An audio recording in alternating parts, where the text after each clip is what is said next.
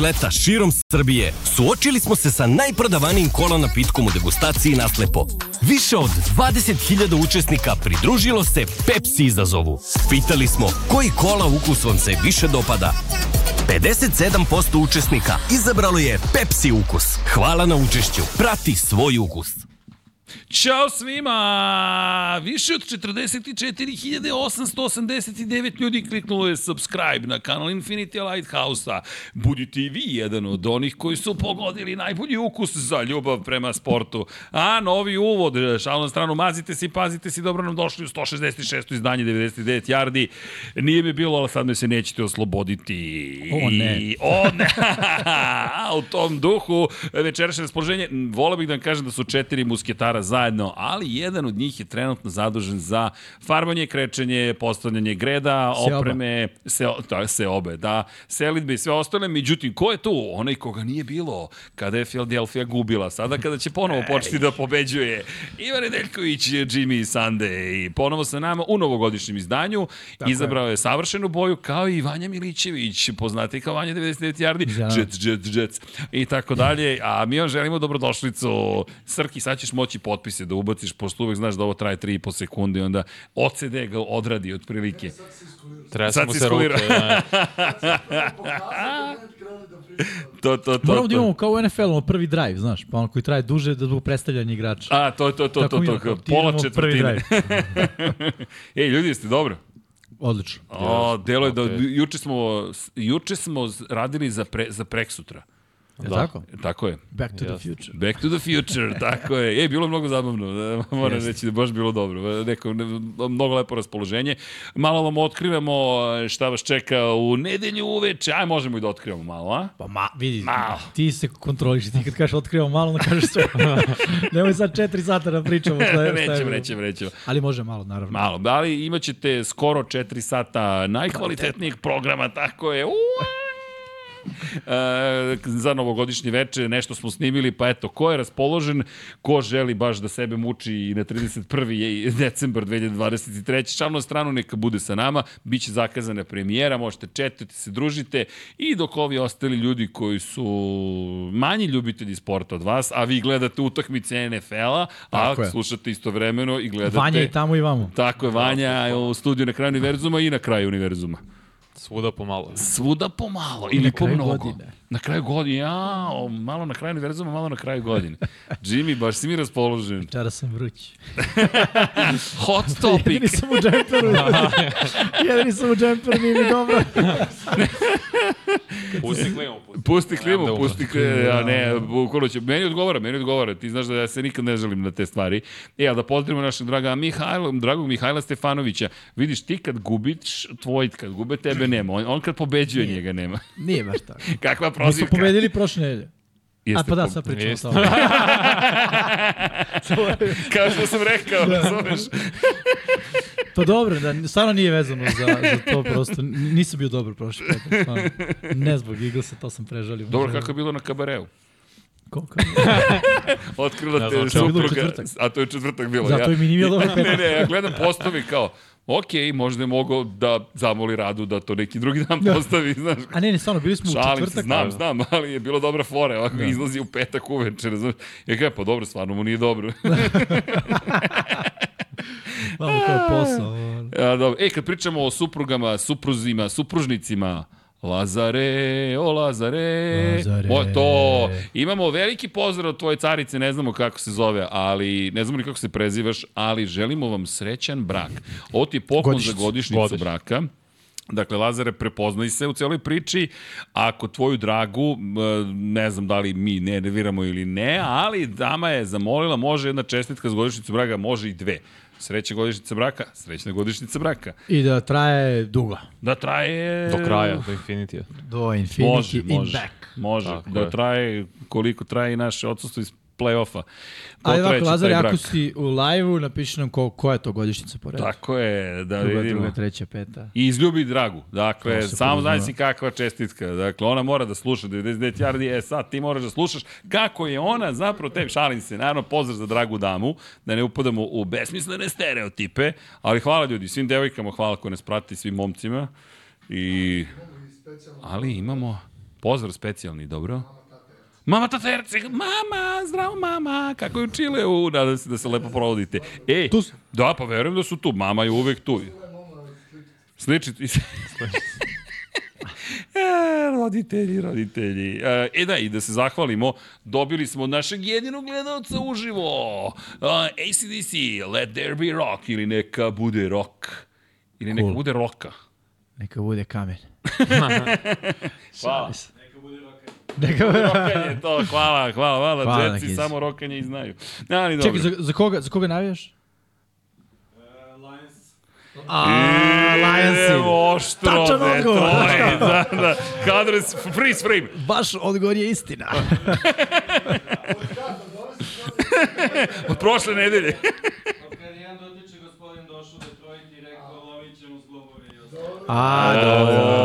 Od kako old je, school. od Dan Campbell era. Da, da, dobro, da, dobro. da, dobro, dobro, to je, to je u redu. To je Ali skroz prava priča o procesu, ono. Veruj u proces. Da, veruj, pa dobro Z vidi. godine u godinu sve bolje i bolje i bolje. I ozbiljna, sad, je- ozbiljna ekipa postadoše. Lazar se... A, koja je godišnjica, Lazare? Lazare, godišnjica, 99. bravo, Tako je, pa to je ekipa, to. tako Tražilo treba. je jednu, to jest ona je tražila jednu, dobila je sad milion. 99 komada. 99, tako je, Lazare. 103. Kako ima ljudi. E, lajkeri, gde ste lajkeri? Klikćite like, se, share, subscribe. E, ljudi, ajmo da pokušamo 44.890. Do nove godine je tih 45 čuvenih. Znam, ove godine se pretvorio u, uh, kažu people pleaser, ovo je subscriber beggar. Molimo vas za subscribe i sve ostale stvari. Stvarno nam pomaže, YouTube onda kaže, a, su ovi gotini, koliko imaju subscribera. E, ne, nevjerovatni su. Šta radi, da vidim? Šta rade, wow, kao, Ne razumemo ih, ali dobro, dobra priča, dobri ljudi. niko nas ne razume. E, ovo je top, ali nemam pojma čemu pričam. E, znaš, kad je Juri, on je bio agent u YouTube-u prošle godine. I watch 19, 99 yardi, uh, I don't understand, but it looks interesting, ja kažem Juri. Si rekao, Juri sam- Agent, javilo mi se u glavi Red Alert igrica. Bio Juri tamo specijalac. Da, da. Vanja, a gaming To je podcast to. se sam To namešta to. od sebe. Ja, ko će da nam radi za UFC i MMA? Jel imamo nekoga da to radi? Da, možda ima. Možda. Možda. Daj Vanji, on to super organizuje. pa da, juče... Da. Deki je dobio sve. Da, da Deki, dobio, pa pa to smo juče rekli. Nemoj To sad da kažeš su- novogodišnji program. E, šta je? pa stvarno. Stvarno, nije. Ne vred. Kao da se zoveš Srđan, tako se ponašaš. Da. Gle čuda. Mora da do imena zapravo. Pa da. Kako da, a mislim da mislim jeste da jeste. iskreno. Da kad to da, znaš, kao... Zajednički se držalac. Zajednički se držao, bla, bla, bla.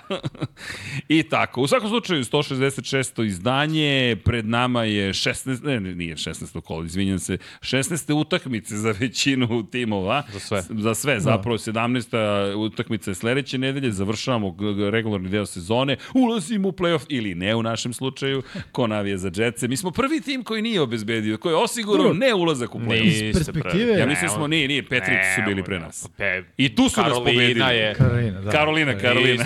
Daleko. Pa i... Te se kaže iz perspektive čovečanstva svi ulaze u play-off. Ne, vidi, sad... Mislim, dolazimo ne, do play-offa Ne, ne, ne, da u ovom novom dobu gde nema, nema niko da ne dobije medalju, ja mislim da ćemo i mi dobiti mesto u play-offu. U play-off ulazi 32 ekipe. A mi se tu grozotu. Razumeš? Da, znači, znaš, kao To više moraš ništa neke da gledaš još jednom.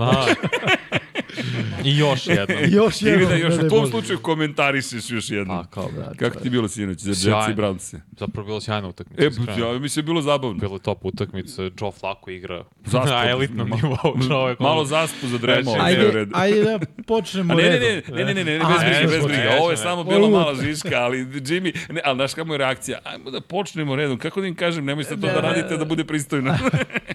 bez brige. Ljudi, počet ćemo naravno od onoga što je bila, ajde da se ne lažemo, najvažnija utakmica. Šta kažete, Čika Srki? Nema Pa, pričane. mislim, možemo da. Imamo najbolju ekipu u. NFL-u trenutno. Moramo Pa šta ne prije? Može, ajde pričat ćemo onda o Russellu Wilsonu i Denveru kada dođe vremena za njih i šta njihova situacija, šta se desilo. E, vidi, ali praznici su priča nedelje, ljudi, ajmo ovako, aj, ako smem da ukradem na, na trenutak par stvari. Radi. Ono, emocije, ljudi, još jedna sezona iza nas. Jeste svesni da je još jednom 99 yardi cijele sezone bio tu i da i dalje tu. Dakle, kad smo počeli, smijali smo se juče sami sebi e, i figuricama i iPhoneu i kako je sve krenulo, pa onda kad je cijela ekipa se zapravo najzad okupila, to je pravih 99 yardi. Uz svo dužno poštovanje mi možemo da imamo preludijum za 99 yardi, ali tek kad smo sva četvorica tu, to je 99 yardi. Jeste, slažem se. Iskreno, to naš, sve ostalo je uh, uvod i da, Vanja je pro, proto 99 yardi, ali vidi, to, mi smo, o, jeste Mihajlo, dobro, dan se miksa da Čekić radi svoje, ali, ali da miksa nam se seli. Ko se ženi? Seli. Seli. Preselio se. dobro. Preseljuje. Preseljuje. stvar. Preseljuje. Kažeš, Tako Seli je. zvuči kao ide u neku A s kim će da živi? Keniju. E, baš će prozivka. Sledeće nedelje. U svakom slučaju, pojenta je da, da ja mislim da je to, meni je to uvek najveći utisak, znaš, još jedna sezona iza nas, 166. izdanje, bilo je super, mega zabavno, šta smo sve radili, šta ste vi pre svega radili, I to je meni uvek priča za kraj godine, istižu praznici, nekako, znaš kako to, e, da, oni, oni koji su možda u nekom lošem periodu života, samo jedna stvar, praznici su istovremeno najlepši i najgori period u godini. Oni koji su srećni, njima je to pojačavanje sreće na maksimum, euforija je potpuna i tako dalje. Oni koji su eventualno u depresiji ili se ne osjećaju dobro ili im je teško, njima je to pojačavanje svih tih emocija. I samo hoću vam kažem sledeće. Ljudi, teški periodi prođu. Verujte. Dakle, znam, prolazio sam ih kad nisam hteo da izađem iz kreveta za novu godinu, prođu, skupi se neka ekipa, ja sam im sreću upoznam ove divne ljude, da radim sa njima, evo dobio smo, nisam, mada sam oto knjigu, mi smo dobili knjigu, ali sam ja to prigrbio, ali po, pa privatizovao, ali pojente, ljudi, kako god da se osjećate, proći će, nažalost, i ovo dobro i ovo loše, ali hoću da vam kažem, ej, mi smo tu, dakle, ako vam je baš teško, dođite na 99 yardi, slušat ćete mega zanimljive stvari, ali pojente, stvarno, tu je uvek neka ekipa i ako to može da bude Infinity Lighthouse, uh, top, ako ne, verujte, nekom je stalo do vas. I sa, zaista, jer često pričamo samo o lepim stvarima za vreme praznika. Znam mnogo ljudi kojima je teško. Da li su usamljeni, da li im se desilo nešto loše, onda praznici dok su svi ili na oko srećni ili stvarno srećni, neko ti teško padnu. Nemojte. Gledajte džetse i svema će vam biti mnogo lakše. Kada god mislite da vam je teško, Teško, ono, jets, se- jets, se- jets. setite se Carolina Panthersa koji su najgori i koji će svoj pik dati Chicago Bearsima. Dobro, igraju oni sve bolje. Poslednje dve nedelje, stvarno igraju. Sledeće godine u Super Bowl. O, dobro, ovo ovo povrede vreme. Green Bay Packersa. Pa, umalo. Pa. Vidi, za pet godina niko se neće sećati toga, samo ćemo pogledamo i rezultat. Da, od Packersi su to dobili. Dobije, to jeste tačno. Kao i ono, ko, ko je bio kotrbek gubitničke ekipe Super Bowl 22, nemaš pojma, brate. I nije ti ni važno, realno. Ali da, a, fokus na dobre stvari. Kako si oštar sada, kao, kao da si na žilet stadionu. I misleći na sebi, A, svi, ego trip, a, da. e, fokus se popravi, po... a nije, nije to Jimmy. Slučajno tako. Dobro, malo prozivki ide na odmet. E, ljudi, ali, ne znam, ili imate vi priču nedelje? Meni Da, priča meni nedelje, je kraj priča sezone. nedelje nešto tek treba da se desi. Da. A to je ljudi doček nove godine uz NFL. Ja ne pratim E, kad je to bilo. ja Verovatno je bilo. sećam- Pa bilo je možda pre Ali- četiri godine. Ne, Ja sam ne, dočekao ne, novu mora godinu znači, u pa kako kabini. Pre četiri godine. Ne, ne, jeste, jeste. Ja sam dočekao novu godinu u kabini. Čekaj, nemaš bude na četiri kad nedelja ima 7 dana, Pre, pomera se za jedan prestupne dan. možda godine, znaš, Pet ili zaboravio. Ne, ne, čekaj, čekaj, ja sad ću ti reći. Ajde, bilo pre a ne može bude na četiri. A nije 7 zbog Nije, prestupne. nema, ne može. I ne može ni nekad šet, možda je pet. Evo sad ću ti reći uh, kada je poslednji put bilo, znam zato što sam dočekao novu godinu u kabini. NFL je bio u pitanju. Da, da, NFL sam komentarisao.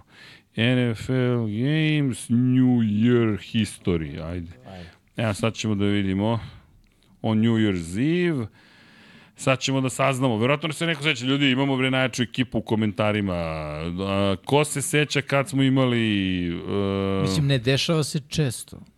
to je bila poenta Da. koju sam ja htio da napravim. Ne, ne, dešava se često, ja kažem ti, imao sam, znam da smo dobili, Žule i ja smo komentarisali, ali sad da se setim šta smo komentarisali, nemam pojma. Ali je baš bila nova godina.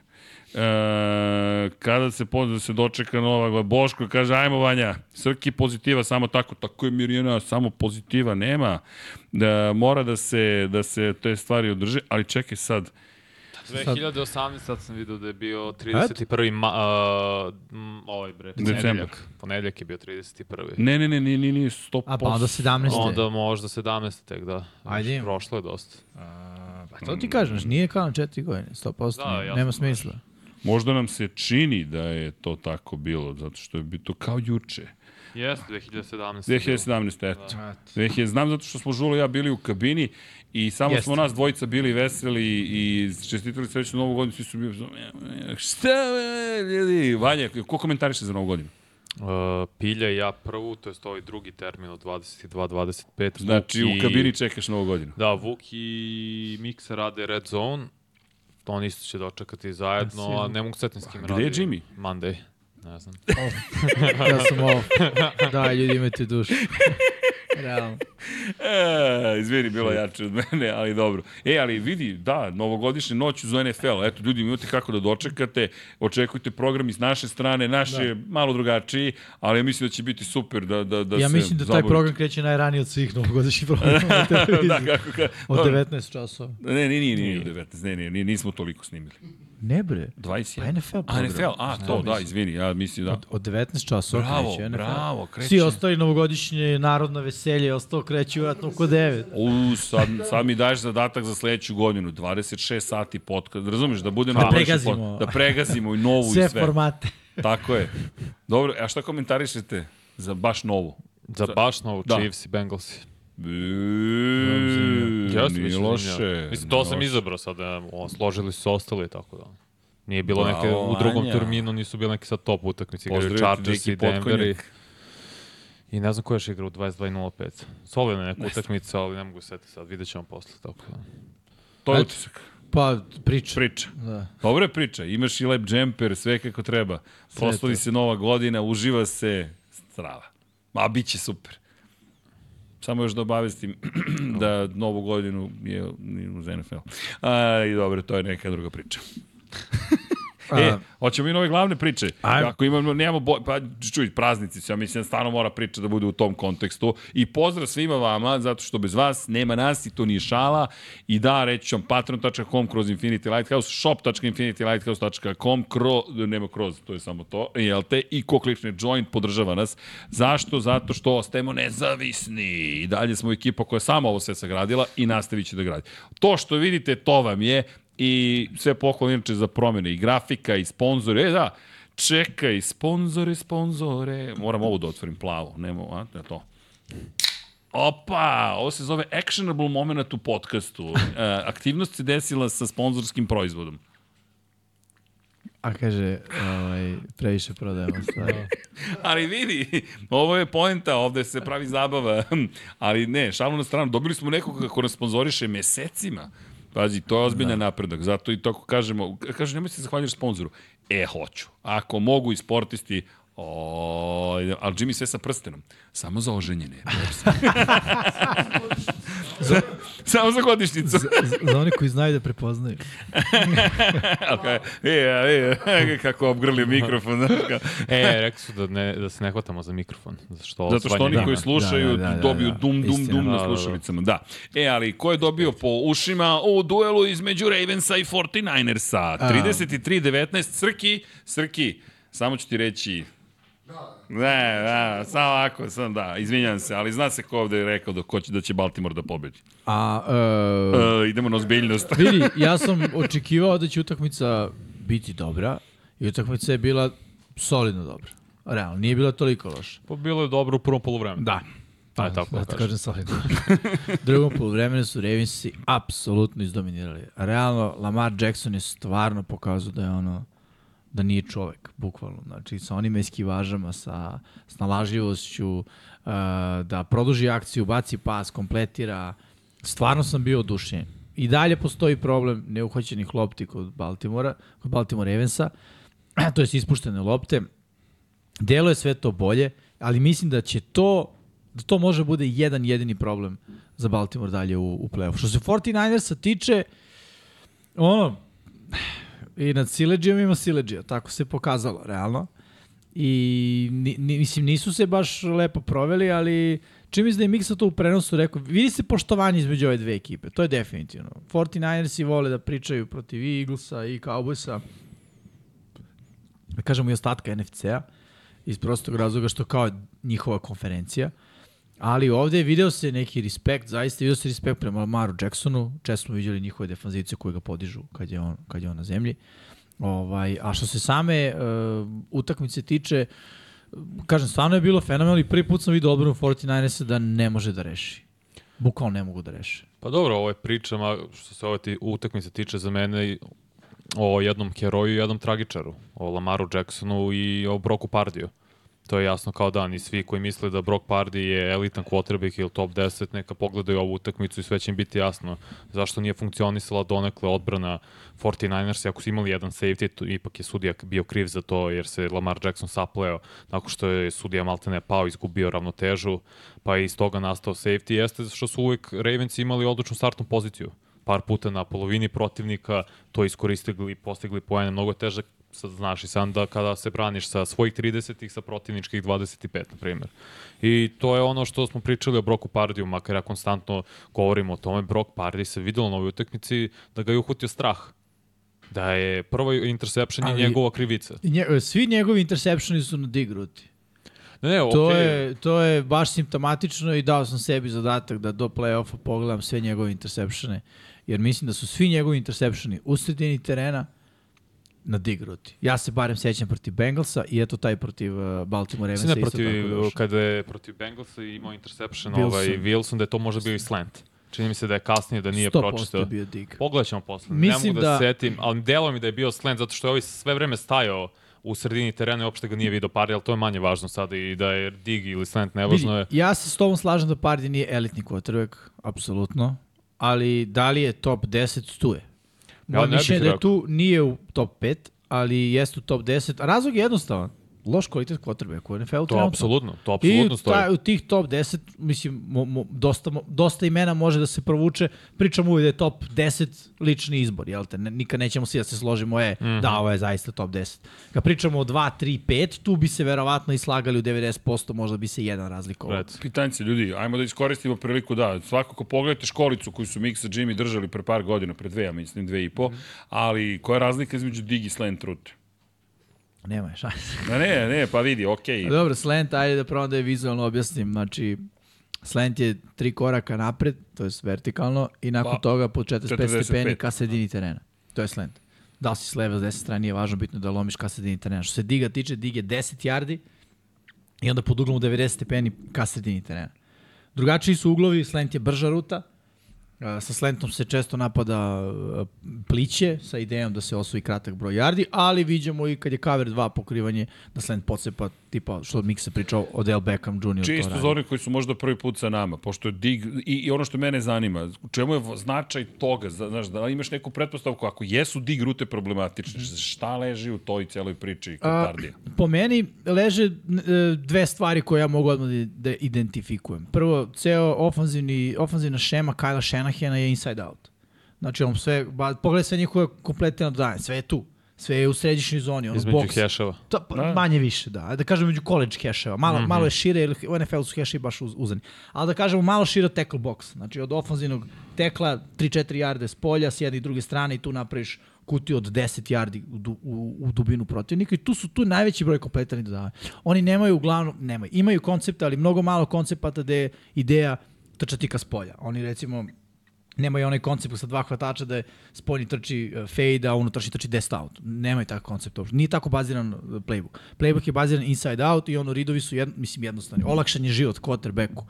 On kreće s leve strane, hop, hop, hop, progresija ide levo, sredina, desno, check down. I to je to. Prosto takav je njegov koncept. To je prva stvar. Zato što zbog samog koncepta on više lopti baca ka sredini terena, dig kao ruta od 10 yardi je najopasnije kad igraš poti dobrih linebackera koji znaju da pročitaju oči i pokupe to. Slant je teško se brani, pogotovo ako ga pogodi na tom drugom, trećem koraku nakon što se napravi taj, ta promena pravca ka sredini. Ove vertikalne rute post i to, tu već donosiš odluku da baciš kad je jedan na jedan ili ako je kraj utakmice pa rizikuješ pa baciš pa šta bude bude. To je jedna od stvari. A e, druga, druga stvar koju sam hteo da kažem, e, zašto bi taj dig mogao da bude problematičan, e, baš zbog toga što je ta ruta, ko što rekao, 10 yardi, znaš i ti očekuješ zbog današnjih koncepata odbrane da ta sredina bude da, da zjapi, da bude, da bude dosta otvorena. Jer nekako odbrane, kada danas igraju ta svoja zonska pokrivanja, koja su ta kao meč zona, odnosno ti ne igraš klasičnu zonu, nego ako neko dođe u tvoju zonu, postoje tvoj čovjek, Ne, odmah nego, zapravo, tvoj zadatak je da prepoznaš rutu. Ako ja imam zonu do 10 yardi, recimo uz levu out liniju, mene zanimaju rute hitch, zanima je bilo koja out ruta, kao recimo cornerback u, cover 2. Hajde kažemo, out je suprotno od dig zapravo. Ti ideš pod uglom od 90 Da, da, da, stepeni na, samo na spolja, da. 10 out, quick out, 5 out, flat exit rute, sve rute koje idu ka spolja, to je ono što mene zanima. Moj čovjek preko puta mene ulazi unutra, mene to ne zanima. Ja imam spoljašnju zonu i ja znam da on nije moj čovjek, Jasno. ali će me oči odvesti od njega ka narednom koji potencijalno može biti moj čovjek. Znači, ako oni rade neku vrstu ukrštanja, moj je ušao unutra, nije moj unutra, ali da vidim Jasno. da me on ono telom odvede tamo, ja vidim da li neko dolazi, dolazi, preuzmem, to je moj I čovjek. ti sad tražiš kada si pardi zapravo nekoga unutra. Ti kad si pardi, tako je, tražiš u sredini terena, je takav je koncept playbooka, međutim kad igraš protiv dobrih linebackera, kakav jeste Patrick Quinn pre svega u, u, u odbrani, ali i Rockwan Smith, mm -hmm. e, tu nastaju problem. E, kao i Logan Wilson za Cincinnati Bengals. Tako je kad imaš vrhunskog safety kao što je Kyle Hamilton takođe, koji igra malo Jeste. ne po čitavom terenu, on to odlično čita kod prvog interceptiona, ali to je kasnije Pardi. Morao je da bude, to smo rekli, Miksija u prenosu, da lopta ide u sredini terena, malo ne, ne na desnom hešu, išle direktno ruke Hamiltona koji samo to bez lakoće, bez teškoće zapravo ukotio. Pardi često rizikuje. Baca taj dig kada je defanzivac ispred njegovog hvatača, što nema smisla. Ali to nisu rizici. On ka kasni dodaven. Rizik je kada ide kroz dvojcu, pokušava da, uguri, da ugura loptu u Pa, mislim- onom uskom prozoru za dodavanje ili tako dalje. A sve ovi interseptioni, M prvo pokušao da prebaci cornerbacka kod drugog interseptiona. Kada je bio blitz, cornerback blitz, Stevens je bio, on je pokušao da ga prebaci. Kao da ga nije vidio uopšte. A gledaju Dobro, ali gledaj, često se tu pravi, da kažem, komentatorska greška, odnosno greška posmatrača, a to je, ti kad imaš quick game, znači ti imaš opciju ili da je baciš te sekunde ili da odustaneš u trenutku i baciš u zemlju. Ne, ne, ne postoji druga opcija. Akcija je dizajnirana da taj pas ide tamo, Ne, brzo da se baci, čovjek je pročitao, odbrana je od, od, odlična. Mm, To je to. Nema šta da uradiš. E sad, on kao manje iskusan quarterback će da proba da provuče, neće uspeti, neka će mu proći. Realno, na de, ja garantujem da na 10 situacija 8 će proći. Što je odličan procenat i terate da misliš o tome da ga... E sad onda imaš Rodgersa i ove iskusnije quarterbackove koji će odmah da znaju da toga nema ništa, lopta ide u pod. I ćao, nema rizika, prosto niko neće da mu kaže trebalo je da rizikuješ u toj situaciji, jer uh, ono, rizik, nagrada, odnos je grozan. Znači ti ako baciš, on pravi interception, vraća do kraja. Ti ne možeš ga obriti s quarterback, ne možeš da obaraš. Nema nikog iza, Mhm. niko, znači, niko nije spreman da taj interception ono, neutrališe na bilo koji način. I onda rizik nagrade je prevelik. U toj situaciji oni su pročitali, tvoj ti nemaš nagradu, tvoja nagrada je da napraviš ono, da zažmuriš i baciš loptu, to, to je ono, ruski rulet. A rizik je preveliki, zato je najbolje tu baciti loptu u zemlji kad se tako desi. Kao zato ja nisam nikad krivio Rana Tenehila na onom interceptionu kad je Hilton napravio pre par godina u play-offu. Mm. -hmm. Meni on nije kriv. Tak, to je bio dizajn akcije. Mislim, nije kriv. Nije ga vidio, nije pogledao uopšte u tom napamet je radio. To je- to, to je radi zapravo- prosječni quarterbackovi. Tako je. Sve si lepo rekao. To je da, jedino je to razlika. Treći interception isto. Bežao je za svoj život Pardi, gađao je Kitlo koji je bio odlično pokriven, odbila se lopta od njega, možda ok, to nije na Pardiju, to je mu više na Kitlu, aj tako da kažemo, odbila se lopta od njega, Hamilton došao do nje ponovo, ali posle interception opet direktno u ruke linebackera Kvina. I zato nemam nikako Nije ni to opravdanje za Pardi, igra je katastrofa, a s druge strane Lamar Jackson je igrao kao MVP kandidat. Razvalio je. Zato je statistika to toliko nevažna, jer za Lamara u njegovom slučaju, jer ti vidiš kako on igra. Ma čovjek bre lo, lomi članke. Oko, tako je, oko njega su svi bolji zbog njega. I Mik se to odlično uoči, ofenzivna linija radila s 1%, Linderbaum kao centar. Zato sam ja mislio da je jedan od najboljih prospekata u poslednjih 10 godina, igra sjajno. Da, možda je malo manje konstitucije, ali čovjek igra fenomenalno tu svoju poziciju, prirodno, prirodno ima osjećaj za snap, mm -hmm. sjajno je već e, komunikaciju i hemiju stvorio sa Lamarom, hvatači da, rekao si, ispuštaju Bateman, imao par ispuštenih lopti za Flowers, su se posle iskupili. Zašto? Zato što ih Lamar čini boljim. Likely takođe, nema Andrewsa, nema ti najbolje opcije i ti odigraš savršenu utakmicu. A defanzivno da ne pričamo, pregazili su ih. Jesu. Prebili su ih. To je glavna razlika. Slažem se, apsolutno. I kada si 49ersi, ti kad igraš protiv Ravensa, kojima je ono, najtanji deo odbrane sekundari, nije katastrofalan, samo je najtanji deo. Cornerbackovi pre svega. Corner, ti ne možeš tu da pobediš tu igru. Jer kao što rekao, ti nemaš situaciju u kojima ćeš sa svojim elitnim quarterbackom da gađaš svog hvatača jedan na jedan, vertikalni buš u fazonu, ej, bolji čovjek će da Vertikalno ne, ali pobedi. ti si rekao 10 out, a Juk je često pobeđivao svoje cornerbackove, svoje dir- direktne protivnike, Jeste, ali pardon. kažem ti, njihov koncept nije takav. Znaš, Ne, on to i da, kada slažem se. baci, to je bačeno zato što je to bila manje više jedina opcija u toj akciji. To, nije takav koncept. I zato kažem, to, to je problem za 49ers. Kada nađu na ekipu koja je kompletna u boksu, koja je fizikalna i koja ima dobre safety pre svega. Znači oni to što imaju, kad igraju protiv odbrane koja ima loše kornere, to za njima apsolutno ništa ne znači. Recimo, Justin Herbert i njegov hvatački korpus to mogu da masakriraju, ali ovi ne mogu. Prosto, znaš, ne mogu da, da, da napadnu tu tačku. Sad Da, da. sam ja očekivao da će ono Fila malo bolje da igra, ali očigledno su oni eksp, ono, ekspozovali Filu što se tiče boksa samog, odnosno linebackere pre svega i te safety koji su isto malo diskutabilni. I što Miksa stalno priča, o, i protivnički timovi kada ne vide Lamara Jacksona više Da, da, puta da. godišnje, ili makar jednom godišnje, vide ga jednom u par godina ili jednom u, slučaju 49ers svake četiri godine, ti ne znaš protiv čega igraš. Apsolutno. Nisi svestan te brzine, eksplozivnosti, agilnosti, Promjene pravca. tako je, sposobnosti da izbegne maltene bilo koje obaranje. I da baci loptu iz nemogućih pozicija tela. to Mislim, je realno. iz zloba, Izvinjam se, je li vama presudni faktor za ovu utakmicu bio Lamar? naravno. Apsolutno. Je li on sad MVP kandidat? On jeste MVP. Jeste, sa McCaffrey. To je to hoću da vas pitam. Ko je još Po sada meni, MVP? on i McCaffrey. Ja ne vidim ko bi drugi. Vidi, Mora i McCaffrey koji je jedan imao preko 100 yardi kod San Francisco 49 Ne samo to, McCaffrey ti mu daš loptu, desit će se. Ma da. Nešto će se desiti. On je uneo čoveka, čekao, je. vuče čoveka sa sobom 5 yardi otprilike. Da Samo ti zaustave. mene drži, ja ću da preorem do end zone. po meni je McCaffrey kandidat broj 1. Respekt za Lamara, ali po, mene, e, po meni je McCaffrey kandidat broj 1, jer mislim da o, ovo što on radi dugo nismo videli. Stvarno. Maltene svaku utakmicu postiže po jedan touchdown, predvodi NFL po broju touchdown, on i Mostert, ruku na srce, ali McCaffrey ima najviše nošenja, najviše yardi sa linije skrimidža, izjednačen sa najvećim brojem touchdownova ove godine, ima šansu da ponovo osvoji triple, ovaj, triple krunu u, za running backa. Uradio je to već jednom, čini mi se da je Jim Brown to uradio tri puta, jedini kvot, uh, running backovi koji su to uradili u istoriji NFL-a. I on može sad uradi drugi put to. A šta je Jel- triple kruna? broj nošenja, broj valjda yardi sa linije skrimidža, da, i najviše postignutih touchdownova. Pa da, ne. samo za trkača. Za, za trkača, da, on je za wide receiver. Tako je. Da, ali je moje pitanje sledeće, jesmo malo slabi na činjenicu da trkači redko dobijaju MVP nagrade Pa ili... ne, zato što MVP nagrada, I u redu je da jesmo, nagrada samo za quarterbacka i to nije okej. Ne, ali zato ti kažem, da li imamo Ali u blagu ovoj slabost? ligi prosječni quarterbackova, mislim, Tako u svo je. poštovanje prema Lamaru Jacksonu, ali ja ne bih dao quarterback. Mislim Ja. da, da, da je greota da, da ovaj, uh, McCaffrey to, to ne dobije. Pogotovo što je McCaffrey konstantan iz, iz nedelju u nedelju. Opet, ništa ne umanjujem ono što radi, ali Lamar Jackson kao quarterback dosta zavisi od našo može bati savršenu spiralu i pas da njegov hvatač što ne uhvati. I to njemu ide kao nekompletno dodavanje. Realno.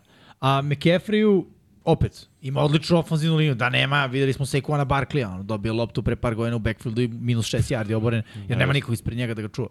Tako da, sve je to povezano, naravno, nijedna pozicija ne može potpuno samostalno da, da zasluži poziciju, ovaj, nagradu MVP-a, ali... Eventualno defensivni end može. Eventualno, i to baš redko. To ako J.J. Watt nije osvojio one godine za MVP-a, zaista ne znam šta treba ali defensivni vidio, end. ti da imaš sek... Osim, on je najnezavisniji od svih njih. Pa i jeste i nije. Sad ću ti reći zašto. Mhm. Ti da imaš sek po utakmici, ti imaš 17 za sezonu. To je baš dosta. 17 Da. je dosta, realno. I ti si već dobar. A ti sa jednim sekom utakmici ne menjaš, ne menjaš toliko utakmici, nikako. Ne, samo njegova pozicija je nezavisna od toga da Je- njegova igra jeste, zavisi od ali samog sebe. Složiš se samo, ne možeš dobiti MVP ako igraš u ekipi koja ima šest pobjeda. Naravno. Ne, ne, moraš Ti da možeš imaš, biti kao defanzivni u ekipi sa šest pobjeda, da beležiš sek po utakmici, da imaš 17 sekova, što je brutalna statistika, Mhm. ali da je tvoja ekipa i tvoja odbrana katastrofa. Da, da, kapiram šta hoćeš. Be. Znaš, tako Ano. da slaže se s tom da jeste nezavisan, da, on može da dopre, ali mu neće dati MVP ako igra u prosječnoj ekipi, mora se poklopi. Da, da, apsolutno. A, hoćemo dalje ili imamo nešto da Pa, pa i vidi, ja bih samo rekao da je ovo bilo potencijalni Super Bowl pre Super Bowla. Jest. I iz te perspektive mnogo je velika stvar. Bilo da gledamo najbolje trenutno ekipe ili makar, ako ne sad formalno, najbolji ti, timovi Pa ne. AFC i NFC-a. Pred početak tog meča to su bile dve najbolje ekipe, jedna iz AFC-a, druga iz NFC-a. I baš smo je zato, izvini, najavili kao utakmicu nedelje, zato što jeste Da. veliki duel, pri čemu veliki duel takođe franšiza ozbiljnih, iako je, kao što ste rekli, Ravensi su mlada franšiza, jedna od mlađih, ne može se porediti sa 49ersima po Ali pitanju su istorije. postigli dosta, Tako je, Super ali su, ali ja mislim da su, to, je, to, to, to ste vas dvojice pričali tokom prenosa, možda i najmlađi tim koji ima takvo poštovanje u ligi. Kad pogledaš, znaš, Texansi ne može, ne, ne, ne, blizu, blizu. Dakle, Panthersi, ni- ni Karolina još i ušla u Super Bowl otprilike, tako da... Dva Dobro, znaš šta? Da, da, dva puta. ja mislim, to, to je moje mišljenje, da ono, Baltimore, Ravensi jesu mlada franšiza, ali imali smo kolce u Baltimore. Činjenica, Kada činjenica. grad kao takav ima franšizu neko vreme, pa ono odlazi, dolazi, nekako je lakše. Kao recimo Ramsey. Zajedničko nasledđe, Da, praktično. kao Okej. Ramsey u LA-u, jesu bili u St. Louisu i to, ali nekako, znaš, ono, legne to, ono. Da. Ne, ne, do, pa dobro, da osvoji da, Super Bowl. vada su Ramsi meni specifični, pošto sam ih ja upoznao kao St. Louis Ramse Isto. i onda ih vraćaš kao LA i Ramsi, onda kontaš istoriju kako funkcioniše, ali Baltimore mi se mnogo dopada zato što nijednog trenutka ti ne sumnjaš da je Baltimore ozbiljan tim. Koliko god Miksa ponekad znao da, da jel te, um, jel te se to mađija, kaže, otprilike da. što kažu ovde, ali činjenica je da je Baltimore A Kultura je postavljena davno. Ti imaš, kad pričamo o dream, tim ekipama, drugim mladim ekipama i Ravensima, ti imaš Rea Luisa, jednog od najboljih na svojoj mm. poziciji, kada Eda Rida takođe, Jonathan Ogden isto jedan od najboljih Jest. na svojoj poziciji, toliki niz godina, čak i Shannon Sharp igrao par godina, Jest. osvojio Super Bowl. Koja i Steve Smith Steve igrao. Smith je takođe igrao, mislim, Bilo Terrell Suggs je bio, jest. uvek dobrih. Uvijek si imao pre svega kulturu zbog Rea Luisa tih prvih 15 godina od kad je on tamo. Nakon toga se nasledilo nešto. Bilo je malo loših godina, tu je bio i era Joe Flaka kada nisu bili dobri, pa je sada došao Lamar i sad je postavljena nova kultura. Zasnovana na staroj, ali ima malo drugačije, op, da kažem, modernija sa ovim vremenom. I Jeste. zato je Lamar Jackson jedan trenutno, jedan najboljih i, igrača u ligi i lice lige. Jedno, naravno, uz Patrika Mahomesa, istina. Tako da, zato Ravensi su možda i ozbiljniji, svaćeni i popularniji što se tiče tih mlađih franšiza. Jer ti kad pogledaš Jackson Jaguars, koga se ti setiš? Ko ti prvi padne na A? Maurice Jones-Drew, realno. Možda Fred Taylor, ja pošto smo pričali o njemu Taj lik sinoć. koji bi se setio sad, isko pogotovo što sam igrao sa njima Meden. Ono, dugo. Ne, ne, okej, okej, ali jesu oni na nivou... Ma jok, ma To ti pričam. Houston Texansi. Ma je, to tek ne, bukvalno. I sam bi Sećam se stavio Andreja Williams prvi Johnsona. pik na draftu i to je sve što... Da, da, ja znam Andre Johnsona što sam obožavao kao hvatača i- i Devin Hester i tako dalje, ok, ali nisu na nivou ovih igrača što su igrali u Ravensima i da ne, ne prolazimo sad ove ostale druge mlade franšize, Panthersi takođe su imali neko, nekoliko i nekolicinu, ali nisu na tom nivou. Možda Luke Kuechly, mogu da stavim tu, Da. ali opet on je novija Greg škola. Olsen. Greg Olsen jeste, ali nije mi ono, Slažem se, ne, ne, slažem nije, se. to, nije ista priča. E, subjektivni osjećaj da franšiza Ravensa postoji dugo, Jesu. zbog te kulture i zbog činjenice da su, ja od kako znam za Ravensa, oni su relevantni. I u priči za play-off. E, ali izvini, evo Nikola ima zanimljiv komentar. Kaže, spominje se CMC kao MVP, a pre početka sezone pričalo se o tome da su igrači na poziciji trkača promenjivi i nebitni, što se ogleda u tome koliko su slabo plaćeni. Malo mi je absurdno da running back postane MVP. Ako smijem da kažem, meni je baš zato on MVP, pošto ta pozicija ne bi trebalo da nosi tu toliku snagu ako ćemo da pričamo o, o tome da su promenjivi i nepromenjivi. CMC za mene nije running back, iskreno. Meni je CMC CMC. Meni to kao da piše u poziciji CMC. Christian McCaffrey. Zato što on čovek je drugačiji od ostalih. Jednostavno da, hibrid. Evo i neko baš ti spomenuo re, reč hibrid. To je neki drugačiji tip Prko igrača. si svemu. Ajde, budemo Jeste. realni. Pelac je. Igra Za trkača. početak. Ali jesu? Koliko znam ima još trkača koji su uspešni? Nema ih, realno. Nema ih da su uspešni. Dobro, ti znaš da ja to ne vidim, ja bukvalno ne vidim koliko meni to... Okej, da, evo, ali ja- ti ja razumem, kad mi ti to kažeš, ja onda, video, stiltovali ja ste mi, niste vidjeli kažem. moju Jeste, facu. Druga Pa, stvar, pravo je. okej. Onakva eksplozivnost, promena pravca, koristi se kao hvatač, koristi se kao trkač, koristi se kao hvatačka opcija iz backfielda. Uh, moraš da poštuješ uh, play action kad je on u backfieldu. Futbolski IQ. Brutalno. Ma sve, sve, zajedno, i upornost, znaš, njegova, njegova volja, njegova prosto želja da se uspe. Meni su sve to odlike, karakteristike koje posmatraš. Tako da CMC je, ja, ja zato baš i zato što su pocenjeni i baš zato što je on potpuno drugačiji od ostalih. ali Mislim da znam, ima, ali- ima razloga da bude MVP. Kyle Shanahan zna da iskoristi svoje najbolje igrače, to što većina trenera ne zna, to je njihov problem, što ne žele da iskoriste running backove, pa mislim, Kamara radi slične stvari. Kamera, izvinjam se. Saquon Barker radi ve- veoma slične stvari. Kamera čak ima sličnu statistiku Tako je. za karijeru kao Tako CMC. je, Ekeler. Čovjek predvodi NFL po broju touchdownova od kad je u ligi. Radi veoma slične stvari kao McCaffrey. Razlika između McCaffrey, njih i ovih ostalih jeste... Tako, a? CMC dobija svoje dodire, Tako ovi ne je. dobijaju. Kyle Shanahan zna kako da iskoristi svog najboljeg igrača. Running back bio, ne bio, ne, nevažno šta je. Nije ni Dibo Samuel klasičan hvatač, već je nešto između. Hibrid. I ja bih, tako je, Dobro, dodao menja još, se liga. da, ja bih dodao još jednu stvar. Uh, McCaffrey nije tipičan running back. on ima dodatnu vrednost. A to je ta hvatačka opcija. Tako da... Uh, Nije on nalik Deriku tom- Henryu i Niku Čapu koji Da. uzmu loptu Ne, i to gazete su, i to su i klasični trkači. Da, da. To je on, da, da on je, baš je, pa da, da, ali to, to kao što se to A je i old school, na I primjer, trkač. činjenica da upravo trkači, mislim, svi su zamenjivi, ali trkači su zaista zamenjivi, e, govori upravo i to. Evo, Čab se povredio, Browns idu u playoff. Bez Čaba.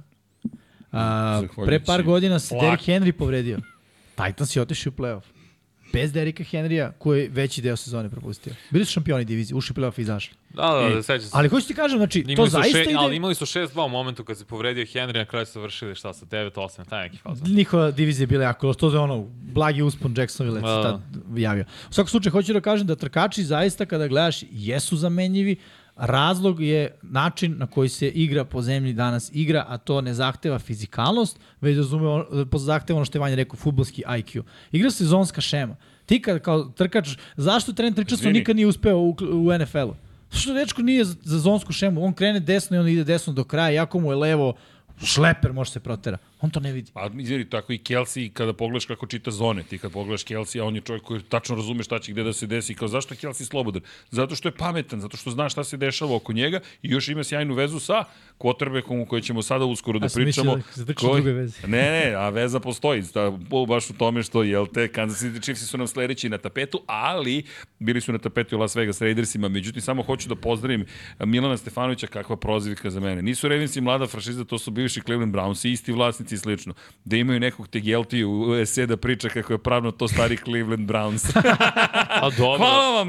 Da, ali. Brownci, trenutni, današnji Brownci su nasledili istoriju tih Brownci. Pa da, nije to baš tako crno-belo. Ovo se smatra da su jesu isti vlasnici, ali da se prosto reset desio da. tim odlaskom, tako da jeste. Ubacio bi tu i Jamira Gibbs i Bijana Robinson. Gibbs radi isto stvari pre nego što pređemo Chiefs. Naravno. Veoma slične stvari u Detroitu. I Znam veliko da su- ime. Mislim, ono, Radi sjajan posao. Bijan Robinson isto. Tako je, Smith ga njihovi manje treneri- koristi, zato što nije normalan generalno, jer stvarno njegove zamisli pročesan i ESPN jedan artikal koriste Artikl. da, Artikal. Članak. članak. Iris Da, Globe. koriste Arto Smith radi ono što bi Warriors radili kad bi koristili Boguta i još jednog centra, mogu setim koga, kad, Vidio kad su sam. imali, da, jesi pročitao. Tweet neki ili nešto. Znači, katastrofa koji, na koji način Artur Smith koristi svoje A, najbolje mi da igrače. pričamo kako su Tako je, Chiefs veliki su, a Srki veliki kaže ovo. Da. A, ste gledali meč? Aj prvo to da kažem. Jesam. Mislim, I u šoku. nisam u celog meča. sam- Highlights nisam stvarno stigao da pogledam ceo Ok. meč. I? A, ajde ukratko. Jimmy, vodi nas. Ako može statistika. Aiden O'Connell, quarterback Raidersa, a, nije kompletirao, čini mi se, jedan pas u drugom polovremenu. Nije kompletirao dodavanje od druge četvrtine, od, od kraja prve. On tri četvrtine je nije pobedila. kompletirao dodavanje. 62 jada dodavanja. Da li vidiš negde ofanzivni touchdown? E, ne. Pa, zato što ga nije bilo. Ne, ne, ne, ne, sve okej, nego... Kansas City Chiefs i trenutno imaju ozbiljnu krizu. Šta je razlog? Možemo samo da nagađamo. Šta je razlog toga? Istina ovde, nije igrao Kaderi Stoni. Dobro, pa Čeko se povredio, pa dobro, pa čeko se povredio, to je tačno. Ali, postigao touchdown, povredio se. mislim da magija Chiefsa nestaje iz više razloga. Prvo Super Bowl hangover. Mislim, vidi, nisu svi motivisani kao Patrick Mahomes. Ja mislim da ni Kelsey ove godine nije motivisan da osvoji Super Bowl kao Patrick Mahomes. Kelsey vjerojatno ima neke druge misli sad ove sezone. Što je okej. Okay. Mislim, ja kažem, mi često Pa ne. mi često zaboravimo jednu vrlo važnu... Branislav Dejić, razlog je pevaljka. Dobro, nemoj da nas banuje. Ne znam da li E, vidi. si čuo da je Vidi. Al Michaels uh, skinut sa prenosa Chiefsa zato što je izjavio da je side show veći od showa. Vidi. Čudno, ali okej. Pa to je- dobro, ne znam kako bi radio svako Chiefs kad nema više Thursday nighta.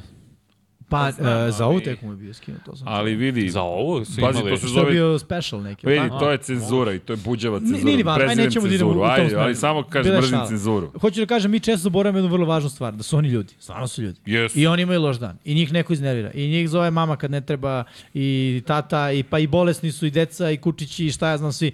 Znaš, i to često zaboravimo, mi njih samo gledamo da oni se pojave u 19.00, 22.05 ili kad već i kao igraju.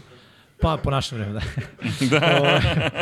zaboravimo šta se sve dešava, znaš, mislim, budi realan, nije lako ni biti, to je ono, kako kaže Amerikan, high profile relationship, ali jeste, Pa mislim. ne vidi, me, me, Mega čekaj, mene zvezda pitaš jedna, za mega Taylor zvezda Swift. druga. Ja da se zabavljam, e, čao ljubavi, a, da, da se zabavljam sa Taylor Swift, ja nemam pojma, znaš kako bi to izgledalo. Znaš kad bi ga videli u U podcastu? podcastu. ja bi vam se javljao iz lože. da bi nju zamolio, možemo da se da. nekako... On bi čistima rekao, ne mogu večeras na utakmici, nađite neku drugu. Šanis. Ovaj, uh, mislim da samo nisu gladni ove godine. Gladan je Mahomes, to se vidi. Odbrana igra dobro, odbrani je stalo, jer su se poklopili. Uh, mislim, stvarno igraju dobro. Ali u napadu nedostaje apsolutno sve. Ono, I ofanzivna linija škripi. I kažem, uh, počeli su ekipe da rade Mahomesu ono što je način da se Mahomes zaustavi. Nemoj da rašuješ previše duboko, nemoj da mu otvaraš onaj, one prostore, da on, znaš, kada, tek, kada end ode previše široko, on onda uđe u tu rupu između enda i defensivnog tekla i nastavi u zautnu. I produži akt. To mu ne daju, pogotovo mu nisu dali Raidersi, Max Crosby. Max Crosby kida. Da, Max Crosby u stvari. Ovaj, uh, I to je način da se povede Chiefs. Daj im 20 poena, na nekako, kad si Raidersi na neku foru, pošto napada nećeš, očigledno. I na kraju je bilo preživi do kraja. Chiefs su mogli da se vrate. Realno mogli su da se vrate. Kao što su mogli da se vrate pre par nedelja proti koga beše, pa su izgubili kad se Mahomes, kad su bili kažnjeni na konferenciji, svi da su sudio. Protiv Billsa. Protiv Bills, da. Znači oni i dalje imaju to u sebi da se vrate. Ali, da li će se vratiti, sad je već ono 50-50. Poslažem se još Raiders i pod Antonijom Greenom, Pearson, pardon, svaki put kažem Green, uh, pod An- Antonijom Pearson radi se 1%. Sekovali su sada Mahomesa 10 puta. 10 Nerealno. puta su ga sekovali, prebili su ga. I su ga udarili 10 puta, izvini. 10 puta su ga udarili, moja greška, quarterback udarci. Ali su ga set, imali su veliki broj sekova uz to imali su dva defanzivna touchdowna u roku od 7 sekundi. To se nije Nerealno. desilo u poslednjih 10 godina da jedna ekipa to uradi. Na, I zato su zbu, pobedili, ne zbog napada, iako je White imao dobru statistiku, dobro meč, dobro je trčao, ali Antonio Pierce je zaslužio ovom pobedom i svime onime šta radi do ovog momenta da bude i da ostane glavni trener Raiders. Pazi uh, ja, znate onaj vic kad je kao poplava i čovjek dolazi, ne znam, komšije kao poplava, čoveče beže iz kući i on kaže kao, ne, ja verujem u svog Boga, ja, Bog će me spasiti. Ono već voda, da, znaš, pupka, dolazi kanu, ajde uskači kao, ne, ne, ne, ja verujem u Boga, Bog će spasiti, već voda, ono, znaš, dode helikopter, kao, čoveče, uskačite, ne, ne, ja verujem u Boga i on se udavi. I kao ode na nebo sav ljuti, kao ja sam verao u tebe, nisi pa kaže, poslao sam ti komšiju, poslao sam ti čamac, poslao ti helikopter, ti nisi ništa prihvatio. Tako i Raidersi. Bisačija, odličan posao uradio, Jeste. seti se. Da, da. Radi, neće ga, veruj mi, neće mu dati da bude helikopter. Izgubit će sla, slačionicu, jer očigledno svi u slačionici obožavaju Pierce. A znaš što ga obožavaju? Obožavaju. Zato što je bivši igrač. defanzivno orijentisan glavni trener ima energiju. Svaki. Zato što on Uh, ono, a, realno tebi odbrana može mnogo bolje i više da diktira uh, atmosferu slačionice nego napad. Znaš, napad je ono, zvezde, dive, ovo, ono, odbrana niko nije diva. Mislim, nemaš divu. Ne postoji diva u, u NFL-u koji igra odbranu, sam u pravu. A imaš cornerbackove, oni su divi. Pa ne, čak nisu ni oni dive, veruj mi. Jel ima prljavi posao? Veruj mi, prljavi posao koji oni rade isto. Mnogo prljavi od hvatača, bilo kog. Ne, jeste, ali mi je smešno kad svaki put je neprecizno dodavanje, čak nisu ni oni učestvovali u tome, samo bude ovo. Dobro, vidi, to je, to je mentalitet do ono preteranog reagovanja. Ali, znaš, isto tako ti treba budeš cornerback koji treba da ima ono kratku memoriju, znaš, prođe ta žam preko tebe, ti ne smiješ da padneš u, u depresiju, nego moraš da se izvučeš to. To je način, znaš, da ti sebe zapravo boostuješ. Uh, I Antonio Pierce upravo to radi kao glavni trener. Defanzivno retisan glavni trener, on ima energiju, on tu energiju prenosi na svoj deo tima, da kažem, na odbranu, ali se širi dalje, širi se i na napad. Realno, njihov napad ne radi ništa. Ne ove nedelje, nedeljama unazad. Pola godine u suštini ništa. Ništa ne radi, je- ali se vidi dobra atmosfera. Zašto? Pogledaj Jetse, odbrana kida, napad ne radi ništa, nema dobre atmosfere. Jeste defensivno orijentisan trener, ali oni za razliku od Raidersa ne mogu se sastave. Pa ne mogu, Mogu zato što pobede im je više preko glave da izlače svaku utakmicu sami. Da, da sve zavisi od njih, da napad ne može da postigne I- 7 poena na utakmici, izvini se, 13. I još Ali jedna je, stvar je, Postigli smo stvar, 20. I pazi, još jedna stvar, što od Jetsa postoji očekivanje zbog dolaska Rodgersa, Hard Knocksa i ostalo hajpa koje posao, do ne postoji nikakav hajp. Pa da, zato što su očekivali su da će Rodgers biti tu i da će imati sada ne 6-10, nego 10-6 u najgoru ruku. Dobro, ljudi, ako pričamo o Raidersima, Raidersi su, hype je prošao. E, kad je reč o Las Vegasu. Bila priča Las Vegasu, no, e, Crna rupa 2-0, ludilo, najnovije, bit će, sve će se promeniti. Ko je to priča? Pa, tu pričali možda vlasnici, Raidersi pa Raidersi pa- su pričali. Pa, Znaš niko kako to dolazi? javno Pa nije izvini, gde pričao. se igra Super Bowl? Pa dobro, Las zato što je Vegasu. novi stadion. Znaš gde je no, pa dobro, ali vidi Nije gde... postojao hype oko kvaliteta tima Raidersa. pa, Dobro, dobro, kad je bio tu Gruden, vidi, kad je došao Gru- Antonio Brown, seti se, bile, ne, ne, bile. Naš, nije, nije Bile. to baš tako. Grud. Grud, Grudenica trebalo da bude tu 10 godina. Znaš, pa si Jimmy G sad doveo kao nešto, nemam, ne znam šta će da pa si izverovali i pre toga u prethodnu garnituru. Vidi, Vanja, američka javnost je pričala o tome, možda ne stručna javnost, ali loženje je bilo na visokom nivou. Ja ne znam ko može da se loži na Garoppolo da nije mnoge pola. žene da, bi te pa, sad ne, zapitale, da, vidi, da, nije pričaš. pola prvo. A, što se tiče igračkih kvaliteta Jimmya Garoppola, ne kvaliteta van terena i fizičkih izgleda, ali realno ovde smo sedeli i rekli smo to je bio downgrade, loš potez, jer je Derek Carr u najgoru ruku isti kao Jimmy G, ako ne malo bolje. Pa meni je bolji, iskreno. I još jedna stvar, tu je, da, između ostalog zdraviji je i bio je tu. I ne, nema šta da potrebe da, da, da uznemiravaš stvari. Pri čemu? Izvini, ko je došao da bi igrao sa Derikom Karom? Devante Adams. Tako je. Koji će otići u međusezonu. Tako je, koji je došao u jednu, jednu ekipu i dočekala ga druga na kraju sezone. Koji je čovjek u fazonu, čekaj, ja sam jedan najboljih hvatača, šta tražim ovde? Tražim drugara, drugar je ćao, ćao. Znaš, nema ga. I sad dolazimo do Raidersa, ko se bavi Raidersima uopšte? Raidersi mogu da osvoje diviziju i dalje. Mogu. Da, Dve, dva puta da pobede, Chiefs dva Chiefsi puta da da izgube, izgube. što nije nerealno. Ma meni je realnije. Chiefs da izgube nego ovi da pobede, iskreno.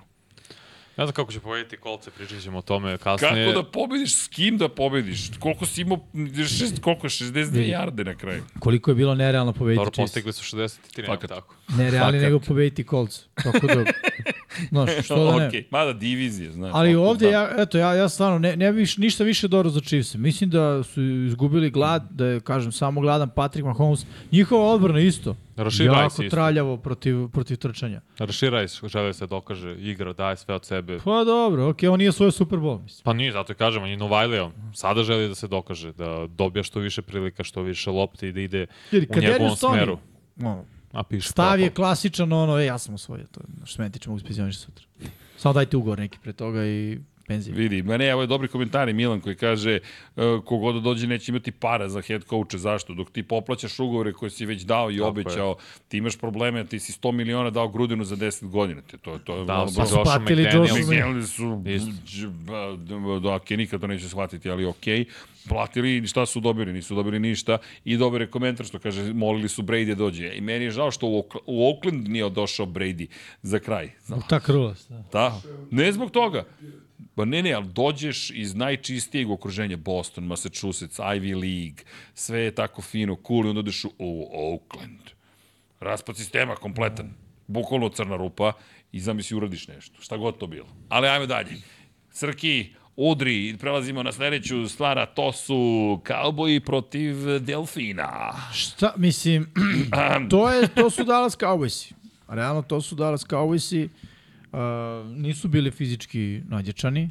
Ovde su bili nadigrani, prosto. I to za ova dva poena. Nisu čak bili ni ono uništeni, sad kažeš gde su Dallas Cowboys. Bio je zanimljiv meč. Realno, ono, pratiti, ali za mene to su Dallas Cowboysi. Mislim, prvi ozbiljniji protivnik čak za Dolphins i ne mislim da su nešto pretredno ozbiljniji, ali poslednjih par nedelja igraju dobro. Stvarno igraju dobro. Defanzivno su se utegli, ofanzivno rade stvari koje, koje inače rade, malo je taj playbook uh, Majka McDaniela deluje onako uh, jasnije i bolje. Pre nekako bilo, pogotovo onaj meč kad se setimo Broncos, ono kao radimo sve. Radimo sve i sve će da nam prođe i super. I onda su počeli da izaustavljaju, jer realno neće sve da prođe. Ovo, mislim, prva stvar, ja tu u prenosu video, to je meni onako, ok, ali toliko, toliko puno rade motion, ne da li si da čovjek koji radi motion stane i gleda u, u tu i čeka znak.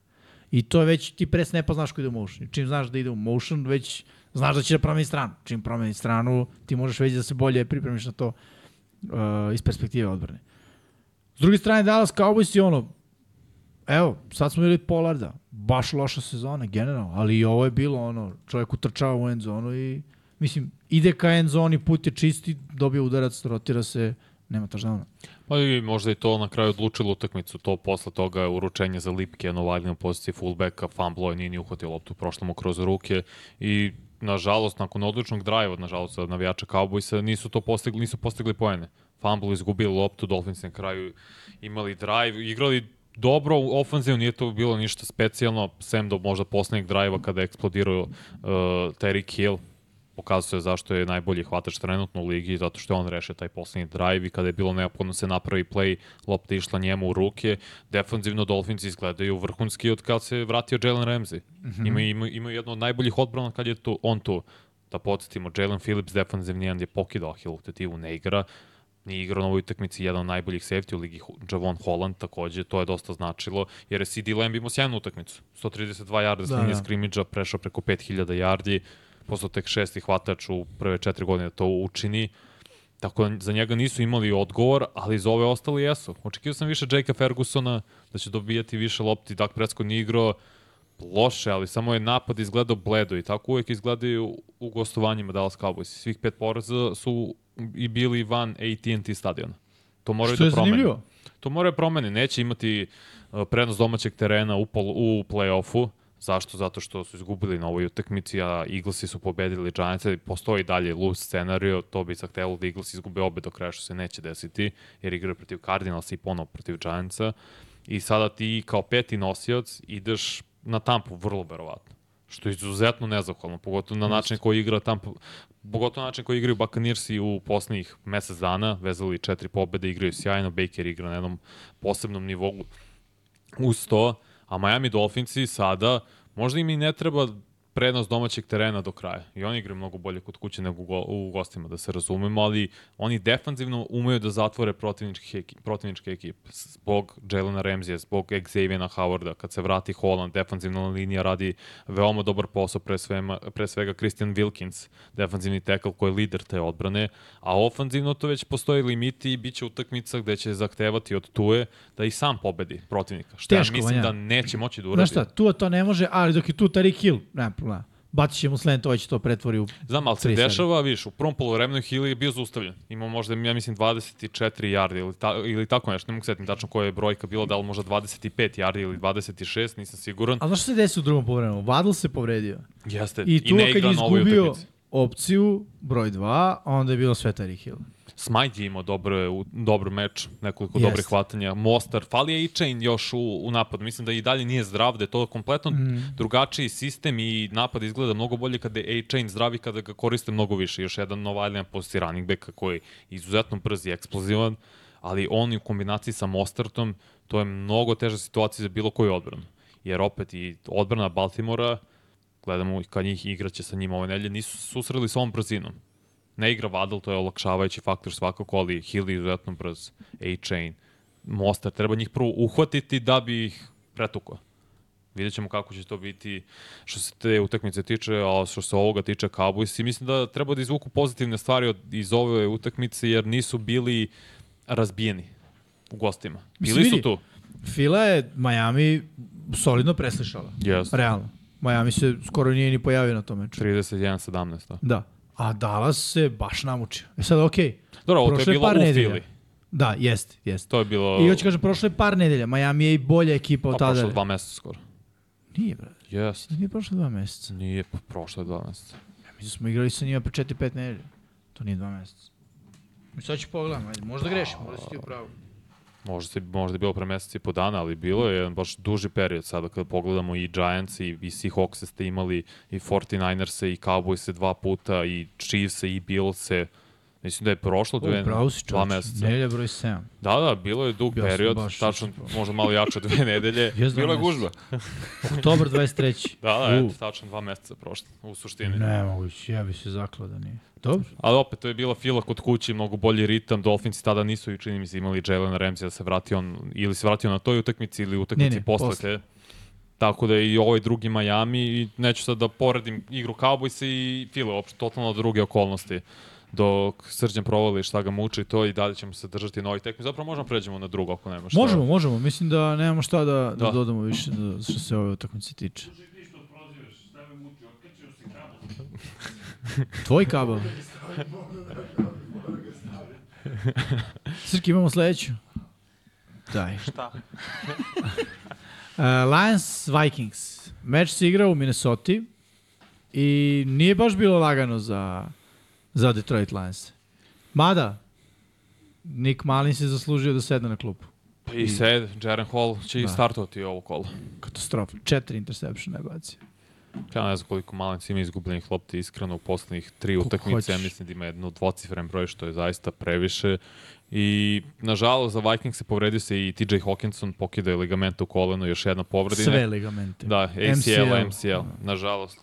Što se toga tiče, i neko nije njihova godina, nije ova sezona za Minnesota usled toliki broj povreda i naravno znamo šta se desilo u Kaznicu i bio je povređen Justin Jefferson i igrao sjajno na ovoj utakmici, imao par spektakularnih hvatanja, ali priče jesu Detroit Lionsi posle 30 godina su osvojili svoju diviziju prvi put, neverovatno, imaju 11 pobeda, imaju odlične Novajlije, odličan sistem, Dan Campbell, vidimo ovde sada statistiku, Goff igra ok, ali priča jeste igra trčanjem. Gibbs i Montgomery zajedno tri touchdowna preko 135, zapravo tačno 135 yardi na zemlji iz 32 nošenja, to je identitet Detroit Lionsa. Sjajna ofenzivna linija, pre svega počevši od uh, centra, desnog garda, desnog tekla, pa nadalje na levog i levog, na levog garda i levog tekla, ali igra na zemlji mora da funkcioniše, iz toga ide play action, Laporta kroz sredinu, Saint Brown takođe, počinje Jameson Williams igra sve bolje, da im pruža tu vertikalnu opciju i pretnju, što znači da povlače jednog safety-a sa sobom konstantno.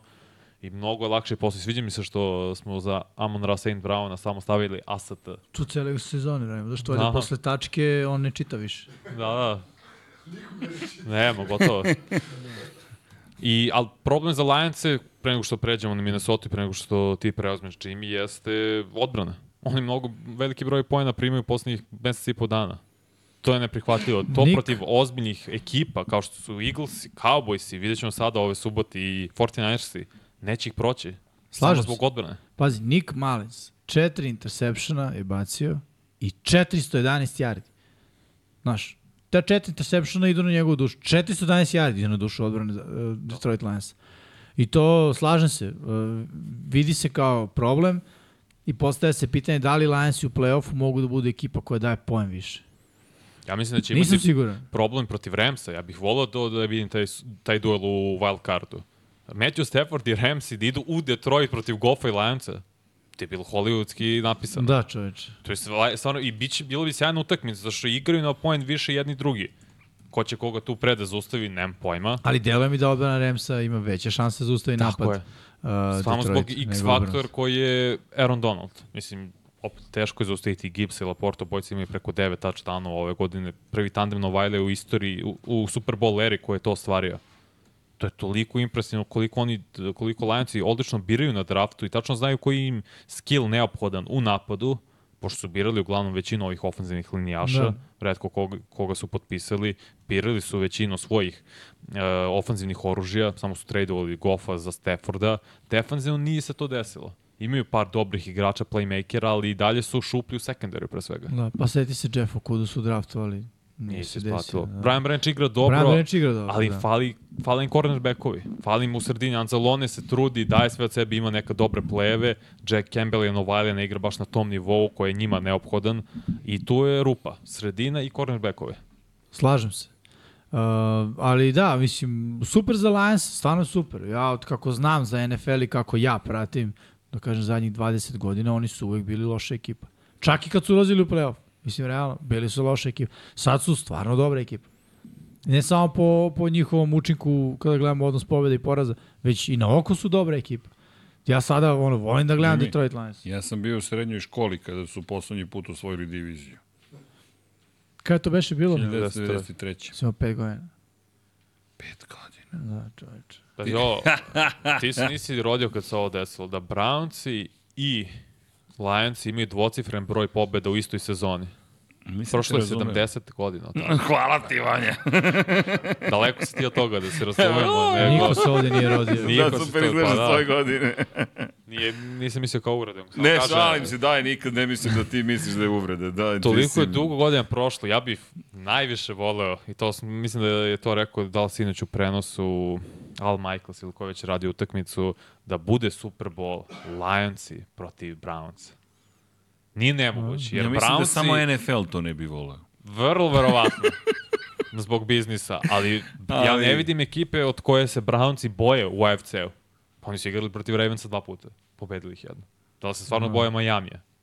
I ne verujem nešto iskreno. Chiefs se niko više ne boji trenutno ove godine, a AFC Jug su očistili Brownci, sve ih pobedili. Kogod vas naleti. Čekaj, ti hoćeš da kažeš da će Flako da ode u Super Bowl? Ne kažem, to, ja samo kažem da i bih volao to da se desi, a za Vikings mislim, imati, imaš u jednoj godini četiri izgubljene, četiri utakmice sa četiri izgubljene lopte. Samo ću ti reći, neću mu oprostiti ako uđe sa Browncima u Super Bowl. To više On govori o on vama. kriv za u Jetsima. ne, ne, šalim se, naravno. Jetsima nije imao ofenzivnu liniju. Pa ko je imao ofenzivnu liniju kažem. ikada? Tako da, znaš, sad isto to kao priče, a da su ga Jetsi zadržali. To. Ma ne, je ma dao ne, dobru izjavu, ono kao, nema šta, mislim. Ne, bio tri godine i 11 puta startovao, jednom pobedio Flako.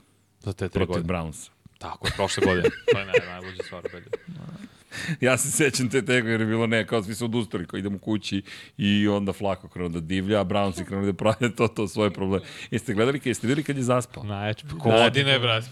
Ne, Ne, ne, ne, ne, ne, ne, ne, ne. kaže, Ne. kada ono kao razvališ, sipaš 34 pojena za polovreme, ali si prošao vreme za krevet. Ne, Da, a ne, ne, ne, ima, ali ima jedan bolje, jedan komentar koji mi, ljudi, ovaj čovjek ima petoro dece, njemu je jedina prilika da spava ikada, razumiješ kao. Hvata i Sad, svako. znaš, nije on spavao, on je nešto, ku, ne, ne znam šta je kunj, Drem, odmori oči. Vidi, Odmorio znam ja, oči. ja odmaram oči. odmara kapke. to moj Da čar li se odmara oči. stvarno stre... To sam još jedan komentar bio. Ljudi, kao on je na treningu igrao protiv Rea Luisa i Eda Rida. Da li, da li mislite stvarno se on stresira zbog sosa Gardnera? stvarno. Istina. Baš mi frka. Da, pa, Kaže, e, baka je govorila žmiri. Vidi, nažmirio se. još uz ova pravila. Dobro, čekaj, a- čekaj, ajde ajmo se da se fokusiramo vratimo na na Lions i Vikings i Vikings. na... Pa šta kažem za Minnesota? Ove godine 29 izgubljenih lopta. Mislim, trude se, znaš, ja bih pohvalio O'Connella, stvarno bih pohvalio. O'Connella. I on, ne mogu da kažem, radi isti posao kao Kevin Stefanski, ja ih neko stavljam u istu kategoriju, su isto vreme postali glavni treneri, ako se ne varam. U, ne, mislim da je Stefanski već četiri godine, ovo je dve, ovo mu je druga. Ok. Druga godina okonila, Stefanski je Brown se preuzeo 2020. Ok, ali u svakom slučaju, kažem, ne mogu da, da kažem da radi iste stvari, ali on ima roller coaster na poziciji quarterbacka. A i bio Stefanski u Minnesota, ovo ti kažem, ofenzivni koordinator. Da, da, da, da, da, i on je da, odatle otišao da, Da, da. da. bude glavni trener. Ovaj, ali kažem, ono, roller coaster. Počeo si sa Cousinsom, pa onda Joshua Dobbs, pa sad ovaj uh, Nick Mullins kao neko ko zna kako rešenje i sad imaš novog, četvrtog quarterbacka opet. Da, I u sve to imaš sedam pobjeda, osam poraza. I dalje si u playoff priči, samo mislim da je izuzetno teško igrati sada protiv Da. Packersa, pa onda opet protiv Lionsa. Pa bit će baš teško za Minnesota, iskreno ne verujem da će uspeti da obezbede playoff i možda je bolje tako, previše povrata. Stvarno, neko sezone, sve pohvale za Briana Floresa koji je kao defanzivni um, radi sve bolji posao i zaista odbrana je izuzetno nepredvidiva, ima utakmice da igraju sjajno, protiv boljih ekipa primaju veći broj pojena nekada, redko se to desi, ali opet i oni po, posustanu. Zašto? Zato što napad prode toliki broj lopti i specijalni tim. Nije sve na napadu i specijalni tim smo videli ove godine da gubi lopte, ali to je priča Vikingsa. Da budu zdravi za sledeću godinu, vidjet ćemo kako će bi, uh, ići oporavak Krka Kazinca što se tiče Ahilove, ako sve bude ok, ako ga budu vratili. Mislim da će da Vikingsi mogu da budu ozbiljan tim sledeće godine u NFC. Slažem se, slažem I se. samo još jedna napomena. Izvini, kaži, kaži Saki. Da. Flako ne ispalo šta da kaže Rivers. Ako je Flako nismo šta da kaže Rivers, da, koji ima ne znam koliko, 15 toro Desetoro, dece. Desetoro. 11 hoće se da, da, da. A dobro, svaka čast. E, ali, ima, ali još jedna bitna samo napomena. Lionsi nikad nisu osvojili severnu diviziju. Tako je, to je bio central. Bila je centralna divizija u kojoj su svi ovi timovi bili plus Tampa Bay Buccaneersi. To je neko drugo vreme. čoveče. Da, da, Da, da. da, to je to je pre 93, a? ekspanzije, pre Central, proširenja ligi. da, Da, da. centralna NFC divizija. Central se zvala divizija. 2002. je bila promena divizije i ekspanzija. Zato što su Coltsi... Coltsi... Ne, ne, Coltsi, ja sam kažem, Coltsi su u, nova, u ruki godine Peytona Manninga igrali na istoku sa Jetsima, uh, Billsima, Patriotsima i koje bi i Dolphinsima. Kaže Kalu 117, zato Rivers i hoće da se vrati malo da odspava. ok, idemo dalje. Lionsi, smo rekli sve što Jesmo, treba to reći. Ali svaka čast Lionsima, 11-4. Stvarno, zaista svaka čast. 8-7, 8-7, Jaguarsi protiv Buccaneersa, 12 pojena za Jagse, 30 za Tampu. Da, pa u najavi smo za ovu utakmicu prošle nedelje pričali da su velike playoff, playoff implikacije za jedne i za druge. Bucks izgledaju kao najzbiljnija ekipa na jugu NFC-a. I deluju kao ekipa koja bi trebala da uđe u play-off, jer su od svih timova sa juga NFC-a najgledljiviji, zaista jesu. I imaju sve. Počeli su da trče, koriste White-a uh, na sve načine, odnosno i kao trkača i često ga vidimo i da je ulozi uh, hvatača. Baker Mayfield igra odlično. Uh, se taj ugovor, to je taj bonus od milion dolara ukoliko ekipa osvoji uh, diviziju i uđe u playoff. Ali i njegovi hvatači zdravi su, tu su i iz nedelje u nedelju stvarno deluju sve bolje i bolje. Što se Jaguarsa tiče, sunovrat. Mislim, Jeste. i to ne samo na ovom meču, par nedelja unazad. Mislim da ovo sad forsiranje Trevora Lorenza da igra može i to da ih, da ih košta. Realno, on nije zdrav 100%. Ne, ti si upravo i to je glavni razlog zašto se trenutno raspada i Jackson i Jaguars, zato što je Lawrence povređen i forsira.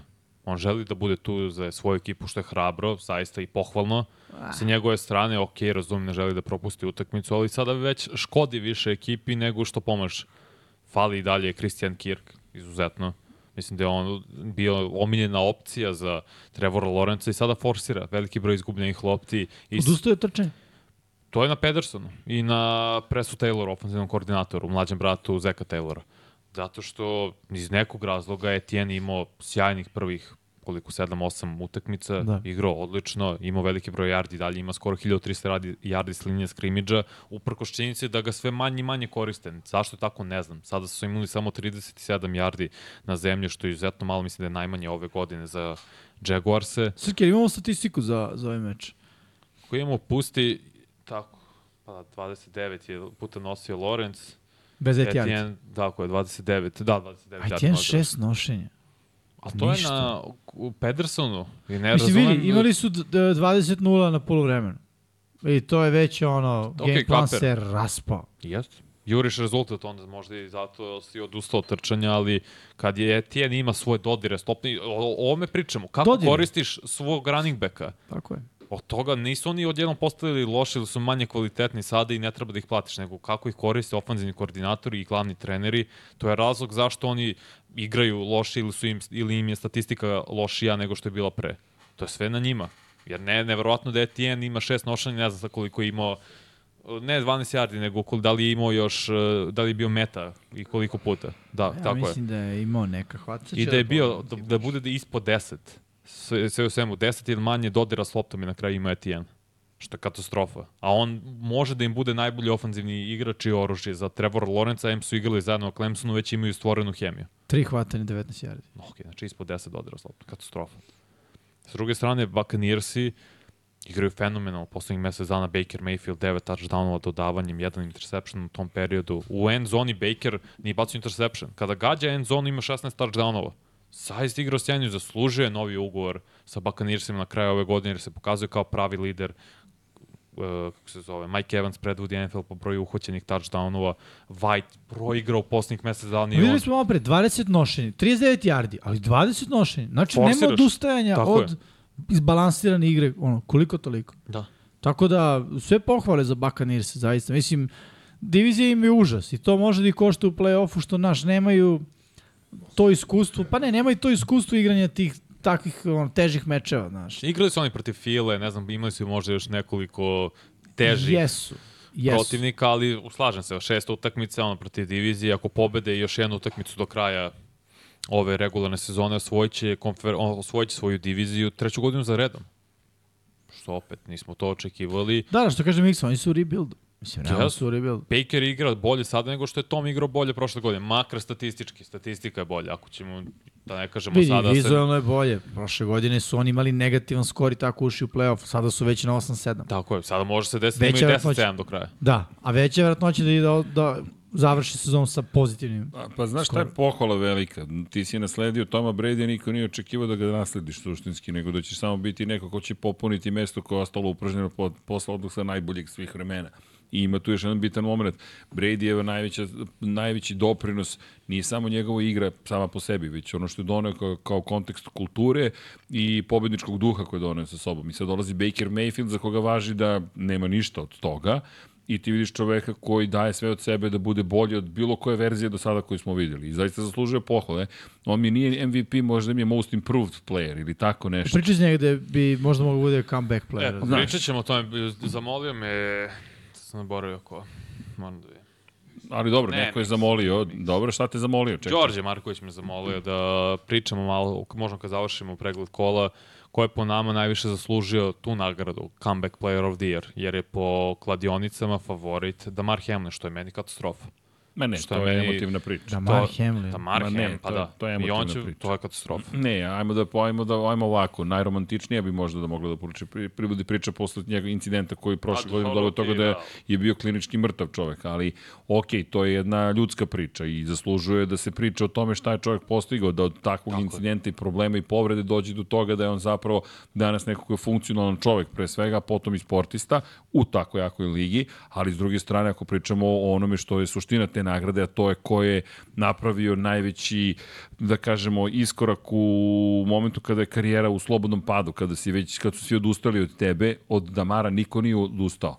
Od Bakera Mayfielda smo svi manje više odustali. Jeste. Od čoveka koji treba da bude franšizni quarterback Cleveland Brownsa do toga da grize pivo na utakmicama i ne znamo da li je još jedan Johnny, Food, Johnny Football ili je nešto drugo u pitanju do toga da je otišao i nasledio Toma Brady-a, suštinski zvanično on je nasledio Toma Brady-a. Znaš, Mislim, nje- njegova radna etika još sa koleđa je, on, on je walk on. Je došao na koleđ i rekao ja bih igram futbol. Jeste, pa I je. to kada dođeš i kažeš, onda se trener potrudi da zažališ za, tu, za tom odluku. Znači, on nije dobio stipendiju. On je došao i rekao, ćao, ja da igram futbol.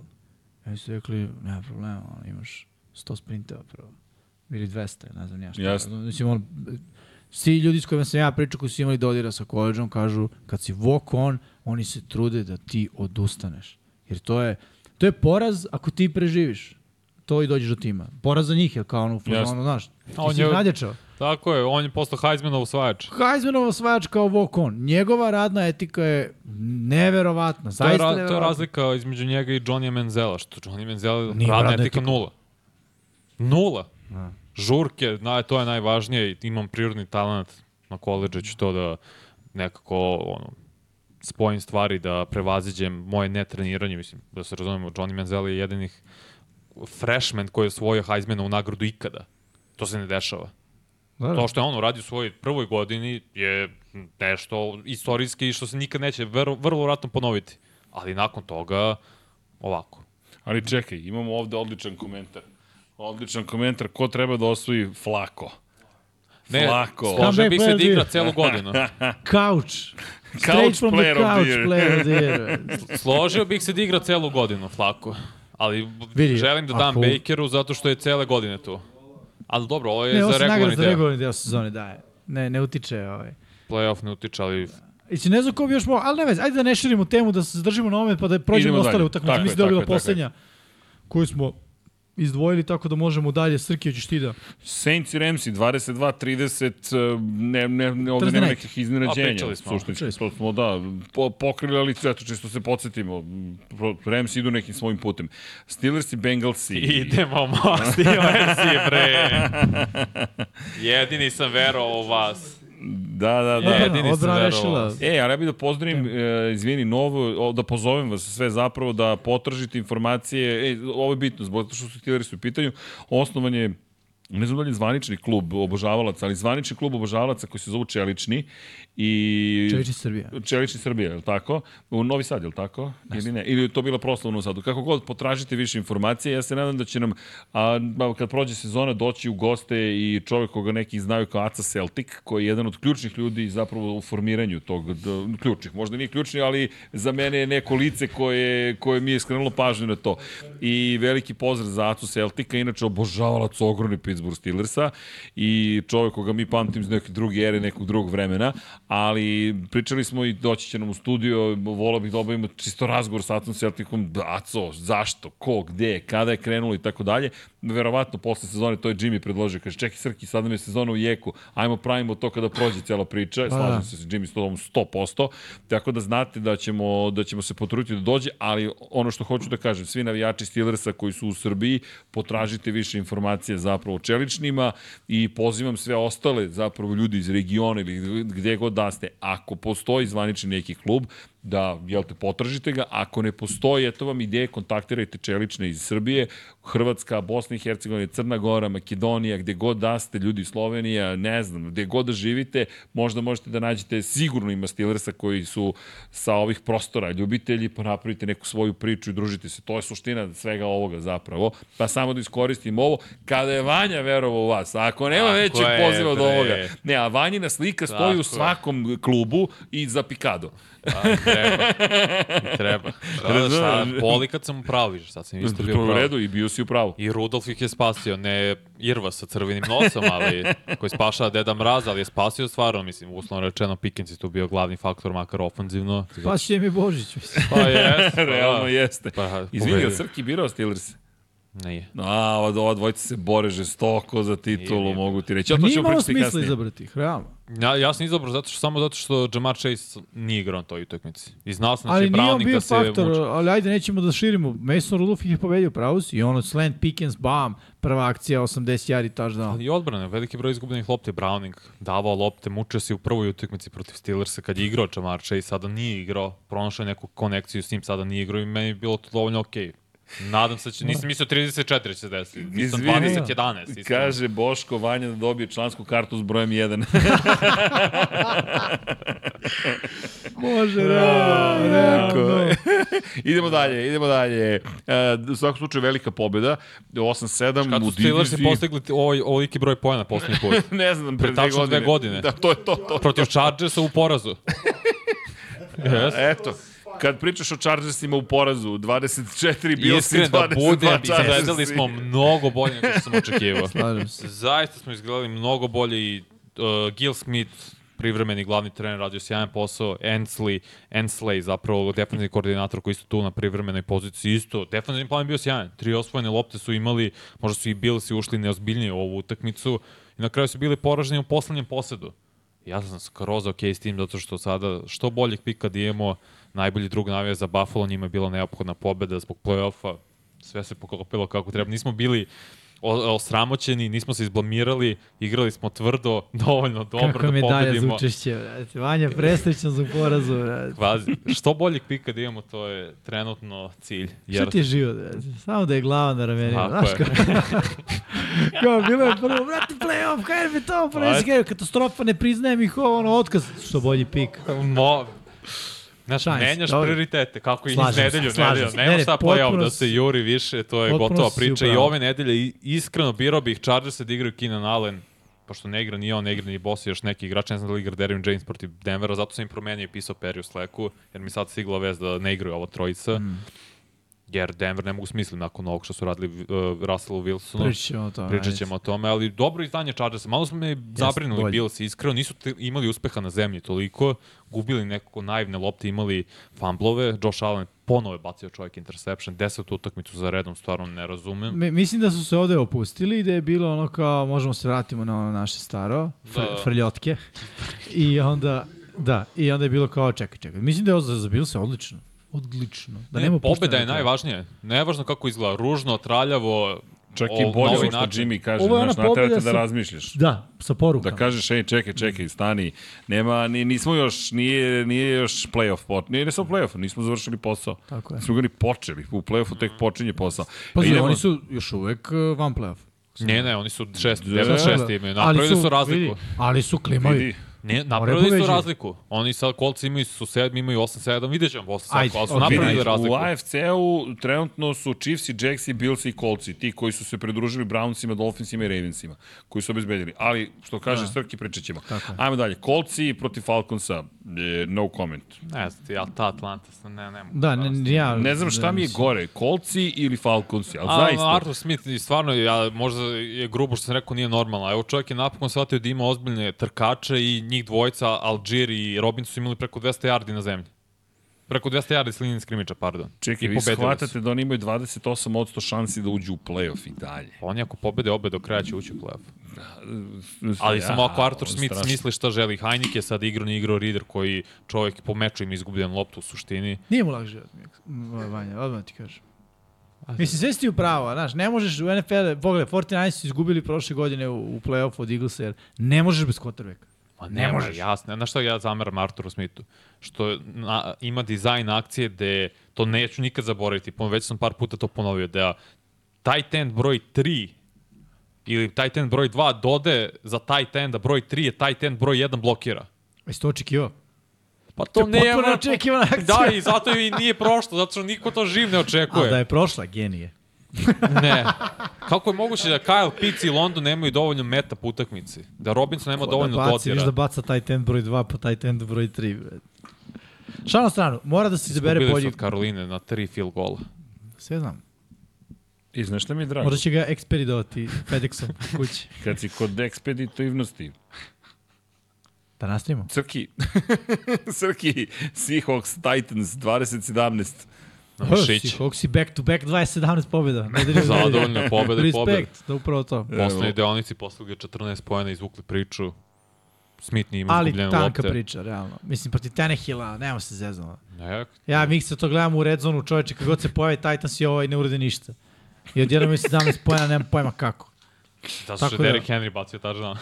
Da, da, da, e da, Peti toga u se svojoj karijeri. Mali broj running backova ima više touchdownova od dodavanjima. Tanja, kada tight end, kada trkač ima Da, dodavanja touchdownom, nešto ne funkcioniše. Znam, sve jasno. Ajmo dalje, Lions i Vikings. I još to, da je bacio ofazivnom linijašu koji se prijavio pre toga da je eligible to bi za akciju. bilo ono kao Dešavalo se. sud bi verifikovao da nešto ne funkcioniše u tom napadu. Bacio Ne, defanzivno zakonski teklu. bi im zabranilo državi. Da, ušlo bi u zakon, Državi da. tenisi, znaš, Tri kao ne da. može Tri više. koverte, da. Da sistemom tri koverte došlo do toga da Derrick Henry bude dodavač. Tri koverte. Bilo između njega, Tenehila i DeAndre Hopkins. Uh, dobro, Lions i Vikings i to smo kom, kom, konstatovali već. Commanders, Jets, Jets, Jets. Bravo, za malo izgubite. 27-3 na poluvremenu i svi smo bili u pozonu, ajde. 27-7. Evo ga. 27-7, bravo, 27. Bilo je- 27-7 bilo je i bilo je kao, aj sudija svira kraj. Znaš, Bilo je blizu. Šta ja gledam više, ovo, dovoljno sam video. E, ali sad znaš, 27. Titansi su vodili. Jesu, Taj, imali, si imali pobedonosni drive, nemoj tako. Ko? Jetsi Ne, ne, Ne, Titansi. ne, Titansi, samo sam htio da kažem da su i Titansi vodili, posle ćemo da vidimo šta sam birao. Ali Jetsi u svakom slučaju 30 poena, to je najveća pobeda, ljudi, 30 poena, to je O, stvarno. postigli ste još dva puta Da, pored ove utakmice. U životu, šta? Ne, o- ove sezone. Šalim se, Dobro, da. naravno, ba, znam, Vanja, Ne, ovo da ste izgubili stvarno bi pričamo. bilo blaga tragedija. A da ovako je nije, ovako je super. Ali dobro, pričat ćemo i o sinoćnoj utakmici, imam šta da kažem. Još jedan lik skoro sa kauča, ono, sa Pritom. klupe, ulazi Jacobi Brissett i A, Sam. Howell, 1,7 passer Ja rating. ne znam kako to moguće. Ja sam tebe slušao, to, gde god- sam te slušao, ti si to izgovorio i svaki put sam rekao, to je nemoguće. Ti si, kako? Idu mu Ne brojke, ali sad je znači, pogrešio. Ko je imao, Brandon Allen je imao nula pre dve godine, 0-0. Kakvi liko? Peyton Manning imao 0-0 poslednje godine s Denverom. Ja, Znači, ne, neverovatno, ali 1,7, kad vidiš ono, ja ne znam, stvarno. Kao oni GPA, znaš, u Americi. Ako daš tri, ti si kao student generacije. Bre. Ne. Ko je Gorigami? Gorigami. E, Packers, Panthers. I to je bilo I to je bilo čupavo, jeli Srki? Sve pohvala za Bryce Younga, čovjek odigra najbolju utakmicu u svojoj mladoj karijeri. Stvarno, Karolina. Bacio 300 plus jari, tako? Da, 312. A odbrani ste katastrofa, ne znam zašto. Baš ne znam. Ali nije, imate talent u odbrani, mislim imate povrede, ali imate i ba- baš dosta talenta. I birali ste često u prvoj rundi. Kaže Almir da su izgubili Rodgers bi sam sebi slomio i drugu nogu. Pojeo bi nešto. Da. idemo dalje, idemo dalje. E, je li imamo još neki rezultat? Imamo, evo kako Browns i Texansi. Okej. Joe Flacco. Elitno. dakle, Samo legendica. Kakav čovjek, znači, čovjek igra najbolju ih futbol u svojoj karijeri sada. Ali, e, ali e, lepo je to Vix objasnio. On ima sada dobro, brutalnu ofenzivnu liniju. Ima Ali vremena. fali im teklovi, ne igra tekl, startni levi, startni desni, Cleveland, prvi ono- rezervni tekl ne igra. Da, ali Cleveland to radi, ono. Imaju i šestog trkača, razumeš? I on igra sa on, petim i šestim teklom i to radi. Zato što su, on, ta, to je kultura jednostavno. Nema, razumem, ali Joe Flacco koji čovjek vezuje tri utakmice, ne računajući sinoćnu pre, sinoćne, sa 300 više yardi dodavanja. Niko u svojoj karijeri nije imao takav niz čovjek. Predvodi NFL po broju yardi. Sad ima četiri takve utakmice. Tako je. Predvodi NFL po broju yardi dodavanja kad je došao. Ne, Kad je krenuo startuje 13. nedelju. Ali Ne. to samo govori o veteranskim quarterbackovima koliko im je olakšano igrati sada. Pa naravno da im je lakše. Pa ja mislim da stvarno sam ubeđen da bi dalje Tom Brady mogao ovako da igra lagano. Pa Ja mislim da Mogu. on pogrešno Brady je- procenio situaciju. Pa da, nije, je Brady- da je bio u fazonu. Da, Tom Brady je otišao jer je bio u fazonu, ono, izgubio sam brak, brate, znaš, kao nema više Da, šta ja, da, ja dam mislim ovoj da je igri, to, to, ne, ja mislim da je to zapravo Bukvalno nema više šta da Ne, dam, ja mislim sve da, on sam dao. da je on da ga je slomilo. Znaš, Da, da, da, je da. shvatio šta je izgubio u tom trenutku. Znaš, je, Jedan prsten manje. manje. A što misliš da, je- da, da, da je šta, on Kupio kao, sam prsten, može da ga kupio zadrži, sam brate. pušku, jedno, ta dva, bacit ću u okean. Da, da, da, ba vidi. A, Još jedna stvar koju sam A razmišljao. Mari nakon- Cooper, izvini, reci se šta se razmišljaš. Ne, e, vezano za povrede. Uh, I sinoć je ona povreda gde je Elijah Moore nastradao. Samo ću kratko da kažem. Mislim da su ta pravila zapravo napravila trenutnu situaciju i sa povredama. Jer ti kao uh, i hvatač i bilo ko drugi više, znaš, mislim ja znam, ja se sjećam kad, kad sam ja igrao, uh, ono, učio si da padaš, pazio si se. Mislim da su oni sad ne paze. Jer ti kada skačeš u vazduh, hvataš lopte, da ostvaruješ kont, ne očekuješ da će bilo ko da te stravni sa zemljom. A oni te ne, i ne stravnjavaju više, nego te sad bacaju i olupaju to zemlju. Realno, pogotovo quarterbackove. Kako je CJ Mosley uhvatio ovog mučenog mora. Pa ne, ti sad ne smiješ da padneš na njega, ali dozvoljeno da ga uzmeš i da ga zvekneš o zemlju i onda on udari glavom u zemlju Tako i je. dobije potres mozga. Mislim, koliko po... Ja ne pamtim sezone sa tolikim brojem potresa mozga u NFL-u. Dobro, možda i sad dodatni fokus stavljen na to, pa nam je pre, pre on, prolazilo ispod radara, eventualno, ali mislim da si upravo, da je zaista previše i to je do, to, do toga što su odbrane sve u težoj i težoj situaciji da obaraju, prvenstveno. Pa sad će da olupavaju, umesto da obaraju. Pa jest, Što je još gore, ono. Stave za podlogu beton i kao ajmo da igramo. Možemo onda dalje. Naravno, idemo na Jacks i Bucks i to smo spomenuli već. 12.30, Cardinals i Bersi. Bersi su pobedili. Citira Miksu, ajmo mečke. Ajmo, mečke, dobro. Mo, d- neka Kontrol- ostane na tome. kontrolisali su liniju skrimiča. Jesu. Koliko, 250 yardi na zemlji su imali zaustavili trčanje Cardinalsa. Stvarno odbrana igra sve bolje, Bersa, Da. i to je za pohvalu Iberflusu. Verovatno će izgubiti posao, čovjek kasno je proradila ova ekipa, ali stvarno igraju sve bolje i bolje. Jeste, jeste. Slažem se. I Fields igra bolje. Igra sigurnije. Da. Cowboys i Dolphins i to smo prokomentarisali. Patriots Broncos. Uh. Mislim da ovde moramo malo da zastanemo. Ajde, ja sam pitao da ćemo da ovo i analiziramo. Broncos i pazi, ovo, mo, ne, ovo mora, se pro, mora da se prokomentariše.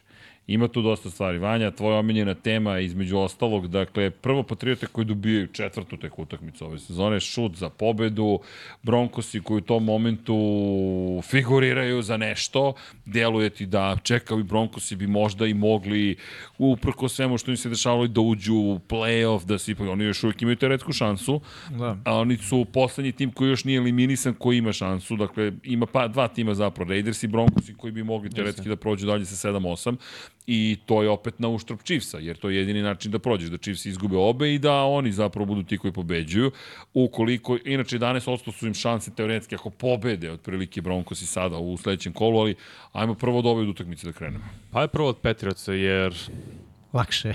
Pa ne, lakše je i želim da pohvalim Bilo Beličeka, odbr, ne samo odbrana, cela ekipa je radila svoj deo posla. Ofanzivno, Bailey Zappi, napad izgledao je dobro iz, i Ezekiel Elliott takođe drugu nedelju za redom ili drugi meč u tri kola u Zappi izgleda super. Mm. Kompletira dodavanja, ne pravi Mislim, toliko grešaka. kriterijum je stvarno nizak. I Bailey izgleda super. Jeste, Zep. niza kriterijum, ima je dva touchdowna, ima i preko 250 yardi dodavanjem. S druge strane, odbrana radi sjajan posao. Christian ba Barmore, de, mm. tečko defanzivni tekl sa Alabama, pik druge runde. Sećam se tog drafta da je on bio prvi defanzivni nije, što je defanzivni tekl koji je izabran zato što je bila slabija klasa i nije bilo toliko elitnog talenta, ali Barmore igra sve bolje i bolje, dominirao na ovoj utakmici, odbrana generalno igra sjajno. I specijalni tim, Ryland koji se muči ove godine, promašio je 8 field golova računajući ovu utakmicu, 20, čini mi se da je imao procenat 21 Ne, ne, vidim ovo, nego sve ukupno koliko je pogodio. Da li je šutno, ako računamo i ovo, iskreno mislim da je šutno svega 23 puta i pogodio je 15. A pogodio je šut za pobedu. Što je najvažnije. Nije se to očekivalo od njega. Veliki pritisak za Novajliju na ovoj poziciji. Ceo specijalni tim je sačinjen od Novajlija. Novajlija na poziciji Pantera, Kikera takođe. I Ryland, je na kraju isporučio, ako je promašio field goal na početku utakmice. I to je priča za Petrice, Bill Belichick očigledno voli da pobeđuje ekipe koji su u playoff trci, pobedio Steelers, pobedio Bills, pobedio sada Denver Broncos, Jets je takođe pobedio, ali oni nisu u playoff trci trenutno. Možda će biti sledeće godine, ali sa Denver Broncos je daću vama da pričate o utakmici. Sramotno što su radili prema Russellu Wilsonu i neprofesionalno. E, ja se ne slažem. Uh, ali ću samo prvo reći što se tiče Broncosa, problem je prva četvrtina 7 pojena i posljednja 16. Druga i treća, ono, možemo mi to da ne igramo. Mislim, to nije dobro za Denver Broncos. A što se tiče Russella Wilsona, ajde prvo, mislim, ono, Da. Ne, meni je zaista to... šta, šta je priča cela? Ja Cela- čitam, upijam stvari, ali bih Cela volao da priča je o sumiram. tome da su zapravo to se desilo i mnogo ranije, kad su pobedili Chiefse, došli ovo, ljudi iz, to je kako se to zove, Ljudi u crnom.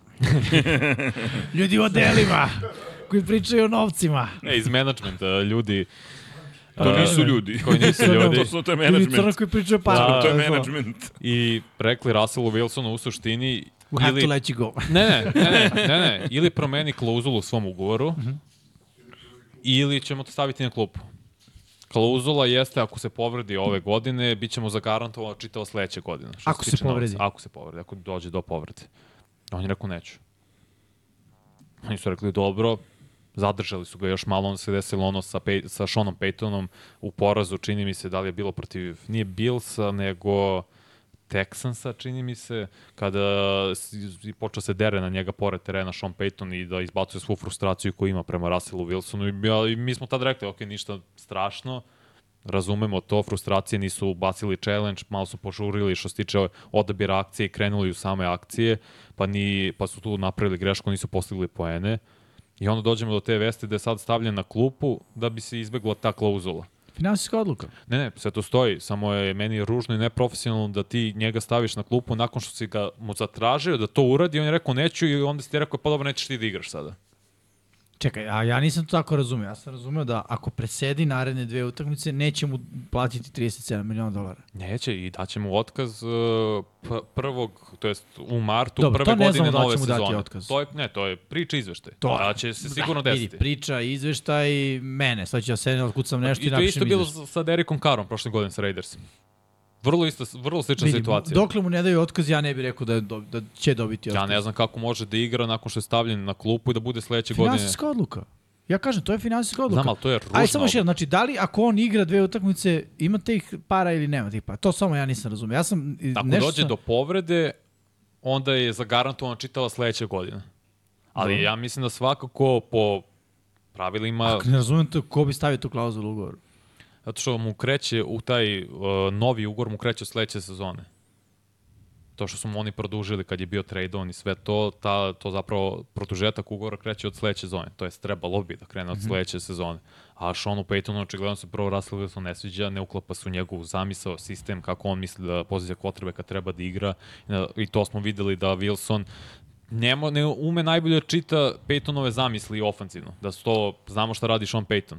Kratka dodavanja kroz sredinu, to je ovo što si ti pričao, da li je Dig Rukta u pitanju ili o, kratki jardaži između 10 i 15 yardi za hvatače kao što je bio Michael Thomas u Saintsima. Ono što je radio Maltene Drew Brees, to Russell Wilson ne može da radi. To nije njegova igra i iz nekog razloga financijskog se meni pre svega to nije svidelo da su ga uslovili.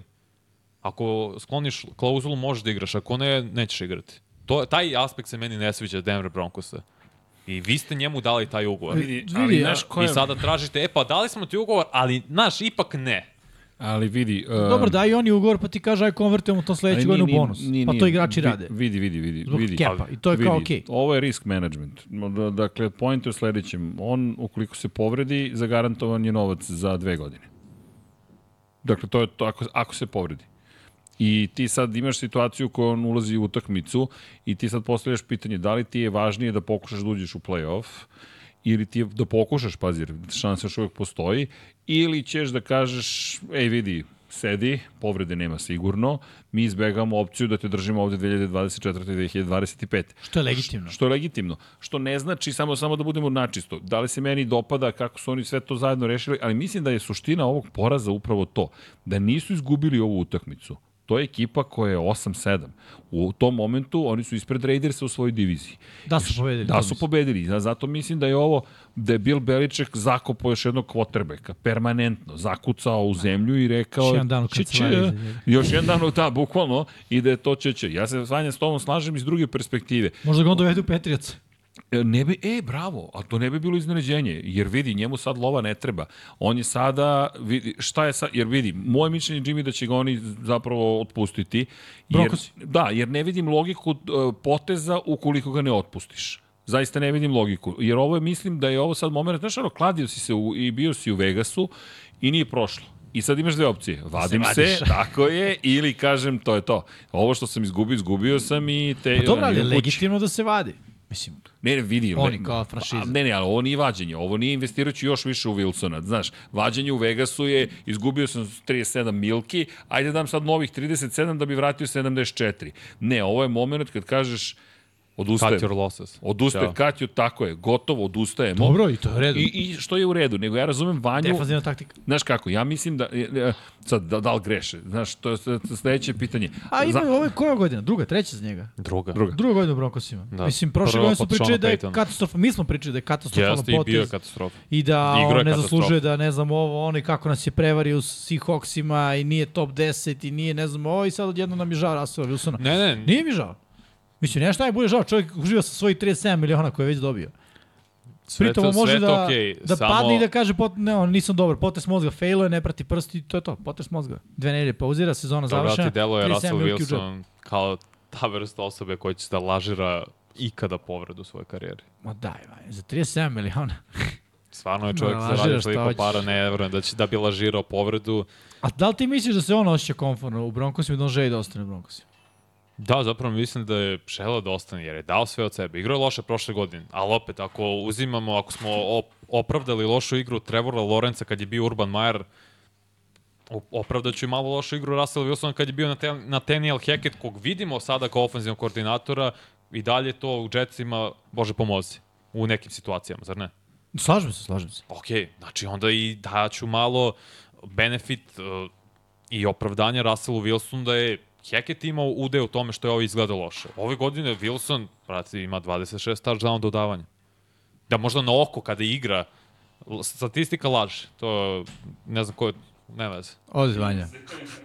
Samo polako.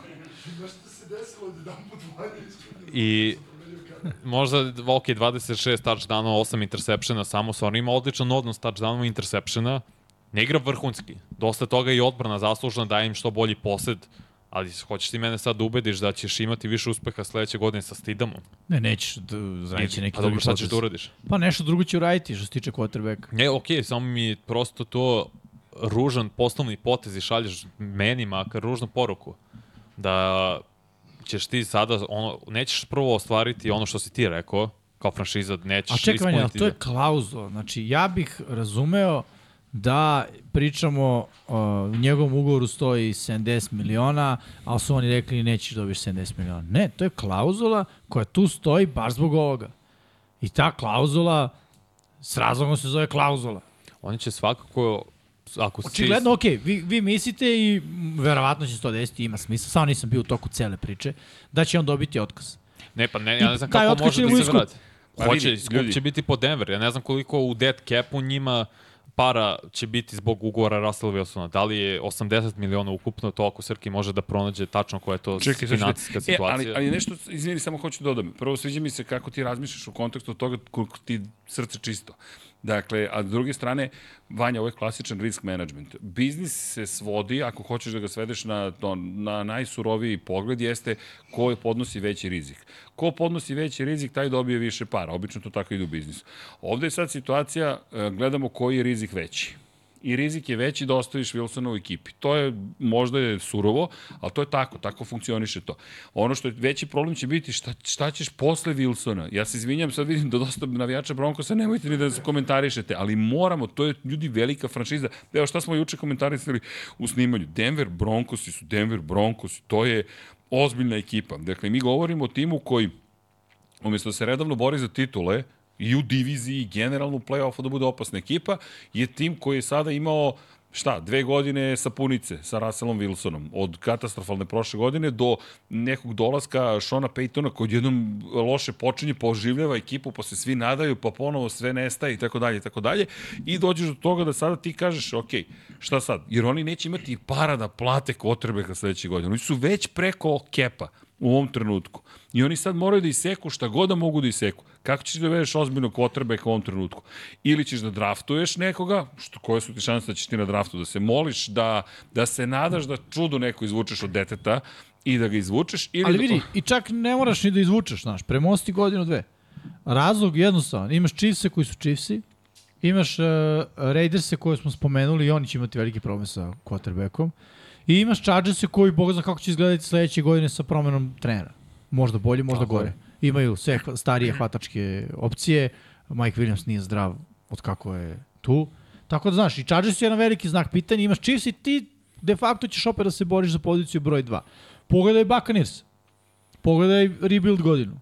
Ovu godinu. Jeste u katastrofa diviziji. Jeste u katastrofa diviziji, slažem se, ali opet, znaš, nije nemoguće. Nije ni realno očekivati kogoda je quarterback da se desi sledeće godine.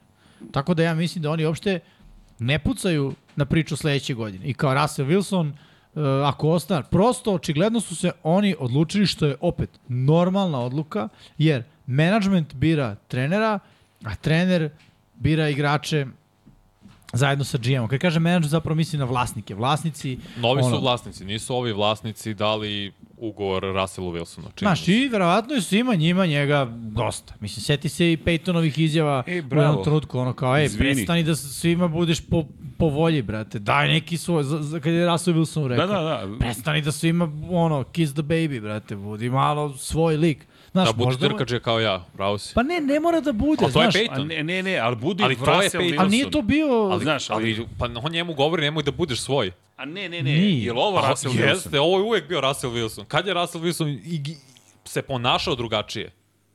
Dobro, imam nekak utisak da je ipak imao veći stav, iskreno.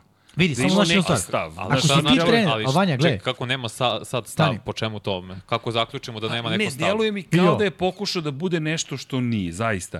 U smislu, Broncosi potonuli prošle godine, a on je u fazonu, idemo! Znaš, A on je, si- ali on je sve vreme u Seattle govorio nakon svake pres konferencije Go Hawks. Nakon svake, sem nakon poslednje kad se završila sezona, kad je bio svestan da više neće biti deo Seattle. Što mogu i to da kažem?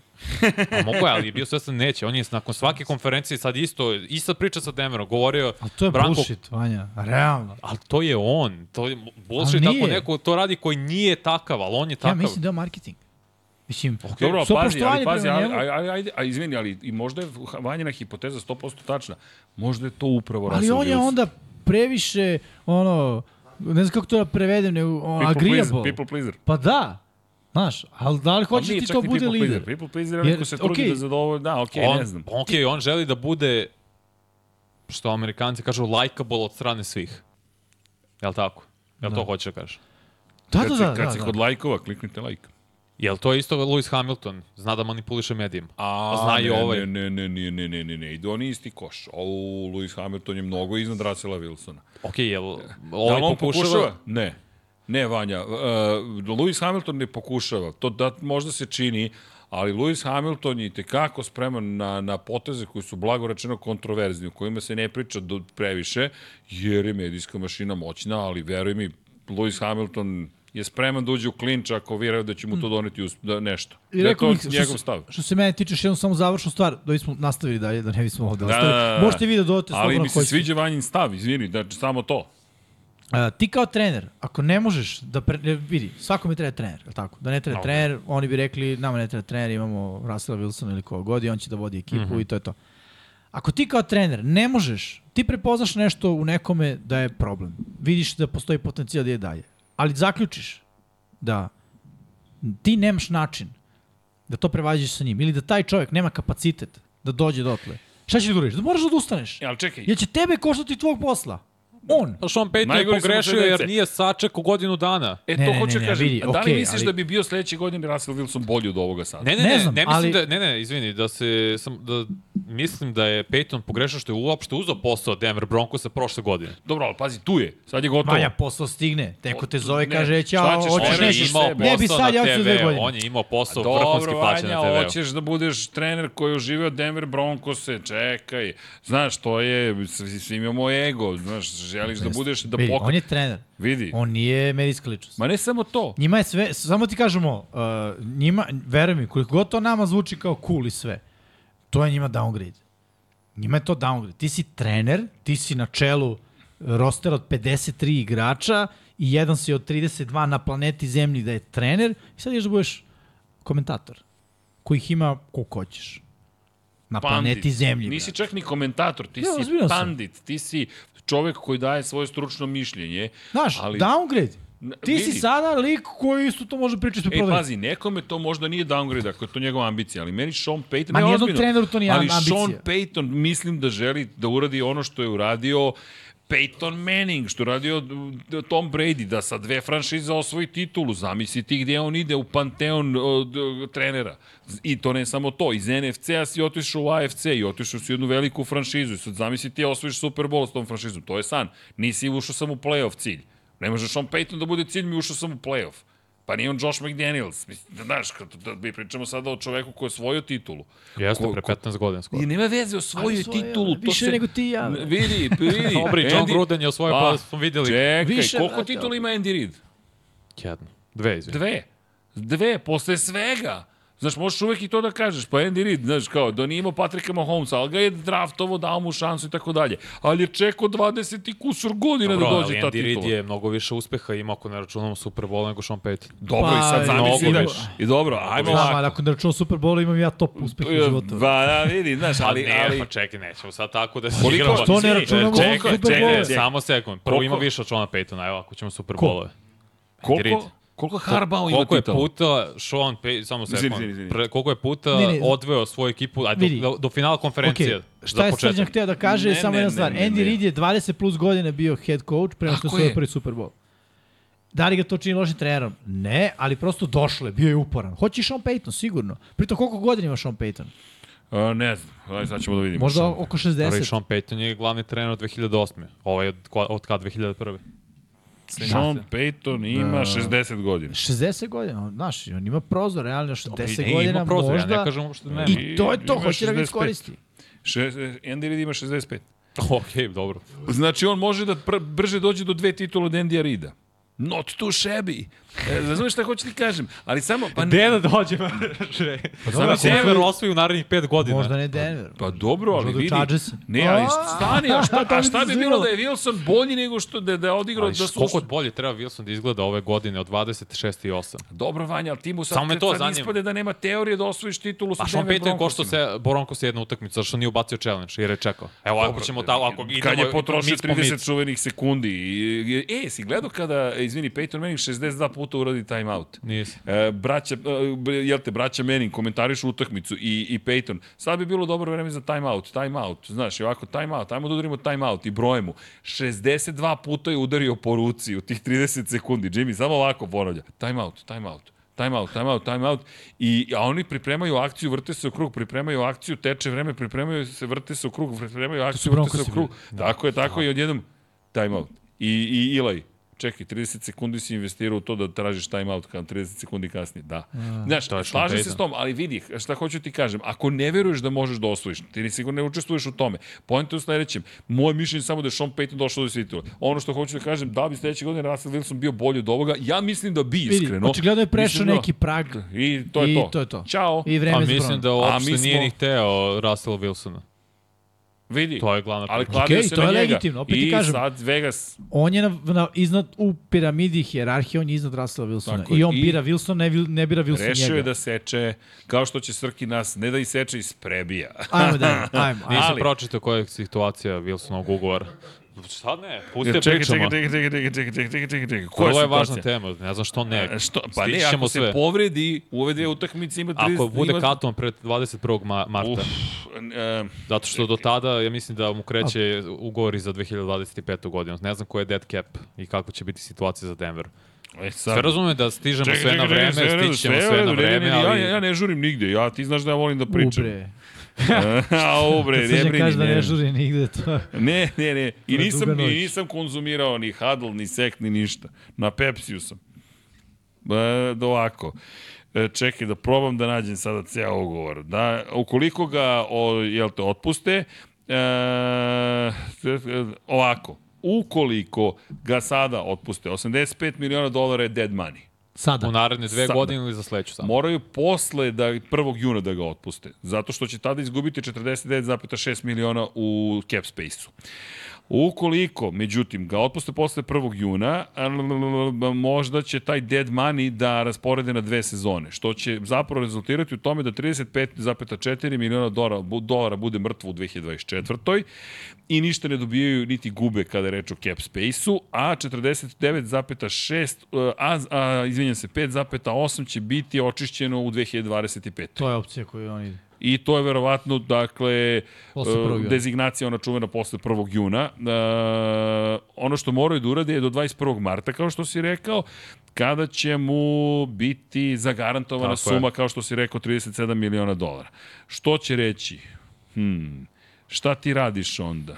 Pre, to Ti je ga čin- otpustiš pre 1. juna, 85 milki je dead money. Otpustit će ga pre 21. marta. Ne pre 20. marta, izvini, pre 21. To je marta. peti dan, uh, kal, peti kalendarski dan u novoj sezoni, taj 21. mart. Pre toga moraju da ga otpuste. Iha, dobro. Mislim, mogu da važno ga je da bi ljudi znali koja je situacija, ne sada ko je u pravu ili ne, da čisto imaju sve informacije Da, u da, vezi oni moraju da mu daju taj, taj bonus zapravo koji je bio opcioni posle 21. marta, ali mogu da ga traduju pre toga. A ono što je zanimljivo, taj opcioni bonus je 22 miliona koji do, dolazi na naplatu 2024. Ukoliko ga traduju pre 21. marta, on, tim koji ga preuzima, uzima osnovnu platu od 17 miliona i taj bonus od 22 miliona dolara. Vidi, kako god, kogod je potpisao ovaj ugovor, njega treba otpustiti. Oh, wait. Oni su već Vidi, u otpušteni. tom trenutku to je delovalo kao super. A znam, ali ti, tad smo rekli ko je pare uzeo. Robbed the bank, bukvalno. GM Pritom- je potpisao koji je dalje tu. Da, da, dobro, sve je u redu. Pritom ali- setite se samo šta su sve dobili Seattle Seahawks i kako su to konvertovali što tiče pikova. Tako je, odradi sjajan posao. Sjajan posao. I trade pri čemu, ne zaboravite, on ima klauzulu da on odobrava svaki trade. On se pita. On ima no trade clause. Russell je. Wilson mora potvrdi da je trade. Takav je ugovor potpisao. Ne, on je potpisao savršen ugovor za sebe. Osim ovih 37 miliona. Drugari, on će da uzme sve pare. Neka da na kraju... Dobro, ajmo mi da... Raidersi oteli pare Chiefsima. Kao što smo rekli, Giantsi, Eaglesi, imate komentar, kolega? Pa, mislim, ono, divizijsko rivalstvo, Giantsi stvarno loši, još su zamenili quarterbacka tokom meča, ali Eaglesi opet pokazuju neke slabosti. Nije, nije to savršeno, nije to bilo, moram priznati, ne, kao ono, laganica priča do, do samog kraja. Bilo, pogotovo u trećoj četvrtini, mm. -hmm. kad i su Eaglesi imali izgubljen loptu na početku, pa i na kraju pick six Jalen Hurts 18. izgubljen loptu ove godine za Hurts, Ne, zaista realno. zabrinjavajuće, ali su napokon u četvrtoj četvrtini se vratili on, onome šta su Eaglesi, trčanje. 91 yard su imali samo u poslednjoj e, e, četvrtini na zemlji. Preuzeo je, koliko sam video, play calling e, ovaj, koordinator trčanja i trener e, ovaj, ofenzivne linije i proradilo je. Tri drive-a, 13 pojene iz toga, bio je neophodan onaj big play za Brauna, ali trčanjem su napokon pokrenuli svoj napad i stigli do pobede. I nadam se da će se vratiti Eagles i tome. Swift što više, da, Jalen Hurts je oborio ra, a, rekord Kema Newtona po je broju tako je istračenih touchdownova, ali od tih 15, 11 je bilo na jednom jardu udeljenosti od end zone. Da. Jer i to je pričao Jason Kelsey tome. Meni je žao da je Andrea Swifta, kada stignemo do jednog jarda, on stigne do jednog jarda i ne postigne ta želja i kaže mu u fazonu, brate, znaš šta sledi. Da, da. I tako je kako je, ali moraju mnogo bolji Eaglesi. Baš nije ovo bilo utakmica da je su povezali stvari. Da, NFC je baš zabavan. Iz, iskreno, ajde vidit ćemo. Neko kaže nema šanse iko da dobije 49 Playoff je playoff, ljudi. To, ko zna šta će da bude. Da, Ne, iz, iz iz NFC-a. Iz NFC-a. Iz NFC-a. Ravens je ok, 49ers se dobili, 33-19, to smo i prokomentarisali. Dodatno, Srki, ja mislim da je to To to. I pogled na istočnu diviziju AFC-a.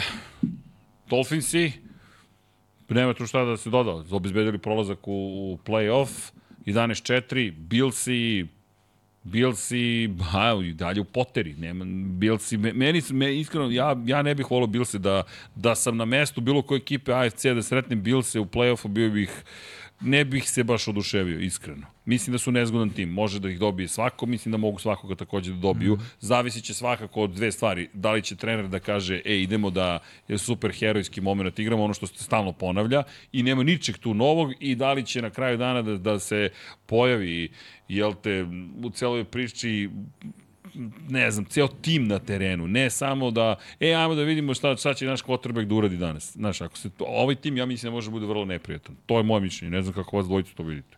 Za Bills. Ne bih komentarisao Jets Da. i Patriots. Evo, Da. sad bih tu dodao. Hoćemo dalje. Srki? Ajmo dalje. Samo ajde, Crkvu. ajde, furamo. E, ovo je zanimljiva divizija. Ravensi, Brownsi, Steelersi, Bengalsi. 12-3, 11-5, 8-7, 8-7. Pričamo, pogledaj Bengals u diviziji. Bez jedne Katastrofa pobede. i u konferenciji 3-7, baš 0-5. loše. A, neće, neće, neće oni niđe. Vidi, teorija kaže da postoji šansa, ali mislim da... Ali mislim da će biti super, znaš, ova dva kola, da, da će baš biti dobro iz te perspektive. A to je ono čuveni, znaš, poslednje dva kola. Mm. Boriš se za svaki pedalj i za čuveni tiebreaker. Ako ova igra nerešeno, a levom patikom postigne e, go sa 32 jarde, možda postoji šansa da taj, to bude tiebreaker za ulazak u playoff. I naravno, ko želi kome da se osveti, da pusti nekoga da pobedi ili da namerno pobedi nekog od gubitničkih ekipa. Pa bilo je nekih čudnih odluka trenera da sklone glav, vodeći svoje postave ili prve postave i onda neki pretrpe poraz i ispadnu iz play-offa. Da, da. Ajmo dalje. Jacks i Coltsi i Texans i 8-7, 8-7, 8-7. Pazi, i Titans i 5-10. Niko ne želi da osvoji tu diviziju. da, da, da. Ko ćeš ti? Idi ti u play-off. Ne, ne, ti. ti. Evo, Texans si, Mojak, nećemo ni. Vidjet ćemo. Titans jedini ne mogu. To je jedino da. sigurno. Ali dobro. Ovde... I ovde je u debakl i užas. Chiefs isto u poslednje vreme. I dalje imaju konferenciji 7-3, što je za- stvarno neverovatno da su zapravo tri puta izgubili od NFC timova, ali moraju da pobede makar jednom do kraja da bi osvojili diviziju osmu godinu za red. Što je dominacija u posebnoj priči. Da, trenutno imaju 9-6, drugi su Raidersi sa 7-8, toliko imaju i Broncosi, a Chargers se, ne vidim, 50. 5-10, kao Užas i tragedija. posljednje mesto Ajmo u da. zapadu AFC. Ajmo dalje, prelazimo na NFC, idemo na istok, Eaglesi prvi, ole, 11-4, drugi Cowboysi 10-5 i onda idu Giantsi sa 5-10 i 5-10 i Commanders Commandersi sa 4-11. 4-11. Eaglesi moraju pobede jedan do kraja da bi obezbedili. Malagno Da. samo cepaju. Prvo Da. mesto. Da, Lions 11-4, to je osvojena divizija Severna, Vikingsi 7-8, Packersi, Vikings 7-8, Packers 7-8, Bears 6-9. Da li je šansa za Chicago da uđe u playoff? Aj, aj. Jeste, baš da. Postoji. NFC Jug, Buccaneersi 8-7, Falconsi 7-8 kao i Senci, Panthersi mučeni 2-13 Kreota. Buccaneersi ako pobede jednu do kraja, osvajaju diviziju treću godinu za redom kao što smo osvojili, ali i dalje postoji šansa za Sejce i za Falconce, mada loš skor u konferenciji govori suprotno tome, ali postoji šansa da obezbede playoff kroz wild card. Vidjet ćemo svako to posle. I 49ers su prvi na, za, u zapadnoj diviziji NFC-a Ramsi i Seahawksi po 8-7 trenutno se nalaze u play-offu i obe ekipe Cardinals i mučeni 3-12 igrali, igraju jako, bore se, ali nikako da stignu do pobede zbog manjka kvaliteta. Ali ima playoff sliku. Ravens i Dolphins i Chiefs i Jaguars i trenutno su u vodeću divizijama, a wild cardu trenutno bi bili Browns i Bills i Colts. Brownsi su zagarantovano peti. To je već završena priča o pobedom sinoć. Bills i dalje, Colts i ovo se ne zna još. I dalje mogu i Steelersi da uđu u playoff. Mogu i čak i Bengalsi malo teže zbog konferencije, jer imaju 3-7 u konferenciji. To će, to Ali je- šansa postoji. ne znam koja je to šansa, iskreno da o, pobede obe do kraja, da Kolci izgube jednu, da Texansi izgube jednu, Steelers isto izgube jednu, Da Pa to- dobro vidi, ako oni pobede dve ove tri ekipe izgube, to je to, oni imaju 10-7, ove tri ekipe imaju 8 Pa da, to je, to je zapravo šansa za Bengals, ali moraju obe da pobede do kraja, a posljednjem kolu ih dočekuju Brownsi koji možda zapravo neće ni hteti da ubace svoje startere, ali Šta sam rekao malo? Pa ne, razmišljao sam zapravo o tome i možda bi trebalo da igraju makar prvo polovreme Flako ekipa, jer Flako je dosta dugo se, sedeo u kući, mislim, Bukvalno. na kauču, što smo rekli, tako da je možda i dobro za Brownce da igraju makar prvo polovreme, jer bi bilo strašno da ti ne, sada nakon Thursday nighta, nakon sinoćne utakmice, ne igraš narednih 16 dana, malte ne do wild card runde.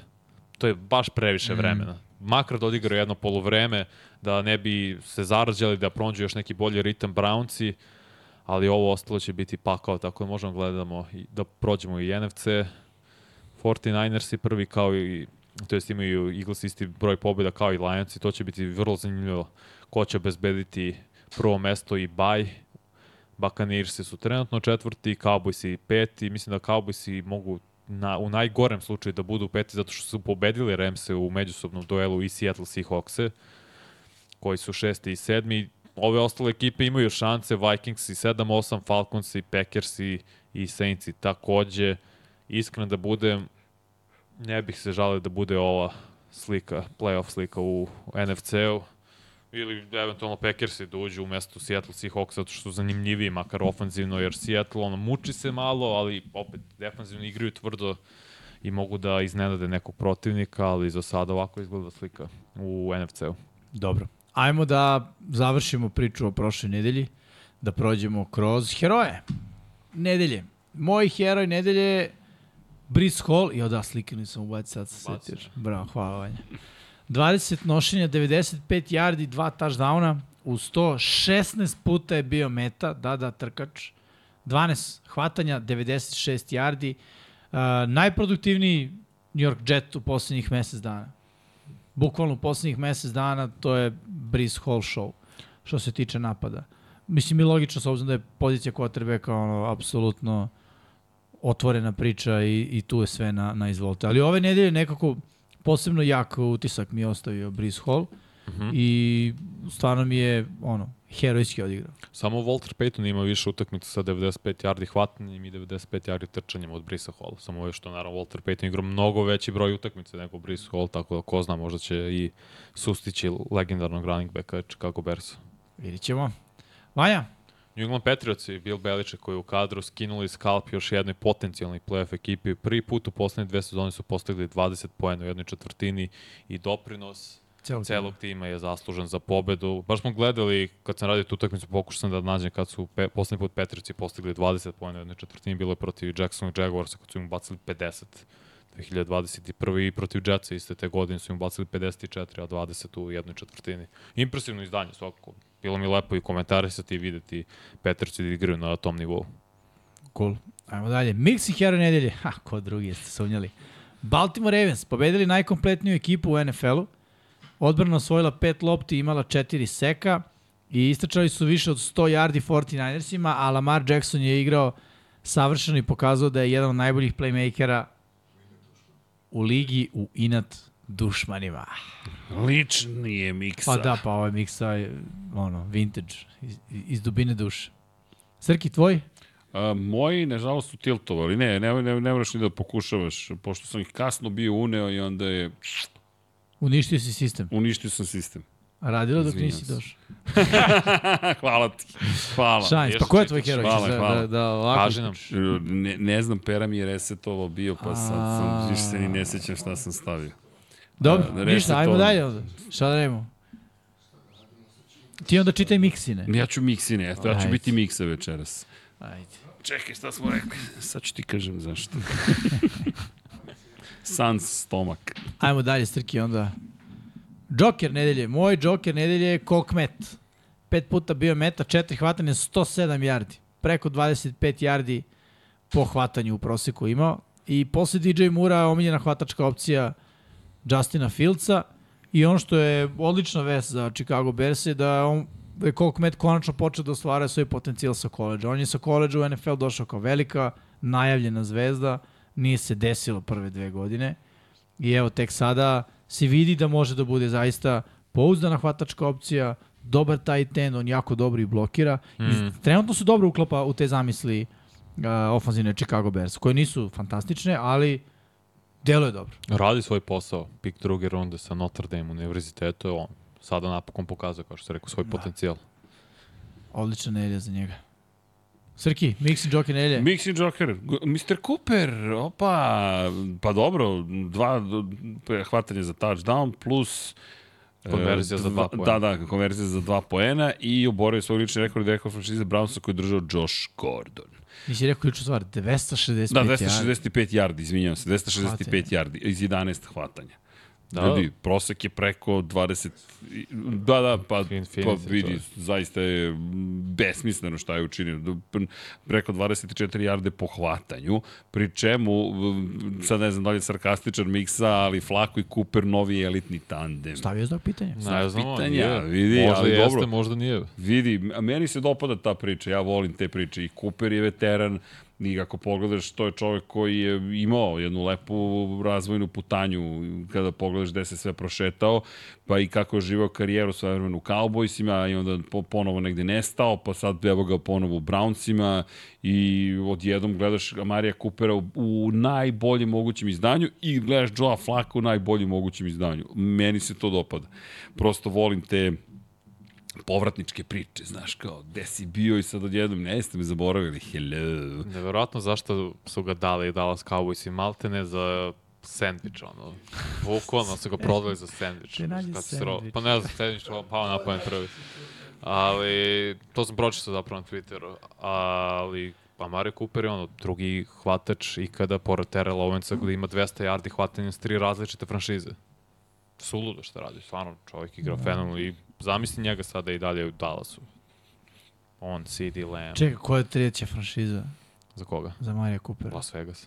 To je Oakland To je Raiders. Oakland. Od Oaklanda je on potekao, da, ACDC. Ja, Zaboravio ja si AC/DC.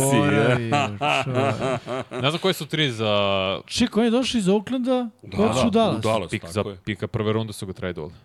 Ja mislim zakada njega dra, Dallas draftovao. Ne. Da ne, po- pogrešio sam definitivno. ACDC, da, da, ACDC, ja ih tako pamtim, jer i Derek Carr i Amari Cooper. Ne mogu Da. setim za koga je Terrell Owens, vjerojatno sa San Francisco, Dallas i Filu. Možda i u Bills imao 200 yardi, ali ne mogu da setim stvarno. Da. Nekog mi logičnije za ove prve tri franšize. Vidi kako god Amari je baš odigrao utakmicu. Jeste. I, I lepo je bilo vidjeti Cleveland kao i o kojoj posle svih problema i svega, Da. odjednom ti gledaš Cleveland i kažeš ovo je Cleveland. Stefanski Čekaj, za trenera godine. Lepo, da. baš lepo. A, Vanja, tvoj džoker? Moj džoker, Christian Barmore, defanzivni tackle Patriotsa, 3 seka, 8 obaranja, 2 za gubitak yardi, 4 puta udario protivničkog kvotrbeka, najbolji ocenjeni defanzivni tackle u prethodnom kolu, ispod radara, igra kao top 10 igrač na svojoj poziciji. Stvarno je tako, ove sezone možda ne obraćamo toliko pažnju na Patriots i pogotovo njihove igrače defanzivno. Pričali smo baš pre nekoliko nedelja i o segmentu generalno šta radimo, Joker, Hero, ja volim da naglašam neki igrače koji možda nisu toliko mm. spomenuti i Barmore svako spada u tu kategoriju i igra odlično. Napokon se pokazuje njegov potencijal, slično kao, slična priča s Kmetom. Obojica pikuje i druge runde, ne znam kada kad je Kmet bio, da li 2020. ili 21. ali Barmore je bio 21. sa Alabama i vidi se da igra sada napokon na tom nivou koliko se očekivalo. Bilo je potrebno vreme da shvati šta tačno želi Bill Belichick od njega, ali igra sve bolje i bolje i to je pohvalno. Cool. Hoćemo na Novajlije? Hoćemo. Ajmo, Nećemo, ćemo nećemo. Tragičare, Ja kažem hoću na Novajlijeg, meni srđan klivne glavom i pusti Da, ja. tragičar. Moj, moj tragičar ili tragičari nedelje su San Francisco 49ersi. Počišćeni su od Ravens. Mislim, prvo po vreme su se i držali, ali nakon toga zaista se nisu pojavili. I već smo rekli, Pardi ima četiri intersepšana, cela sad priča oko njega, quarterbacka, legitiman nije, se, je klimalo. Od četiri poraza koliko imaju 49ersi, tri su od ekipa iz AFC-a. Što znači da ako dođu u Super Bowl, verovatnoća nije na njihovoj strani da će uh, i osvojiti Super Bowl i to može za njih da bude zabrinjavajuća stvar. Što je Mix rekao, sve tri ekipe su sa severa. Da. I ono, na kraju, if you're gonna talk the talk, you got to walk the walk. Odnosno, Tako znaš, je. ne možeš da iz nedelje u nedelje pričaš kako si najbrutalniji, naj ovaj, uh, kako se to kaže, uh, fizikalniji tim u ligi, onda dođu Ravens i ti si taj dan svoju brutalnost ostavio kući. I fizikalnost. Ja, zaboravio sam. Patike za teretanu. Izvinite. Da. Tako da to mi je onako bilo za tragičara nedelje. Miksin, Mixin, Trevor Lawrence, još jedna utakmica sa više od dve izgubljene lopte, nesigurna igra, nepotrebni rizici i doveo je u pitanju divizijsku titulu. Konačno, umesto da bude precizan poput Legolasa, legendarnog vilenjaka iz eh, trilogije Dru, Gospodar Prstenova, koji je pogađao sve i svakoga, više igrao kao Zlatokosa. Sad ne znam da li je spustio kosu da ga neko spase ili u čemu je fora, Nemamo ali... spasa, pošto Lawrence ne igra u- ove nedelje protiv Karoline. Nema Ne igra. spasa. Out. Ne igra out. Aj, aj, aj, aj, igra CJ. Bettard. A znam da je Srki birao Karolinu, eto prilike. Ja mislim da će Bettard da održi posao. Vanja, Jug HFC-a, svi su tragičari. Svi su izgubili u ovom Svi kolu, niko ne želi da osvoji diviziju, niti jedna ekipa sad ne su deluje. Bakanirisi pobedili. A ti si rekao AFC. AFC. Sorry. Sorry. I niti jedna ekipa ne deluje da može da se suprostavi Browncima u wild card rundi, što je zapravo glavna priča ovoga, jer će vrlo vratno biti taj ishod šampion to je prvak ove divizije AFC Jug će igrati protiv petog nosioca koji će biti Cleveland Browns i Brownsi su očistili već ovu diviziju. Pobedili su i Coltse, i Texanse, i Jaguarse, i Titanse koji svako nisu u toj priči. Uopšte ne vidim način na koji bilo koja tih ekipa, možda kolci, jer je to bilo izuzetno uh, neizvesna utakmica, koliko je bilo, 39-37, čini mi se, možda bi oni mogli da se suprotstave, jer igraju sličan brand futbala što se tiče fizikalnosti, igraju snažno, imaju snažnu defanzivnu i ofanzivnu liniju kolci, vole i oni da se biju, možda to ispod radara, ali opet, jedan veteran Minšu protiv Flakova, to bi svako bilo zanimljivo pitan protiv Amarija Kupera, možda eventualno kolci, ali način na koji trenutno igraju Jaguars mislim da bi bili pregaženi od strane Brownsa. Isprebijani i pregaženi. Da. Ima smisla. Dobro. E sad može. Sad idemo na Pepsi Novajliju nedelje. Moj Novajlija nedelje je Jamir Gibbs. 15 nošenja, 80 yardi, 2 touchdowna. A, pored toga 7 puta je bio meta, 4 hvatanja, skromno za 20 yardi, ali opet 5 yardi prosečno po hvatanju.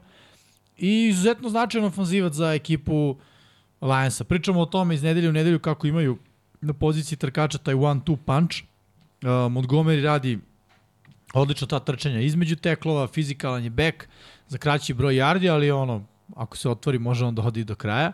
A Jamir Gibbs radi odličan posao kada govorimo o tim zonskim šemama trčanja, sve što ide široko i odličan je kada uhvati loptu, eksplozivan, menja U, pravac. džuk. Da, da, da. izbacio ovog mučenog igrača Vikingsa. Tako da, odlične vesti za Vikingse, mada imali su oni i prošle godine dobar duo na poziciji running backa, obojcu poslali dalje, a sad su tu ova dvojica koji rade, rade sjajan posao i delo će biti tu neko vreme. Vanja, tvoj Pepsi na valja nedelje. Bryce Young, prvi pik na ovogodišnjem NFL draftu, 23 kompletirana dodavanja, 312 yardi i 2 touchdowna. Imao najbolju utakmica Young u njegovoj mladoj NFL karijeri, igrao je smireno sa samom pouzdanjem i nije mu izgubljeno loptu, što je i najvažnije za Younga. I generalno za Carolina Panthers. Igraju sve bolje, bolje, pobedili su pred dve nedelje, bilo je ružno 9-7, sad su bacili 30 poena, lošoj odbrani, da, Packers, ali svakako pohvale za Younga, jer napokon izgleda sve komfortnije u džepu. Donosi dobre odluke, ne izgleda toliko uplašeno, polako se iza njega igra usporava i to mi se svidao. Video sam napredak u igri, što je najvažnije. Cool. 300 ljudi u live pozdrav. Pozdrav za Ovo je 300 Young ljudi u. Za 300 Spartanaca u live. Da, sad 300 spa. 174 lajkova, to su ti spartanski lajkovi. Ne, Miksina teorija 50% kada je, onda je sve u redu. Dobro, sad je spartanska teorija. A, sad je treba da Jimmy, udari je. live. Jimmy Sunday, Jimmy Friday. Black. Fraj. Black Friday, ne. Black Sad, kad smo već kod mikseje, baš me čudi da je izabrao Zay Flowers, ali okej. Okay. 9 hvatanja za 72 yardi i touchdown, hvatao i, i kada je u screenu u pitanju i uhvatio za touchdown i opet bio najbolja opcija za Lamara kada je reč o dodavanjima. Uprko s ispuštenim loptama ostaje utisak da ekipa može da se osli na njega u velikim utakmicama. Dečko koji je stigao ove godine, jel te, u Miksinu omiljenu ekipu. Boston College. Da, Jeste, i zaista je odigrao dobro. Jeste. Jeste, pohvala. Dobro, idemo sad na prognoze. Prognoze. Vremenske Pa, prognoze. da su vremenske bile bi bolje. To bi bar pogađali. Da. A, ja ne vidim sve. Možda je boje da neko Za Ramse i Saintsa svi smo birali. Ramse svi pogodili. Za Cincinnati i Pittsburgh Srki ja birali Pittsburgh bili u pravu. Živeo George Pickens. Što se tiče Buffalo i Chargersa, mislim da smo svi Ja bili... vidim sad. Erceg Nisam, je birao ja sam verao u Chargers. i nije bio pravo. Mi smo svi ostali izabrali Buffalo i pogodili. Indianapolis, Atlanta, niko nije verao u Falconsa i Falconsi su nam se osmehnuli, uzvratili jednim crvenilom, tako da tu niko nije pogodio. Možemo dalje. Seattle protiv Tennessee čak vidim. Te, Tennessee je birao Erceg, nije bio u pravu. Mi smo ostali izabrali Seattle, pogodili. Detroit, Minnesota, ponovo Erceg bira kontru. Uh, Minnesota nije bio u pravu, mi smo ostali pogodili. Giants i Commanders i Erceg ponovo lupa kontru, ovaj put Nisu kontra. Giantsi, nego Jetsi. Ne možeš ni toliko da ga uzbuđen da kažem da je kontra prošla. Kontra je prošla. Ovo je bilo kontra, mi ostali sa Washingtonom smo... Mnogo je lepše ovo kad sam zelena i crveni. Da, nismo bili u pravu. Green Znači, Bay protiv Karoline, svi smo birali Green Bay, plestali po tankom ledu i prošli. Jezero izdržalo. Jezero izdržalo. Cleveland protiv Houstona, u Houston su verovali Pablo i Erceg, nisu bili u pravu, mi smo ostali izabrali Cleveland i Alal nam vera. Tampa Bay protiv Jacksonvilla, uh, u Jacksonville verovali Miksa, Erceg i Pablo i izneverovali. A, veliki Srki, Vanja i ja verovali u Tampu i mi smo verovali do kraja. Vernici. Chicago protiv Arizone, u Arizonu verovali Miksa, Erceg i Veliki Srk, dva srđana i Miksa, popularni U band. lošoj grupi. Ja, u Chicago verovali Pablo, Vanja i ja i bili u pravu. Miami protiv Dallasa, Erceg, dva srđana verovala u Dallas i izneverovala Tako je i bilo. Da. Ali, A ostali mi rekli Miami i pogodili. Sad ide crveni crveni kada. crveno, crveno, Denver protiv New Englanda, svi smo izabrali Denver, niko nije bio pravu. Chiefs protiv Las Vegas Raidersa, svi birali Chiefs, niko nije bio pravu. Fila protiv Giantsa, Fila nas je izvodila, svi smo verovali u Filu i dobro je bilo, pogodili smo. Cisco protiv Baltimora, Erceg i Srki, dva srđana.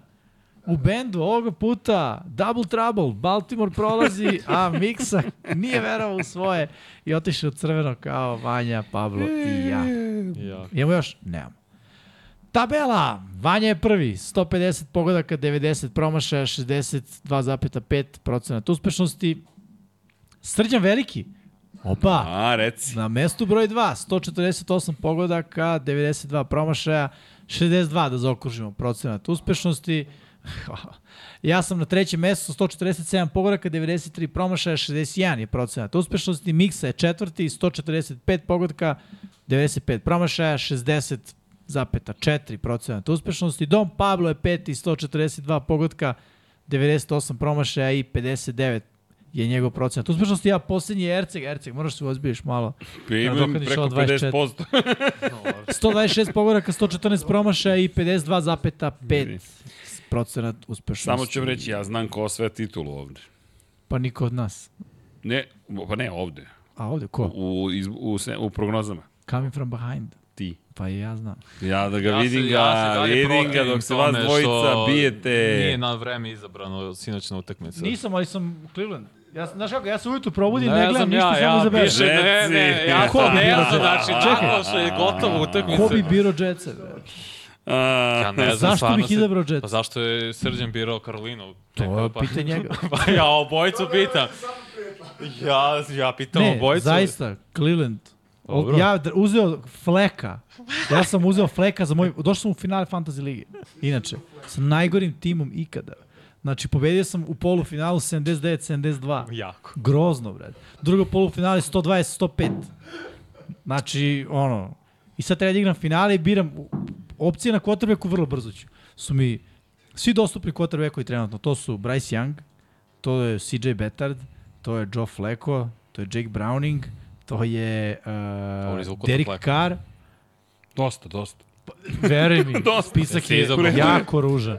Svi uzem ti. Fleka. I stavim ga u postavu. I stigne mi vest oko pola jedan da Amari Cooper neće igrati. I ja Skin- katujem Fleka. Posle utakmice sezoni, ne treba mi više na rosteru. Katujem Fleka i potpišem Derika Kara koji ima dobar matchup proti Tampe. Fleko baci koliko? 300 3 nešto. touchdowna, 311 yardi, Teška 24 pojena dona. bi... Svi ovi ostali ne mogu da naberu to 24. Ali dobro, verujemo. Ajmo da pogledamo I, a, I oko tebe violina, izvini. kako izgleda Run Your Pool. Bogdan S1 na mestu broj 1, 165 pogotka, 76 promašaja. Bravo, Bogdane S1. Svaka čast. Kansas drugi, 164 pogotka, 77 promašaja. Tu je diše za vratom. Ali tu je i Magellan, ovo je novo ime da ja vidim. Nije I bio. 1911 ili MCMXI, 163 pogotka imaju obojica i 78 promašaja. Džikara na Deobi petog mesta sa El Diablo 20, 162 pogotka i jedan ima 78 promašaja, drugi 79, dobro, zanimljivo, ne znam kako, ali okej. Okay.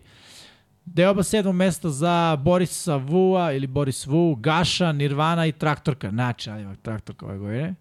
160 pogodka i pogodaka i 81 promašaj. Mi evo ljudi nismo ni blizu. Vanja ima 150. Pa ne znam da li ne igramo ovo. Ne, ne igra, ali ima 150, mislim. Da. Moramo te staviti na listu. Srki, daj dalje. Cepaj.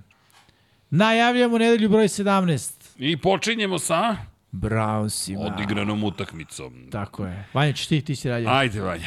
Ne, bila je stvarno fantastična utakmica što se tiče prvog poluvremena i izdanja Brownca, gde su toliko impresivno izgledali 34 poena u prvom poluvremenu, toliko nisu postigli u jednom poluvremenu, to je u prvom poluvremenu od 1954. godine.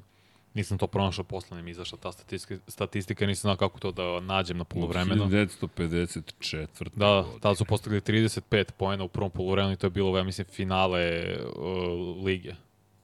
Čini mi se.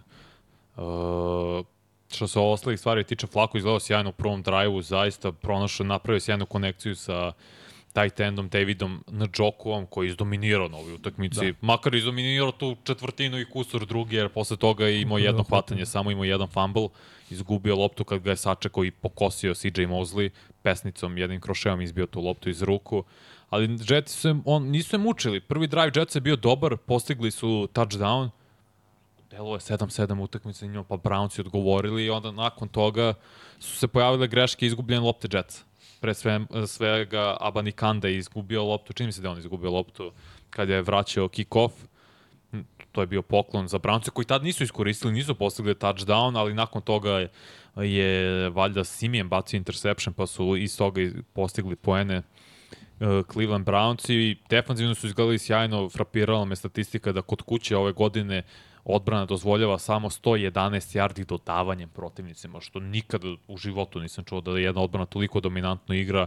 Kod kuće 13 pojena su dozvoljavali prve partije, sad su primili malo više, ali sve u svemu slavite navijači Brownsa, odlično vaše izdanje, po meni ste uz Ravensa najopasnija ekipa u AFC-u trenutno, jer igrate fizikalno, bijete, to da li je kod kuće ili u gostima, mislim da je to nevažno, to putuje sa ekipom kada je neko igra toliko snažno i agresivno, defanzivno. Sjajne cornerbackove imaju i Newson i uh, Denzel Ward i ovaj Emerson, Emerson. Koji imao interception igra sjajno. Ima i Hickman safety Novajla interception sa Ohio State, ali videlo se da odbrana ka, na, da, da, da se vratim malo se. Videlo se pod Jimom Schwartzom kako odbrana igra dobro.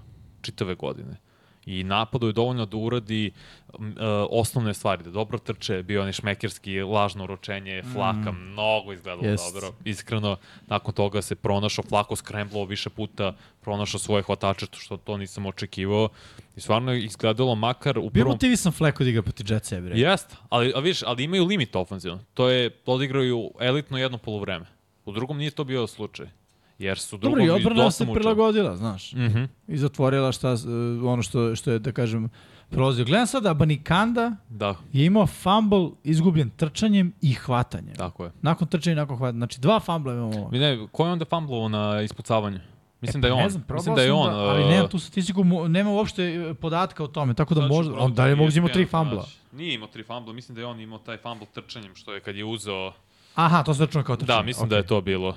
Pro, proverit ću sada, ali eto, odbrana Jetsa prekinut je niz od 33 uzastopne utakmice da protivničkim quarterbackovima nisu dozvoljavali više od 300 yardi dodavanjem. To je sada stalo da što je Flako imao Da. pri, preko Dobro, 300 Jetsi yardi. se sad polako raspadaju, jer to je to. Više nema ni motiva, znaš, i ono...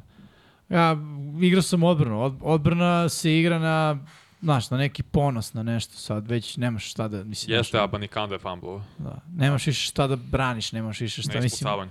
da. Tako da, ono, što se Jetsa tiče, to je to. Videli smo, videli smo sve. Što se Brownsa tiče, slažem se u potpunosti sa tvojom konstatacijom. Najopasnija ekipa u AFC-u pored dakle, Baltimore Ravensa. I zaista je da čekam da ih vidim u play-off. Isto nek, Nadam samo da se neće desiti nešto bez veze na, na sledeće nedelje. ne, nek samo porove za Darius Smith ima ma- blagu povredu već dve nedelje za redom u poslednjim momentima na utakmicama. Nek se on oporavi, možda on ne mora da igra na poslednje kolo, nek se oporavi, nek bude spreman za play-off, da vidimo koliko igrača njihovih će biti zdravo, a Mari Cooper takođe, ako može da igra makar jedno polovreme. Pa ako je preskočio ovu nedelju, preskoči će sledeću. Mislim, njima ta, taj meč ništa ne znači. Tako? Oni su Ne, peti, pa pa su peti. znaš kako, znači Pitom igraju protiv Bengals. znači im u, da se desi sle, sledeća situacija, da Baltimore izgubi ovo kolo, onda postoji situacija u kojoj Browns mogu da da budu prvi. prvi. u konferenciji. A to bi zahtevalo da u posljednjem kolu Bills pobede Dolfince, a Steelers i pobede Ravens.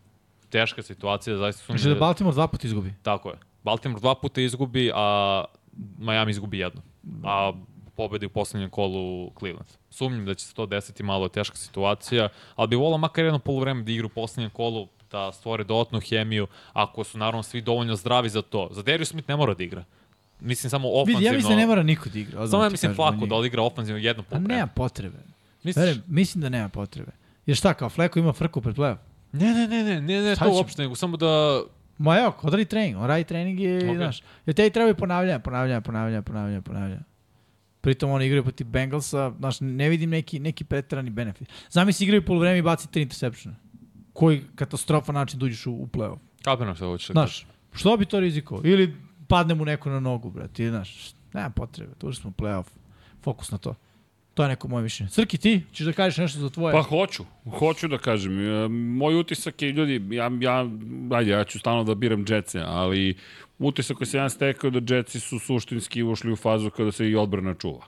Jednostavno, deluju mi kao da više nije, da li mogu da dobiju, ako mogu da dobiju, dobit ću utakmicu, ali gledao sam, znaš, Gardner, ti gledaš Gardnera kako reaguje na touchdown, vidiš čoveka koji nije baš skočio, ne znam koji je tačno touchdown bio sa desne strane, um, on je tek pristigao ka, ka, ka ko je uneo loptu? Nije bio on... Uh, Nije on bio b, b, zadužen za njega, ali je...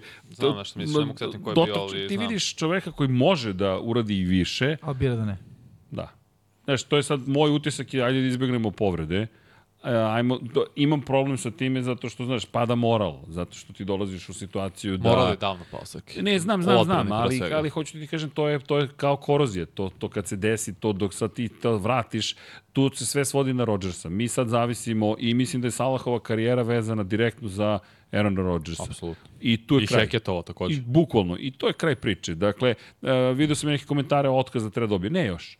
Ne, mi moramo da sačekamo Saleh? eksperiment. Zvar, da. Ne, Pa ne, rečeno je da mu je sačekamo- posao sigurno. Aaron Rodgers mora da do- dođe da se pojavi sledeće godine i od toga sve zavisi. Jer vidi, ukoliko mi sad već polako ulazimo neke ozbiljne godine Salehove vladavine Jetsima, da, još jedna stvar, ovi momci će polako početi da gube veru u ono što se događa oko njih, drugo, ugovori Novajlicki će da isteknu polako, doći ćemo u situaciju da ono što smo radili na draftu više nema toliku svrhu i to ti je to. Dakle, me, moj utisak je samo da ne, ne bih, mislim da Jetsi više nisu suštinski takav rival bilo kome. Nije ni da smo ikada bili, ali čak i odbrana, znaš, odbrana dozvoli 37 poena. Vidi, kakav god da je flako, kakav god da je napad, nismo došli u situaciju da ti dođeš do skoro 40 poena po utakmici. Ono što ti je jedino radilo, sad ni to suštinski ne funkcioniše. Dobro, ali to Sam- je zbog izgubljenih lopti. Pa da, da, ali znaš, generalno gledam, sve je u redu, nema ja problem s time, samo mislim da, da smo došli u fazu kad, ej, ajde završimo sezonu. Jer vidi, oni imaju još 10 Što je dana. legitimno. Jeste. Znaš, i oni imaju još jednu, i u redu je, jer vidi, šta dobiješ time, ti sad, kao sad smo mi razbili Browns i ne znam, ti si se povredio pred novu godinu. Ne, nema potrebe, nama se sezona završava ljudi sledećeg vikenda. Na, gotovo, ča čao, 7. januara mi smo završili sezonu. I onda sad, šta ćemo sad?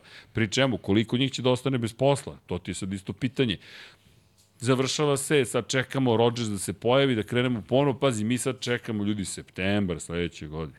Znaš, znaš, idemo da gledamo Rodgersa u Njujork, u Njucu. Tako je. U Tako New da je to jedini moj komentar. Kako? U New Jersey, nisi ni u New Yorku. Ja, Pa ja ga ovaj. Jel, Da, u pa New Jersey, jeste u pa Pa dobro, to je Jersey. stadion na ledinama. Ali ćemo nas dvojica, mi ćemo da spavamo u Njurku. A, pa dobro. Ja, Srki. To je drugo. Ali ne u Manhattan, baby. E, I još jedna stvar, a ako budemo igrali sa Green Bayem, to će biti... To mora nekako se organizuje. Ali ako hoćeš u tundru gore u Wisconsin, da idemo, ja sam skoro za. Imamo 1000 dinara donaciju od Bojane. I je rekao, imamo 1000 dinara za Wisconsin. Rekao, to će na neviđeno pomoći. Ali Bojana, čekaj, donatorka, prva večeras. Gde ste donatori nestali? Srećni Bojana, novogodišnji božićni praznici svima u studiju i u četu. Sve najbolje nadam se da ćemo se još dugo družiti, makar i ovako virtuelno. Ne samo Dođite u virtuelno, studio. dođite, dođite u studio da se družimo, dođite Studio i... i prostor, sad imamo Tako dve stvari. Da, Studio prostor, birajte. Prostrani smo. Ajmo, čekaj, ajmo donatorsko veče, ajmo neki čing, razumete? ka? Donatorsko veče. Donatorsko veče, a reci, donatorsko E, da. veče, A se, to, e, to je trebalo za 31. to je trebalo za 31. Live. A fundraiser, a? Pa da. Ne, pa možemo da ubacimo Nikola u montaži, donirajte slobodno. Pa može. Zo... Live aid, ali ovo je, nije, ne može aid da bude. nego- Pa dobro, jes neka pomoć. Ja čekaj se još setim, nadam se Hvala, da je Bojana. Strong, ok, Pierre Strong, running back, ono je bilo E, baš Strong je- jeziva povreda. E, Da, dobro. Ne znam. Da, znam za touchdown, ali ono je baš bilo jezivo kako mu je koleno i čitao noga otišla u stranu nakon udarca. I tu su ruku na srce, stvarno možda je ružno reći, ali Jetsi bili oštećeni za touchdown, zato što je- nije trebalo sudija prekina akciju. Strong je fablovo dok je bio na nogama, lopta je izašla, došlo do nje Jermaine Johnson, na kraju se prošetao do end zone, ali sudija prekinula akciju zato što su je čuli krik kakav je Strong ispustio. Čulo se, Vidi. mi smo čuli u sluškama, ja sam No, odmah rea, da. ja sam možda neprofesionalno reagovao jer sam neko jao, jer stvarno se čuo Nije njegov to bol. neprofesor, što je to neprofesor, to je vrlo iskreno, Ali- pa nisi ti robot. Nisi Da, mašina. ne, sve okej, ali opet, eto, to bi možda smanjilo rezultat, bilo bi 34-27 Znam, ali vidi, u tom ja- momentu. Znaš šta, nemam problem sa time. Znači, Ne, ne, ja samo kažem da, neko- čisto znaju Okej, ljudi ako nisu ljudi gledali, to se desilo. Sve je u redu. O, evo je nova donacija, ti kažem, Big Easy, 5 eura. Vidi, možemo, znaš, ono, kao telefon, halo, dobar dan, recite. znaš, ono, to je bilo u prijateljima, kada, kada Joy ide da, da, da, kad se obuče Da. u delo, jer misli da će da vodi celu emisiju, on je na telefonu. e, hvala, Big Easy, Big Easy, Speak Više Easy. donatarsko veče, Da. uh, plaćena večera sa srđanom Ercegom. Klaćena Ko- ko- večera, ko- da. sad odjednom uzimaju nazad lovu, znaš, kao otkazana donacija. Večera sa svima, vodi sve. Vanja organizator. Vidi, pošto je Big Easy, idemo u New Orleans, na lagano. da. idemo u New Orleans. E, ljudi, ajmo, Ajmo mi dalje. u, da, da dođemo do kraja, inače... Cowboys Lions, to je sledeća utakmica koju izdvajamo za nedelju broj 17. O, u Dallasu, u Igra se u. Dallasu, da. Što pojačava, Ajmo da vidimo. da kažemo, magnitudu igre Dallas Cowboys. Pa jeste, mislim. To je- jeste, to je puta njihova 1.5 planeta. koeficijent odmah. Jeste, to je njihova Da, planeta, njihovo, njihovo, njihova kuća. Uh, 10-5 Cowboysi, 11-4 Detroit Lionsi. Uh, šta je ono što je jako zanimljivo ovdje? Pritisak Cowboysa koji postoji, a znamo da Jared Goff i pritisak kad idu u istu rečenicu, to, ta rečenica se obično završava sa poraz Detroit Lionsa. Ja se izvinjavam. Ali ovaj, da, Goff ima problema s tim pritiskom, međutim ima i odličnu ofenzivnu liniju. Yes. Ne mora nužno da znači da ekipe koje vrše pritisak će i dolaziti do njega. Ako počne da paniči, ako počne da forsira dodavanja, to može biti jako loše. Videli smo sazrevanje Goffa da je u situacijama kada stiže pritisak da baca loptu u zemlju, da on živi za sledeći down, što je dobro, ali isto tako smo i videli da ukoliko stižu do njega, ukoliko beleže sekove ili ga, ili ga udaraju, da će Goff da se ubaci u jednu malu ovaj, čauricu, sigurno mesto, mm -hmm. i želeći da tu ostane dok god, Dakle, traje utakmica. dokle god uh, nasilnici ne odu. Pa jest. Ali dobro, znaš šta je još jedna stvar, kako će odbrana Detroita igrati protiv napada Cowboys?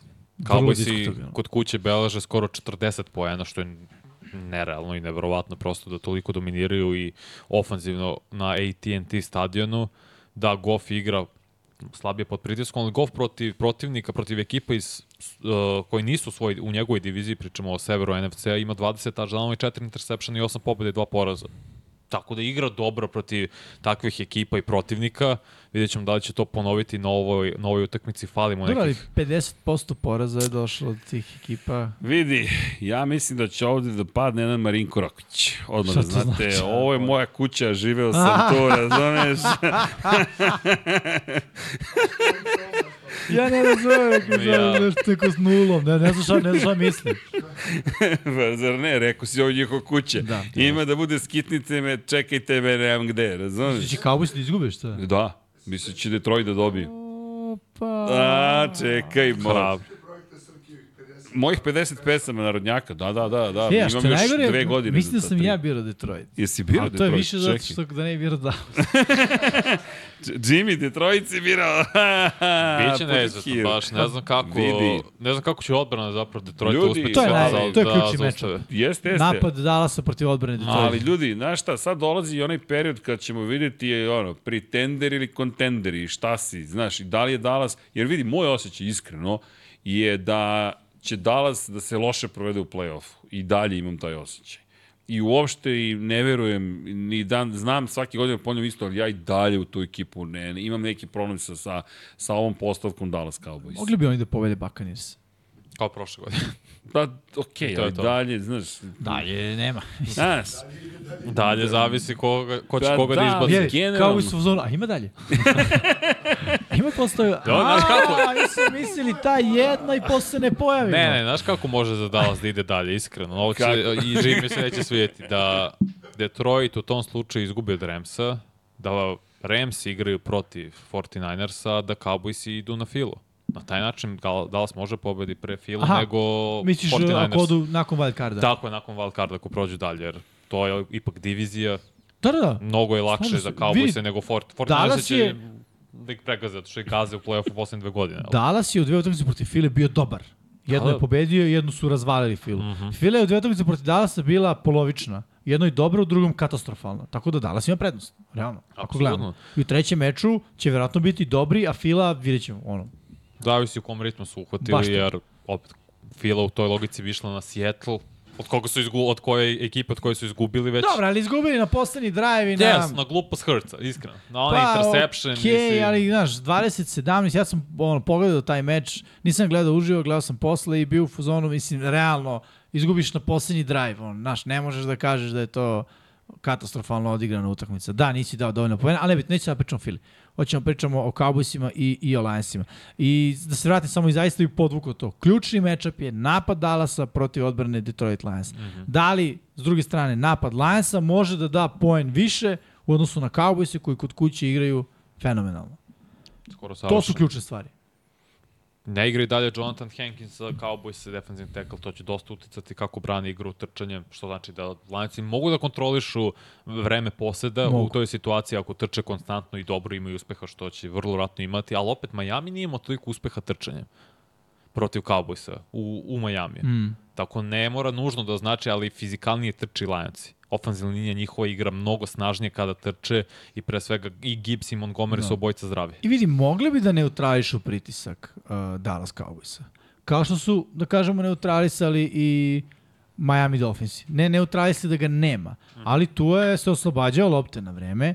Uh, Amon Ra St. Brown može biti ključni čovjek za Lions, ali ono što si ti rekao, i Jameson Williams se pridružuje tu, sve hvatačke opcije Lionsa su legit, Sam Laporta, nemoj da zaboravimo tog čoveka. Tako je, sredina Cowboys je uvek upitna.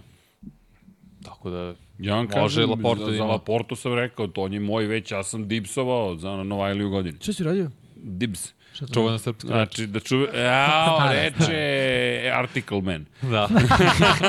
Prošao sam artikl. Da, Ne, to s artiklom, to će, to memorisano. ne, ne, ne, Artikl. ali, ali fakat nije. Pa Dibs, šta, kako, šta, šta, šta bi bila adekvatna reč? Zapljunuo ga. Zaplju, tako je. Zapljunuo sam da Lapo, da Laportu. Ja sam otišao u motociklizam. Sema Laportu. Da, da, da, da. Ne, ne, meni je on Novajlija godini. Ende. Dobro, ima smisla. Zaista. I- Ali vidi, pri, da pričamo o tome da Lions imaju dva kandidata za Novajliju godine i Jamira je. Gibbs i njega je stvarno ludački. I ove godine, ne znam se ko će osvojiti defanzivno, ofanzivnog Novajliju, to je nagradu za ofanzivnog Novajliju godine. Nakua igra sjajno. Da, CJ Stroud. CJ Stroud Odlična takođe. trka, Baš, A-Chain da nije bio povređen, yes. on bi Nažalost. Tank Dell. Takođe I on bi isto. bio u priči. Tako da stvarno imamo odličnu draft klasu ofanzivnih Novajlija, imamo i naravno solidnu defanzivnih. Da, Will A bit- Anderson. Will Anderson, Jalen Carter, Devon Witherspoon između ostalih trojica najboljih, makar u mojoj glavi. Ali bit će ovo utakmica na, viši, na veći broj pojena, makar bi trebalo da bude. Trebalo bi da bude, da, zaista bi trebalo da bude. Dobro, možda možemo dalje, a? Ajmo. Sa najavama. Možda i ne možemo. Da, možda bismo mogli. Ravensi protiv Inače, Dolphinsa. komentar samo da znaš na tvoj džemper, pogasite svetli, dalje će da svetli sve. Pa, naravno, pa to je poenta. Ali preverio sam, došao bi ja sa mojim praporcima da sam znao. Ja to godinama predlažem, Jingle vi to bells, godinama jingle- odbijate, Ja ove nisam godine su... odbio, do, bili smo prošle godine. Ja godinama predlažem, vi, Vi godinama godinama. Jesi odbijate. napisao? Ne, to je Čekaj, nova čekaj. istorija, Nisam da. napisao. Jesi napisao ove godine? čovjek odustane. Ne, ja, Samo dođe. jesmo došli. Pa došli smo prošle bili. godine. Smo došli. Jesmo. Ja ti si zvonio, sećam se. Jesmo. Da. Pa ja što sam- sam Dobro, ja sam neki nešto pomešao. Ko što sam bio u Coca- Koga si Coca-Cola. Možda to neka druga Ne, grupa možda bila. nekog drugog treba da kritikuješ, a ne smeš. Ne, pomešao sam, ja sam vama Da, rekao da. za, za emisiju Da, da, da. dođemo. Nisam mogao da dođem u Coca-Cola džemperu baš. To Prošli se ne izgovara, to nikako seci, nisi mogao da to ne dođeš. postoji, bi, bi, bi, e, pe, Pepsi, Pepsi, Pepsi, Pepsi, mi vas molimo, Pepsi. E, mogu da mi da daju neki džemper. Pa možemo mi njima da damo, daj mi da proizvedemo Pa naše. možemo da napravimo Ajmo naše. da napravimo. Mi da- trenutno Ajmo. nemamo naše, oni da Naručeni imaju. su, Vanja, naručeni su.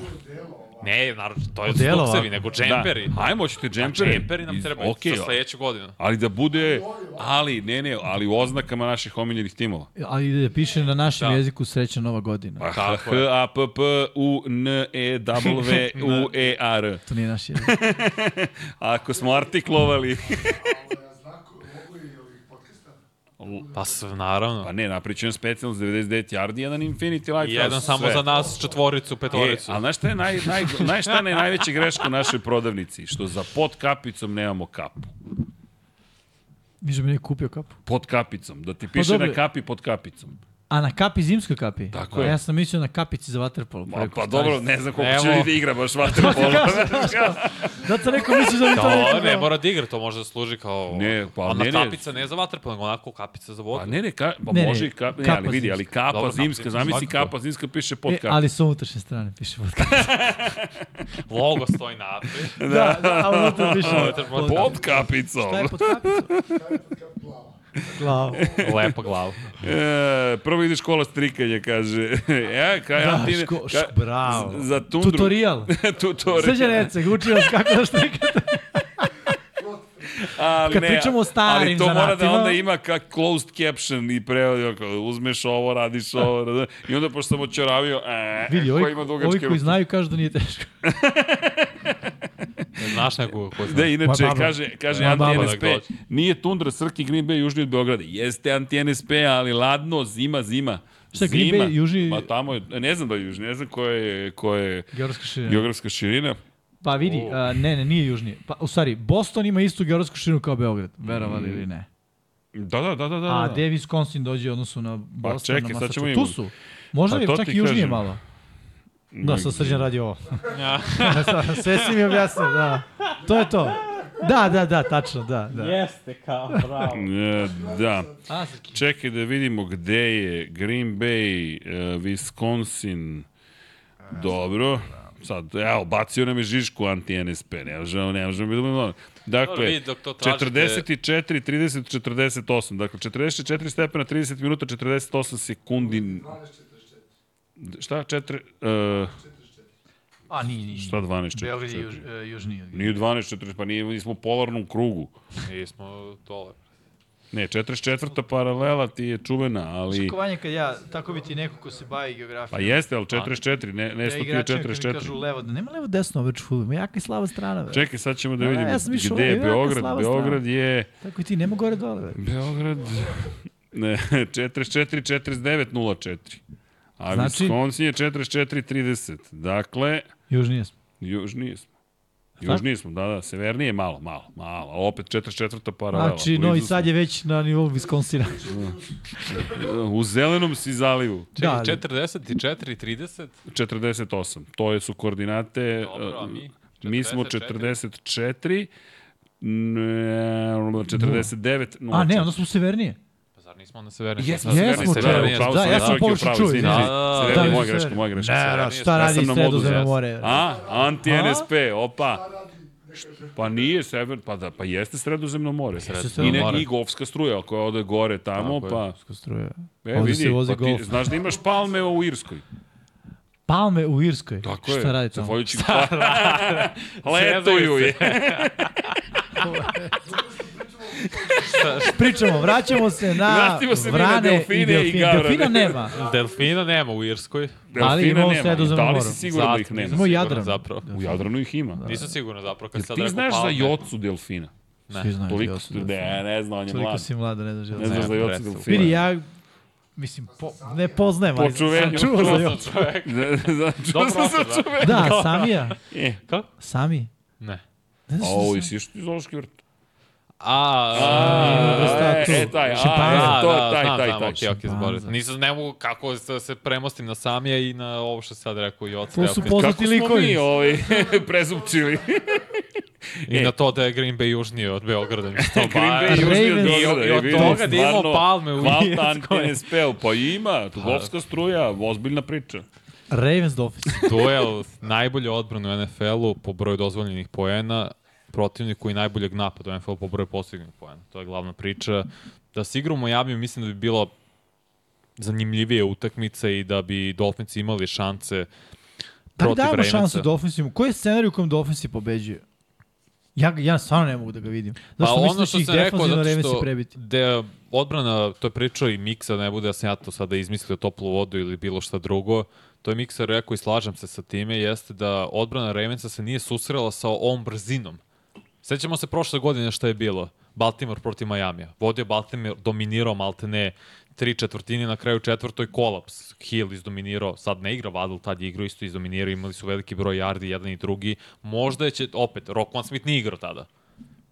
Možda to neće imati toliki uticaj, ali na jedini način koji ja vidim da Dolphinsi budu, po, mogu da pobede i bude ovo zanimljiva utakmica jeste na brzinu njihovu da iznenade uh, Baltimore. Da Baltimore svojim cornerbackovima imaju slabije cornerbackove, pre svega Humphrey, ne mogu da isprate brzinu Tyrika Hilla brzinu Mosterta, Da, da, ali- A-Chain ako je, ako je zdravi. Da igra Battle bilo bi zanimljivije svakako i mnogo teže za branjanje, ali kad imaš samo jednog elitnog hvatača, mislim to opet samo pod, u, u, u znakovima Navodnik. navodnika, hvala. Biće o, opet malo teško za odbranu Baltimora, ali kako će Miami reagovati na Lamara? Mislim da će imati možda i malo više uspeha nego 49ersi. Da, delo da bi mogli da imaju više uspeha, baš zato što su uh, u toj sekundarnoj liniji Dolphinsi bolji. Uh, nego što su, ma sad kažem, nego što su to San Francisco 49ersi. Uh, ne nužno, ali, znaš, ne mogu da se otrgnem utisku onog Xavier Howard i Jalen Ramsey, dva najbolja cornerbacka ili top Tandem. 3. Dva najbolji tandem definitivno cornerbackova u ligi, ipak najbolji tandem cornerbackova u, u ligi. I pritom na to dodamo da hvatači Baltimora ispuštaju lopte. To može da bude uh, prosto za Miami Dolphins. Da bude utakmica sa malim brojem poena, jer re, hvatači Ravensa ispuštaju ispuštaju lopte, uh, sekundarna linija Dolphinsa radi posao, pritisak je tu da se Lamar drži ono, da ne divlja, ne produžava akcije, a sa druge strane da napad uh, Miami Dolphinsa, kažem, na mali broj poena, jer ne mogu da vidim scenariju u kome Dolphinsi zaista postižu ono 30 plus poena odbrani, odbrani Baltimore Ravens. Ne mogu da vidim taj scenariju. Nema Vadla, nema nema te e, dvostruke e, brzinske opcije. Trčanje je okej, okay. Ravensi će zaustaviti trčanje, mislim, to je moje očekivanje. Ravens će jedan brane motion ove godine. Za- Zaista su jedna najbolja odbrana protiv timova koji koriste dosta motiona, što i rade Dolphins, mm -hmm. najviše u NFL-u procentualno, 82% njihovih napada ima, to je pri snapa motion, tako da to je dobra stvar za Baltimore. Ako zaustave trčanje, to je ključno, jer ako A-Chain i Monster budu imali veliki broj yardi trčanjem ili nakon hvatanja, to će predstavljati problem, zato što neće moći Ravensi pre svega da ih sustignu ako se stvar, budu stvarale te s, Ja rupe ne- u zonama. Da, ja ne mogu da vidim scenariju u kome Dolphins daju 30 pojena Ravensima, da ovi ne mogu to da stignu. Ili čak da budem iskren, ne vidim da Dolphinsi mogu da daju 24 pojena. Što se mene tiče, ovaj meč, ako bude neizvestan i pobede Ravensi, to će biti ono 24-21, a ako Dolphinsi pobede, to će biti 17-14, jer su ono, ili manje za, za Ravens. Uh, jer su ih potpuno neutralisali ofenzivno. A ono što je meni najrealniji scenarij da Baltimore pobedi sličnim rezultatom kao protiv 49ers. Znači da Dolphinsi daju ono dva touchdowna i kusur, a da Ravensi se raspucaju da daju četiri touchdowna ovaj, i, da, i da na taj način pobede ono 28 14 17 tako nešto. To, su neki scenari koje ja mogu da vidim. Kažem, ova prva dva potencijalno postoje da bi Dolphinsi pobedili za mene, ovo mora bude utakmica u kojoj Ravensi ne postižu više od ono 17 je plafon, preko toga teško. Evo jedan dobar komentar, Dragan Peričić, kaže Baltimore će ih prebiti. Miami ove sezone kad god su igrali protiv fizički jakih ekipa nisu se videli. Ja mislim da... Pa i Dolphinsi su imali problem tako sa ekipama preko 50%. Da. Tek Prvi put jednu- su pobedili Cowboys. Da, znaš, to isto nešto što ti govori. vidi, vidjet će, znaš kako, u ovom periodu sezone pogotovo sve tu, ja stvarno mislim da je sve moguće.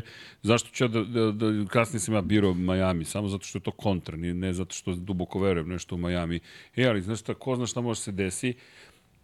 ja sumnjam iskreno, ne vidim Baltimore da će da izgubi kontrolu nad situacijom koju trenutno ima. I deluje mi da su baš u ozbiljnom zatu. Lamar mi deluje kao čovek koji je na misiji, iskreno, i deluje mi baš kao vođa koga vredi pratiti. Znaš, deluje mi kao čovek koji je rekao, ej vidi, ja ću da nas dovedem tamo gdje treba da nas dovedem, playoff se već podrazumeva, nema tu šta, ali mi deluje da je njemu potreban onaj sledeći korak, bar da stigne do finala konferencije. Imam taj utisak, a to onda ide, onda moraš da povučeš, sad već moraš da vučeš. Znaš ko je da recimo, učiš. ako povučemo paralelu između njih i, i Chiefsa, uh, rekoh, Mahomes želi još jedan Super Bowl, Lamar želi Super Bowl, uh, hvatačke opcije Chiefsa su sasvim ok s time da je prošla godina bila vrhunac i da možemo malo da iskuliramo. Što se Ravens tiče imaju Odela Beckhama, koji takođe hoće da se vrati na radar i na mapu svih da je to Odell Beckham, jer je on diva, realno. I znaš, ti kao takav lik hoćeš da budeš Dobro, centar i pažnje. sad se poja, nije da se nije pojavio. Pojavljuje se i to je prednost za Baltimore Ravens, to ono što govorim. Ostatak hvatačkih opcija će ispuštati lopte ili neće, njegov uticaj na njihu i na tu, hvat, na tu sobu je ogroman. Izvini, ja mislim da i da uticaj, ti ako pogledaš Flowersa i kada pogledaš, znaš, ti imaš sad Odela Beckhama, kakav god da je to diva, to je čovek koji je... Ne, ne, apsolutno, kažem, ja zato dajem prednost Ravensima u odnosu na Chiefse. To, to. E, tu pravi paralelu. Quarterbackovi su gladni, tu nema šta, jedan i drugi. Lamar će uraditi ono što je potrebno, uradit će Patrick Mahomes, ali hvatačke opcije Mahomesa će da ova godina je ono kao backseat, idemo na zadnji sejište, malo iskuliramo, Pre, premorili smo se prošle godine, a ovi su u fazonu žele, ali ono, postoje limiti zbog tih ispuštenih lopti, Beckham može to da nadoknadi i direktno hvatanjima i indirektno uticajem na celu tu, tu hvatačku sobu. Vidi, To je neko moje mišljenje. M, i, ne znam, mislim da se... Ne, Vanja, kako ti gledaš? Jel, jel ti neizvesno uopšte ova, ova situacija? Ne, samo, rekao sam, samo ako uspostave Dolphins igru na zemlji mogu da prave probleme Ravensima. Što znači da i A-Chain i Mostert moraju da imaju sa linije skrimidža, ne računajući samo trčanje, već trčanjem i hvatanjem, obojice preko 100 yardi. Na taj način da se os, olakša igra tuj, da bi mogo da pronađe posle taj Rika Hilla, ali mora i da uključe i Smajta takođe. Mora Smajta da bude donekle pretnje da bi uh, uhvatio pažnju Patrika Kvina i Rockwana Smitha. Znači, koristiš svog tight enda, ko, Mike McDaniel je genijalac, on stvarno ima odlične ofenzivne zamisli. Da, nekad preteruje sa svojim željama, ali uglavnom radi sjajan posao.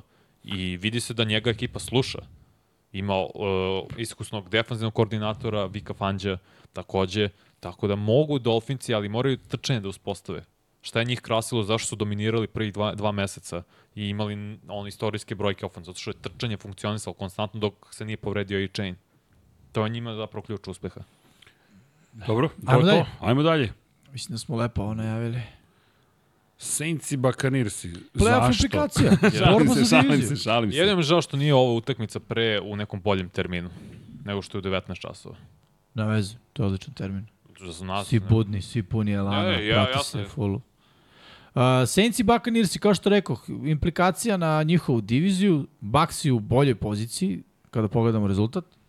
Tako, 7-8 Saints i 8-7 Jeste. Osam, sedam, Buccaneersi, da, a i Buccaneersi imaju bolji ofenzivni ritam, bolji generalno ritam sa obe strane lopte, deluje da podižu tempo i da ono, su kompletnija ekipa u ovom trenutku od uh, New Orleans Saints. Saints i dalje imaju ono toplo-hladno, Ne igra Latimore i dalje. To je prilika za Mike Evansa da napokon ima 100 yardi hvatanjem protiv Saintsa nije imao 2018. godine, tako eto je šanse da izdominira i on i Godwin takođe. Čim Da. nema Latimora, mnogo je lakše i jednom i drugom. Da, pritom White kao hvatačka opcija, White kao trkač, Sve bolje. sve to može da, da, da klikne za, za Buccaneers. Sad Saints jesu bolji, stvarno jesu bolji, više koriste kameru, više mu nekako daju loptu u, u ruke, ali vidi se limit prština na sve strane. Ja mislim da će ključni matchup ovde biti defanzivna linija Buccaneersa da kažem, protiv Derika Kara, jer naravno ofanzivne linije Saintsa, ali kada stižeš do njega šta će Kar da radi i kakve će odluke da donosi kada, kada taj pritisak bude, bude stizao. Isto tako za Kara, on ne sme da baci, mislim, ne, ne sme proda loptu. Ja. Pa jeste, i moraju njega hvatači donekle da ispoštuju da Chris Olavi ove godine ima preko 1000 yardi hvatanjem i postoje tek treći hvatač u istoriji Saintsa da je u prve, sve dve, dvo, prve svoje dve sezone imao u obe 1000 ili više yardi uhoćenih mora da nema toliki broj ispuštenih lopti. Jer je bilo i na utakmici protiv Ramsa, lopta ide u ruke na četvrtom downu i trećem on ispušta. To mora da bude bolje, moraju i Saintsi bolje da se uključe, to je stranije da se uključe mež da ne bude sve u poslednjoj četvrtini na kraju, e pa nije nam ostalo dovoljno vremena da završimo ovaj comeback. Ne, mora prvo polovreme da bude odlično protiv Bakanirsa. U, kod kuće Bakanirsa igraju sjajno. Mm -hmm. Vezali su četiri pobede za redom, osjećaju se dobro, igraju sa velikim samopouzdanjem, to se vidi na Bakeru Mayfieldu pre svega i u odbrani. Ti voliš izuzetno Antonija Winfielda mlađeg, kao safety. Igra sjajno ove godine. Ispod radara mislim da će biti All Pro prvi tim. Ne znam kako će moći Saintsi da se de, uh, ofanzivno snađu protiv odbrane koja jeste agresivna, koja igra uh, sve bolje i bolje, jer Saintsi da koriste kameru češće, ali to su toliko to je toliko kratka jardaža, toliko i broj upućenih lopti ka njemu. Ne mogu da uspostavi igru na zemlji već neko vreme. Dobijaju šanse i on i Williams, ali to nema puno uspeha. To je problem za Saints takođe. Slažem se. Srki?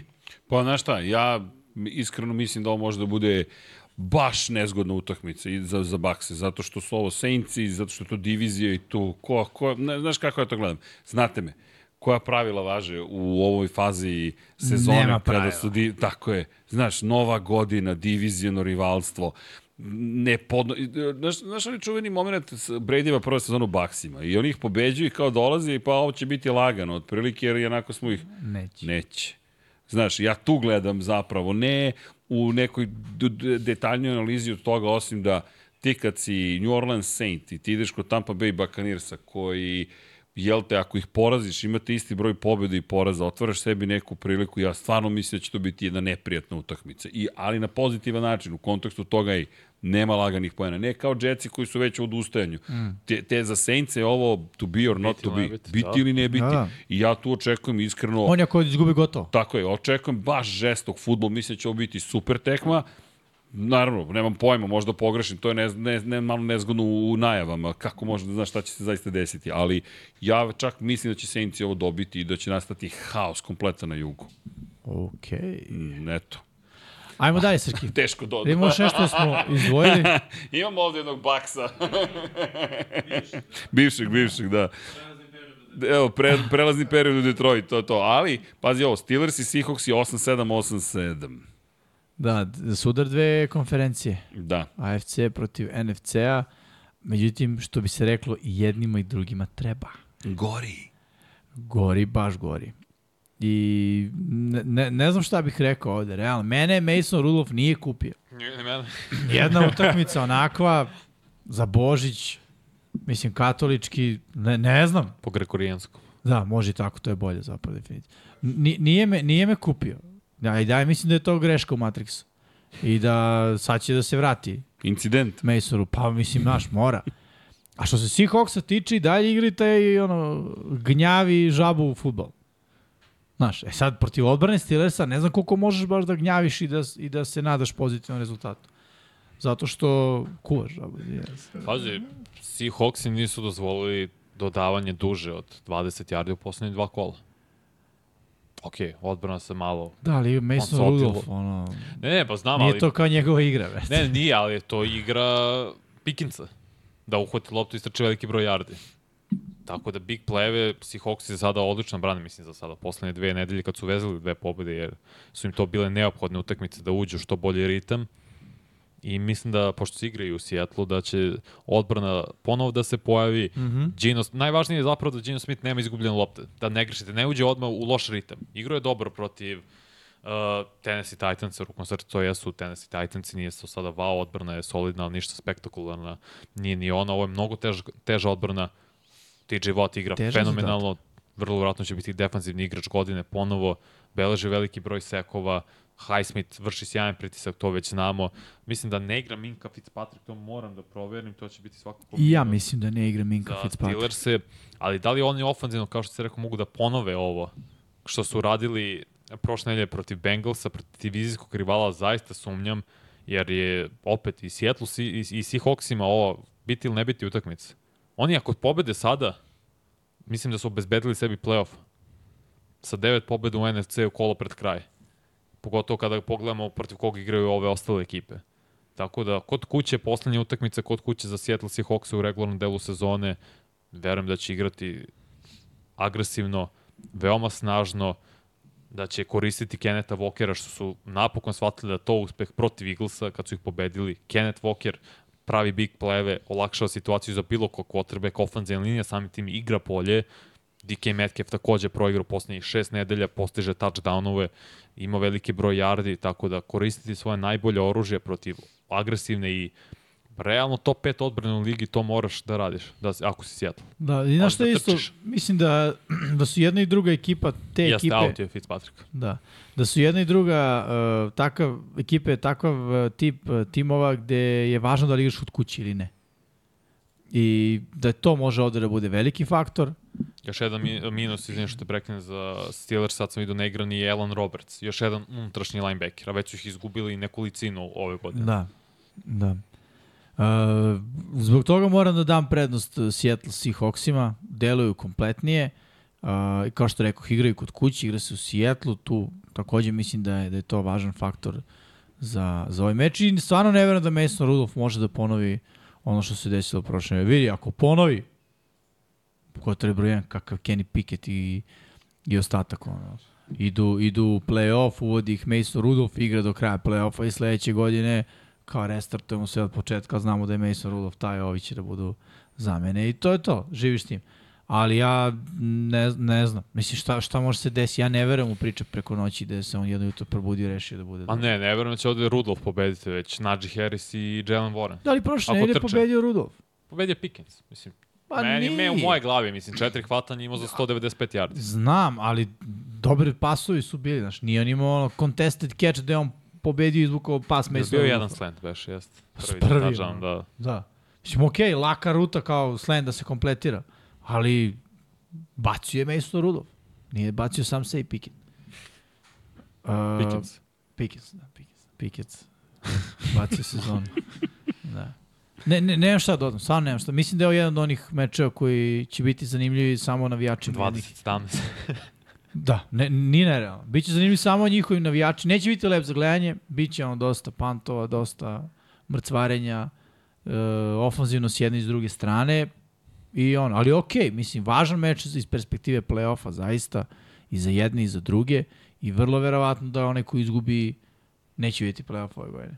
Sam upravovanja. Da. Pa Svi Hawks imaju zapravo šanse da NFC malo Imaju, zato što su NFC. Nemaju oni da se razumeju da me ljudi pogrešno ne shvate. Neće oni 100% ući u playoff ako zabeleže pobedu protiv Steelersa, ali će imati skoro 90% šanse po nekim parametrima da će obezbediti sebi playoff. Ako oni pobede, a Packers i Vikings je odigraju nerešeno, onda ulaze sigurno u playoff.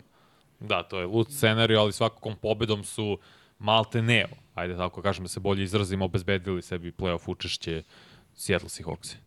Srki, e, bi dodao nešto. Ne. Iskren, čak ni ne. Dobro. Znaš, ali vas sve ste rekli. Jedino što, što u celoj priči ja uživam u ovom delu sezone kao i svi verujem. Jer vidi ovde, ono što bih ja, ja samo rekao, mislim da će ovde da poslednje dva minuta biti baš zabavno. Two minute offense. Znaš, ne, zato što mi, ja, ja sam ubeđen da ovo što ste rekli da će to biti toliko zapravo sve napeto i neizvesno. Da li će uživati, ja mislim da ćemo svi uživati u poslednjih 120 sekundi, čija god lopta bude, šta god da se tu da bude gađalo, jer vidi, boriš se za goli život. Znaš, tu nema i opet ona ista priča. Čekaj, hoćeš u taj playoff ili nećeš u taj playoff? Kak, šta je tvoj izbor Tarzan, u ne celoj ulaziš priči? ili ne ulaziš? Tako je, tako je, bukvalno, tako da meni ovo, ovo je meni super, sve je u redu. Kakav god da bude futbol, te, te posljednje, tih posljednjih 120 sekundi želim da vidim. Um, hoćemo dalje. Da, Šta da, da, ćemo? gledam samo svih U, čekaj, izvinjam se. Blago Jačevski, e, 600 makedonskih denara. Srećni novogodišnji Pa. Božić praci svima Novo godine Božić NFL-om i 99 yardi nema bolje. Osim što, ima bolje. Pratite Infinity Lighthouse, novogodišnji program ćete imati u novogodišnjoj noći. Oho, ali to mu dođe 99 yardi. Pa mix. Pa pau. I Lab 76, Spoj. i Mix, i pod kapicom, i tako dalje, i tako dalje. Ali hvala Blagoje za donaciju, hvala svima Hvala, ljudi. I ostalima, naravno. Koliko Tako je. imamo lajkova, Srki Veliki? 207. A, znači, Tvoj 270. apel je pomogao. još jedan apel. Izgubili smo Udorite like. 27 moricu Spartanaca, ali eto. Vrat. Pa Dobro, termopilj, gužva, znaš, napali ovi persici. Tesan klanac. Sici.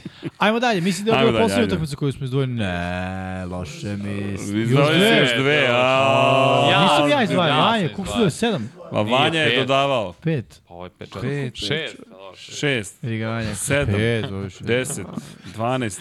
Bengals Chiefs, Vanja, izdvojio si. Izvo, izvoli. izdvo, izdvojio si, Pa playoff izvolio. implikacije, zato smo izdvojili, to je zato sam ja izdvojio ovu utakmicu, zato što jesu playoff implikacije i za jedne i za druge. Ja sam dugo dvomio za odabir pobednika ovog meča. Isto. Na kraju sam izabrao Chiefs zato što igre kod kuće, zato što i se vodim našom logikom koja je iz nekog razloga tek ove godine živnula, treba im. Tako da je to izuzetno lo- logika, to je teško je reći ne toj logici, ali stvarno je potrebno Chiefsima i verujem da će imati uspeha protiv Cincinnati Bengals se moraju da pa čeko sada mislim da neće igrati, ali moraju hvatači napokon da iskorače. Mora i Kelsey takođe da igra mnogo bolje nego što igra u poslednjih nekoliko utakmica. Odbrana će odraditi svoj deo posla, pogotovo protiv uh, Jakea Browninga. Da, igra Jamar Chase, to će biti izuzetno teško pokrivati, ali Lajarius Sneed igra sjajno ove godine. Nisu mi se svidjeli komentari uh, Jamara Chase-a da je Malte ne rekao nema nikog u tom sekundariju što aps- apsolutno nije istina. I Trent McDuffie igra, McDuffie, igra da. veoma dobro. Da, možda nisu na nivou Jelena Ramsey, ali koliko snapova nije dozvolio ove godine touchdown uh, kako se zove, Legarius Sneed. U jednom momentu je bilo preko 400 odigranih snapova, on nije dozvolio touchdown. Što znači da je shutdown corner. Što znači da igra, igra izuzetno fizikalno, pre svega Da. na liniji skrimidža. Vidjet Odličan ćemo barač. Jeste. Igra jako, igra odbrana, ta igra bolje, vratio se, to jest igra bolje, igra odlično, vratio se i Bolton takođe. Sve na napadu Chiefsa, da isporuče. Da, da, I da napad ne, ne, zapravo ne da isporuče, da ne naprave greške. Oni su izgubili od Raidersa zbog dva defanzivna touchdowna. Mislim, znaš što ja ovde samo gledam jednu stvar? Da li defanzivna linija Bengals i generalno pritisak front seven mogu da kontejnuju Patrika Mahomesa? Ako je odgovor da, bit će ovo još jedan dug, dug dan za Chiefse, ne nužno poraz. Uh, ako je odgovor ne, a ja ne znam šta da mislim o tome, ja mislim da Hendrickson zna da ulazi prilično duboko u backfield, što pa Mahomes voli zapravo. Ovaj, uh, sa Hubbard je tu, rekao bi, disciplinovaniji između njih dvojice. I to sve se svodi na to kada igraš protiv, protiv Chiefsa. Da li možeš Mahomesa da držiš u džepu, da ga teraš da baca paseve odatle, ili ćeš da ga ovaj, uh, teraš na, na jednostavno, mislim, teraš je glup termin, ali Amerikanci kažu flash, još bez veze, više, Pa isteraš ga, bukvalno. Pa isteraš, isterao da, ga. ispereš ga. Pa, do, okej, okej. da, da ga poteraš na jednu Pote- stranu. poterao. Da, da. Tako da, zabrinjavajuće ovaj, faza u kojoj se Chiefsi nalaze, zaista. Što se Bengalsa tiče, ne, nema Joe Burrowa, videli smo da Browning igra ok, ali greši, Ma- ima intersepšene. Protiv ove odbrane Chiefsa ne, nije mu matchup na, na strani, zaista. Sa druge strane, i ta odbrana Bengalsa nije loša. Mislim, realno, nije loša. To je jedna jako dobra odbrana. Ako hvatači Chiefsa isto budu uzeli još jedan dan off, uh, ono, diskutabilno. Šta Ja. može da bude. Ali opet mislim Ali- da će ali- on ta želja Mahomes, izvini, izvedba bit prevagnuti. Pa, kod kuće si generalno igrao si nekoliko, zna, znaš kako, ja, ja ću uvijek da igram kontru, naravno, očigledno, pa ću igrati na Cincinnati, ali ajmo, ajmo po logici stvari. Mm, Ako si išta poput onoga koga treba da naslediš, jel te, jel, jel, i- i dalje se vodi ta diskusija hoće li biti veći od Brady-a, Mahomes ili neće i tako dalje. Ako pogledaš te velikane, pričemu kada pogledaš veliki timovi ili timovi koji su stvari titule, redko su, trpeli poraz, izvinjam se, u decembru. Ti si sad pretrpeo poraze. I ne samo to, način na koji si pretrpeo i ti sad treba da budeš velik da kažeš, ej, ljudi, to će da ostane iza nas, a dakta mora da se stavi. Ja mislim da ovo mnogo veća utakmica, mnogo veća, ne mogu baš tako da kažem, za nijansu veća utakmica za Chiefs nego za Bengals, u kom kontekstu? Četiri od šest poraza Chiefsa su bili kod kuće. Ok, ali vidi, mislim da je situacija drugačija u tom kontekstu upravo. Ti si sada pod lupom javnosti. Znaš, koliko puta smo imali situaciju u kojoj su, je bilo, evo, Brady Beliček, gotovo, kraj, završeno i onda dođe on to Cincinnati. Kojim gostuje? Cincinnati znaš, to je, ovo ti je važna utakmica iz moje perspektive da ti, onaj čuveni statement moment, da ti staviš svima do znanja Jeste nas se svi odrekli sada, nas Chiefsa, branilaca titula, aj polako, još nije gotovo i zato mislim da je ovo za njih mnogo važna utakmica. Gde gledam, ne gledam sad ko je povređen, nije povređen, kakva je situacija. Gledam bukvalno ka Mahomiju, jer Mahomes se od uvek borio i od uvek vukao. To ti je vođa, ti znaš najbolje. Kad nemaš vođu na terenu, kad, kad onom ko treba da bude lider nije stalo, nikom nije stalo manje više onda su svi u fazonu, e, ok, aj završimo. Znači, on ih drži odgovornim za to, pošto je njemu stalo, u smislu kao igrač, zahteva od njih maksimum. Bukvalno. Jer vidi, bio jedan komentar, to nismo prokomentarisali, Kelsey je bacao kacigu sada na prethodnoj utakmici mm -hmm. i njemu je stalo. Znaš, ma, da se manemo šale, Taylor Swift, ne Swift i tako dalje. Kelsey nije čovjek koji je rekao, mene sad ne, ne interesuje NFL, interesuje me, ali vidi se frustracija. Međutim, kako najbolje izlečiti frustraciju? Pobediti.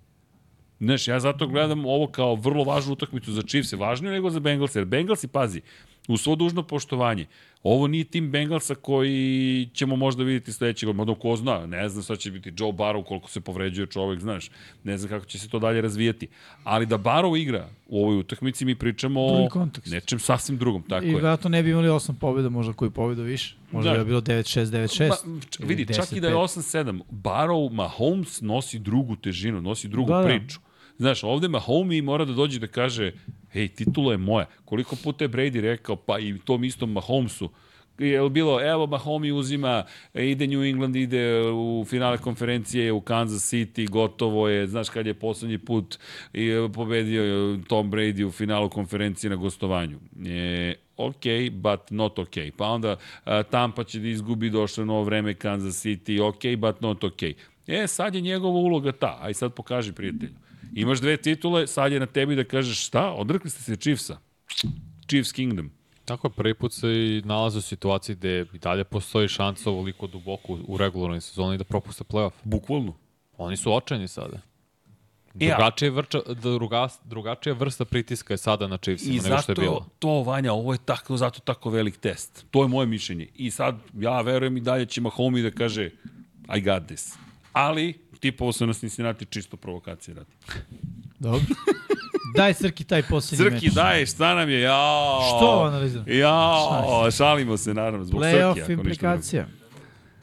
ja, ne, tužna priča. Ne, da. playoff implikacija, ko izgubi, ne ide playoff. Vrlo I pri, pričamo o, o velikoj, fran, većoj franšizi koji su Packersi, ali ni malo malo i franšizi koji su Minnesota Vikings.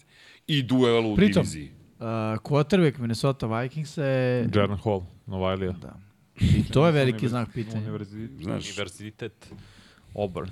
Ne, BYU moja greška. BYU. Da. Već smo videli neki sa BYU i nisu se proveli. Zach Wilson. Yes. uh, mislim, provode se odbrane protiv njega. What's the matter? Furball? Uh, male šanse Vikings, realno. I pričali smo već o tome kad smo analizirali prošlu nedelju. Prosto dali su maksimum za, za situaciju koju se nalazi. Oni su sada ekipa sa četiri quarterbacka za sezonu. Pa jesu, oni su i bili, mislim, zato što je Hall startovao tu utakmicu pa izašao zbog potresa mozga, pa je onda ušao Joshua Dobbs zapravo završio tu, taj meč. Tako da I tehnički, par nedelja tako je, tehnički jesu već započeli četvoricu različitih igrača na poziciji quarterbacka, ali ne znam šta da mislimo do, o Hallu jer nismo ga videli. Znamo da Vikings imaju 29 izgubljenih lopti ove godine, što je treći najgori, treći najveći broj u ligi S druge strane, znamo da je odbrana Packersa izuzetno sumnjiva i da dopušta veliki broj poena. Ako stvarno Jarenu Hallu budu dozvolili u svo dužno poštovanje prema njemu, mi ne znamo šta je on u NFL-u, samo znam njegove predispozicije. Bolje ne znam šta je on na koleđu bio. Ništa posebno, ništa posebno, zaista Student. o, dobar, dobar quarterback, ništa wow, malo ima i sma, uh, malo manju konstituciju ima sa svojih 183, zaista ne verujem da može bilo šta wow da učini na ovom meču, ali može to da mu dozvoli odbrana Packersa. Ako im to dozvoli pobede Packersi, zaista ne vidim kako mogu protiv bilo koga ozbiljnijeg da se suprotstave u play-offu jako uđe. Ovo je na utakmici Packersa da spuste Vikingse na ispod 10 poena. U, da li je tu JJ ili ne, ili Addison, ili nemam pojma ko nije važno. Ako je Jaren Hall quarterback, tvoja odbrana mora da istupi da pokaže nećemo dozvoliti no Wiley i da izgleda dobro protiv nas. Ne da nas pobedi, nego da izgleda uopšte da. dobro. Znaš što bi mogao da bude game plan za Vikings Da se trče, da se koristi taj Chandler pre svega. Mm. Uh, I onda play action na mladog quarterbacka bez da glumi on heroja, nego ono, baci loptu kome god. Ajde kažem, za Minnesota ne igra Hawkinson, najvjerojatnije ne igra Edison i već smo rekli imaju četvrtog quarterbacka u nizu, mislim, ne nužno na, na, na depth chartu. To su, to su... U pitanje je dalje, ne znam se za Edison? Edisona, da. Pa, ja zaista sumnjam da će igrati. Mislim, njegov fantasy, pa pratim. ovaj, Vonam ne igra linebacker, ne igra Davenport, ne igra ni Byron Murphy, cornerback. to su sve udarci koji idu na tas Green Bay Packers. I on, Packers igraju gore dole, igraju uh, on, nekonstantno, ali mi deluje da ovaj matchup ide na njihovu stranu. Zaista. Srki, gledamo te. Minnesota. A, volim. Kontra? Naravno, Teorija kontra, kontra. kontra. Teorija kontra. E, vidi, divizija. Ti znaš da kontra koči. Da. Da, a, zavisi. kočiš sebe a, u- zavisi, a. Nije, vidi, opet, zabava divizije. Nema, ne, ja ne, vidi, jel, jeste 100% sigurni, ne znam, da su Packersi ti koji će sada dođu i kao, aj se, ljudi oni imaju gubitničku sezonu trenutno. O čemu pričamo? Znaš, pričamo o ekipi koja mož, može. Ja, znaš, gledam Minnesota više zato što mi je zabavnije. Eto, vi, nemam nikakvu filozofiju dalje od toga trenutno. Dobro. Jer ni jedni ni drugi me ne da nisu oduševili, nego kad kažeš Green Bay će da igra ove godine sa fazonu, je, okej, okay. da nema Srke velikog bih rekao, nije, okej. Okay.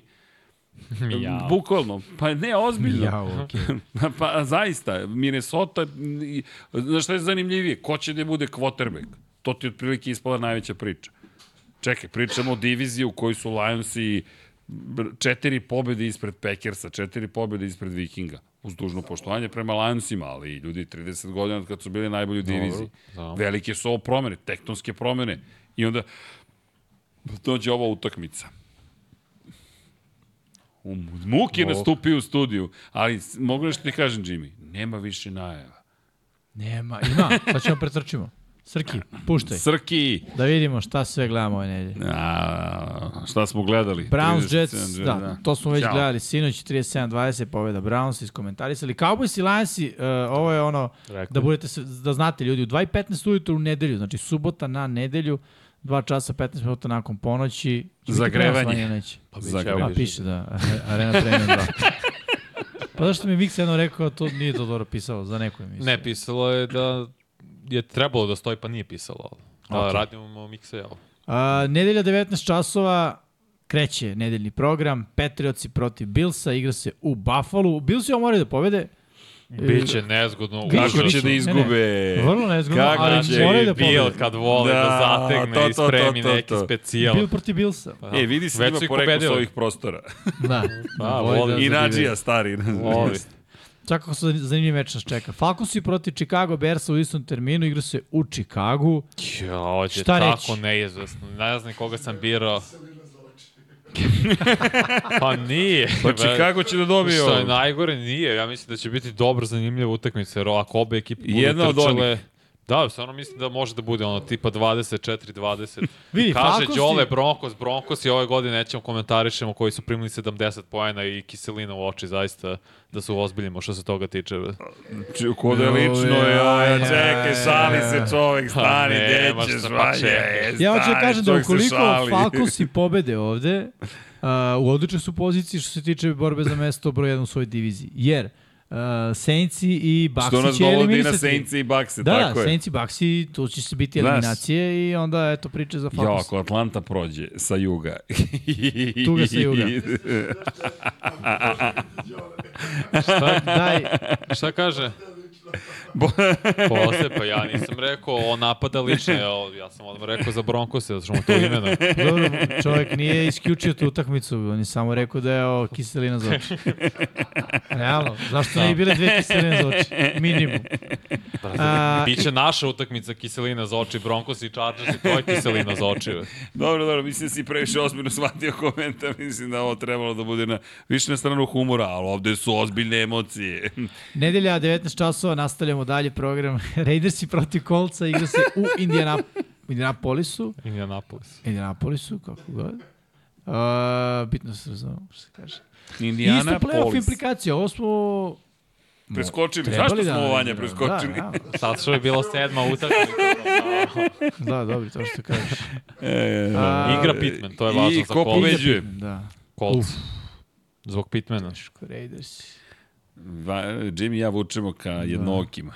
kad je novakima. Vidjet ćemo. Da, da, vidjet ćemo, vidjet ćemo, da. A Rams i Giants u istom terminu igra se u Njujorku. Za New York apsolutno ništa ne znači. Za Rams se znači priča za playoff. Giantsima će igrati Tero Taylor koji je poznat ako igrate fantasy football kao kvotar koji donosi 7 pojena po utakmici.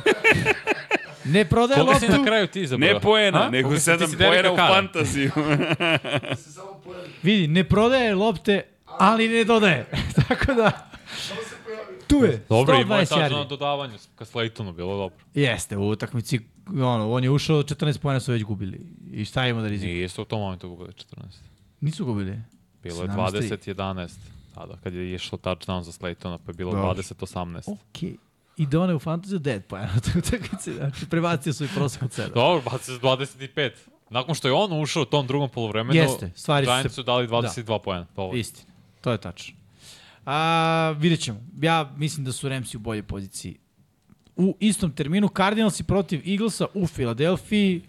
Morate da ih zgazite. Ne, mo, sam dovoljno da se pobedi. Ne, ne, morate da pitaš. ih zgazite. Bukvalno da ih zgazite. Da, vidjet ćemo. Nemam pojma. Cardinals su žilava ekipa, ali gube. Što je okej.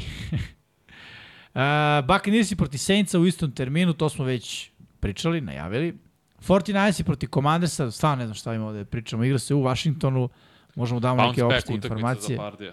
Da pronađe svoj ritam nakon debakla protiv Baltimore Ravensa, da on ofanzivno nema izgubljene lopte, da postignu veliki broj poena rukom srce protiv najgore odbrane statističke u NFL-u, ali to je dobra stvar za samopouzdanje. Jest, Commandersi s druge strane najavljeno da će igrati Jacoby Brissett, starter, međutim on je takođe na listi povređenih igrača sa povredom zadnje lože. Uh, da. Tako da i to je sad upitno što se Commanders tiče šta se dešava. Da li se roller coaster i saga Howella nastavlja nasilno ili će biti ono kao igramo sa Jacobijem. Vidjet ćemo. A, takođe nedelja 19 časova, mnogo mečeva u 19 časova. Panthers protiv Jaguars, odnosno Carolina protiv Jacksonvilla. Igra su Jacksonville, potvrđeno je da Trevor Lawrence neće igrati, quarterback Jagsa je CJ Bettard. Kako to menja situaciju? I menja i ne menja, da budem iskren. Zato što mislim da... Pa i ne samo šta je sa druge strane, jer odbrana Panthersa izgleda okej. Izgleda okej, na Izgleda trenutke. I na ono, od utakmice do utakmice. Napad je prošle nedelje delovao dobro. Ne znam, ova odbrana Jaguarsa nas isto nešto nije previše, previše ubedila u to šta sve mogu da urade. Ja dajem prednost uh, ipak Jaguarsima, jer... Treba im. Ma nije samo što im treba. Mislim da ovo je ona priča kada ti ne igra startni quarterback, nego izmena da si mnogo oprezniji i fokusiraniji u play callingu. I nisi spreman da rizikuješ sa njim. Što je bolja stvar za Jaguars ovde. Što po meni ovde znači Etienne, mm -hmm. malo više, a kada je malo više Etienne, to je dobro uglavnom za Jackson Jaguars. I ono što uvek govoriš, nepoznat quarterback iz perspektive filma koji imaš na raspolaganju za tu sezonu s tom ekipom. Jeste, pritom Jaguarsi ne moraju da forsiraju, kao što rekao. Ako mogu da pobede ovde trčanjem, a mislim da mogu, forsiraj. Znaš, radi to, radi ono što treba rastereti CJ Betarda, e, daj, koristi taj tenda kog svakako već koristiš poslednjih nedelja, pogotovo kako se poredio Christian Kirk i to su sve sigurnije, kraće opcije, lakši ridovi za quarterbacka nekako po, uh, samo po sebi. A, Dolphinsi proti Ravensa, to smo najavili, bit će direktan prenos na Areni Premium 2. Tennessee Titansi protiv Houston Texansa. Vraća se stri, CJ Stroud u postavku Tako je. Tennessee, uh, izvinjam se, Houston Texansa, a u postavci Tennessee Titansa najvratnije Will Levis. Eto, Najvažnije dva zato što igra Stroud, to će prevagnuti situaciju i utakmicu na strani Houston Texans. Jeste, mada dve nedelje na igranja može da ostavi posledicu, da kažem, na Može. njega. Da, Texans i dalje u priči za playoff. Ta divizija je isto otvorena. Eto, ako pobede Tennessee Titans, sem su pobedili u diviziji, u konferenciji i on imaju pobedu više. Colts imaju težak matchup. to smo već spomenuli. I ko nam još ostaje Jaguarsi bez Lawrence. Lorenza, teži posao svakako. Ajmo dalje. Cepi srđane. 22-05 Steelersi protiv Seattle Seahawksa u Seattle, to smo najavili. 22-25 Chargersi protiv Broncosa u Denveru. Vanja, pokloni se i Da počne. igra Keenan Allen, da igra Bossa i Derwin James, biro bi Chargers, iskreno. Zato što ne mogu smislim koncepciju Broncosa i ovo što su radili Russell Wilson, to me baš, baš frustrira i iznerviralo me A to užasno. me vređa. Ne znam koja pesma, ali da, slažem se. Ne znam ja, ne, ima neka pesma, ali sad ove, Ne znam, ove ne sve što razumem se. trenutno sam sposoban da reprodukujem, a i što mi treba. Uh, 22-25 nedelja Bengals protiv Chiefsa direktno na Arena Premium 2, to smo prokomentarisali. Sunday Night Football, odnosno ponedjeljak 2.20 Green Bay Packers protiv Minnesota Vikingsa i to smo najavili direktan prenos na Arena Premium 2 kanalu. A sada naše prognoze za 17. kolo. New York Giantsi u Clevelandu, Jetsi, comeback of the year. Sad smo. Comeback of the year. Dakle, New York Jetsi at Cleveland Browns, to smo završili. Vi ste pogodili ja njet. E, Što se tiče Detroita i Dallasa, dakle, Detroit smo birali Jimmy i ja. I to je to. Dovoljno. Vidi, sve, sve je jasno, Jimmy. Buffalo, New England, to je New England at Buffalo. Ja sam jedini birao New England. Au, kad nismo zavijali, a? Kontra, kontra. Kontra, usamljeni Vuk. Zatim, Atlanta, Chicago. Pa dobro, Atlantu ste birali, su birali Miksa i Srki Veliki. Objasnite se. Mada sve je rečeno. Već Miksa nije tu. Miksa nije, nije tu. pojavio da ne mora da objasni. Da, da, da. A, Miksi na teoriju ne bira Ne mečke. bira mečke više. ne bira mečki pošteno. više. Da, da, pošteno, pošteno. Pogrešio si. Zatim, Neće čačka mečku. Las Vegas u Indianapolisu. dakle, Las Vegas Raiders, Indianapolis Kolci. Indianapolis biraju Vanja Miksa i Dom Pablo. Podeljeni smo, ovde smo baš podeljeni, 3-3. Dobro, zanimljivo, bit će ovo interesantan jedan duel. E, Kada reč o LA Ramsima i New York Giantsima, neko mora da bira i Giantse, taj neko sam ja. Kada reč o Arizoni, nisam mogao da izaberem protiv File. da, da, da, vidi, znaš, nisam mogao. Čak i ti imaš Čak- neki limit, znaš što se tiče tih Neki standard da, mora da održi. čudnih odabira. Neki nivo mora da se održi. Da. Ideš preko 50%. To, Da, to, da, hoće da ostane na preko 50%. 50%, to, to. Tako da smo svi birali Filu, kada je reč o Tampa Bay New Orleans, ja, mi, ovo dobija New Orleans. Ovo srebrno, zlatno, Dobro. crni dobijaju, svi ostali Crno kažu. Tampa, crno, crno i zlatno. E, da, okej, San Francisco, Washington isto, svi smo izabrali San Francisco, previše velika razlika, prevelika razlika. Karolina u Jacksonville-u, biramo Karolinu samo uh, Srki, o, ovo je poraz Dva o, za Srđana. vas, dva Srđana. Ne igra Lawrence, moguće. Srki, tebra. Dakle, bit će zanimljivo. Već je šansa. E sad, Za posto, za posto. Miami u Baltimoru, samo Dom Pablo ja biramo Miami. Ok, neko mi se umešao u moje kontrašenje, ali dobro. I Tennessee, Houston, Tennessee, lagano. se niko nije mešao. niko ti se ovde nije mešao. Ali nije nemoguće, vidi, sa Willom Levisom Tennessee izgleda bolje ofanzivno. Realno. Kao i Houston sa CJ Stroudom. Vidi, Tennessee Stroud je nema vodio tenka dosta dela. dugo, ljudi. Da, i Stroud nema tenka dela sada. To je isto veliki udarac na, na Houston Texans. Mada oni imaju dobar ofanzivni plan. Vidjet ćemo.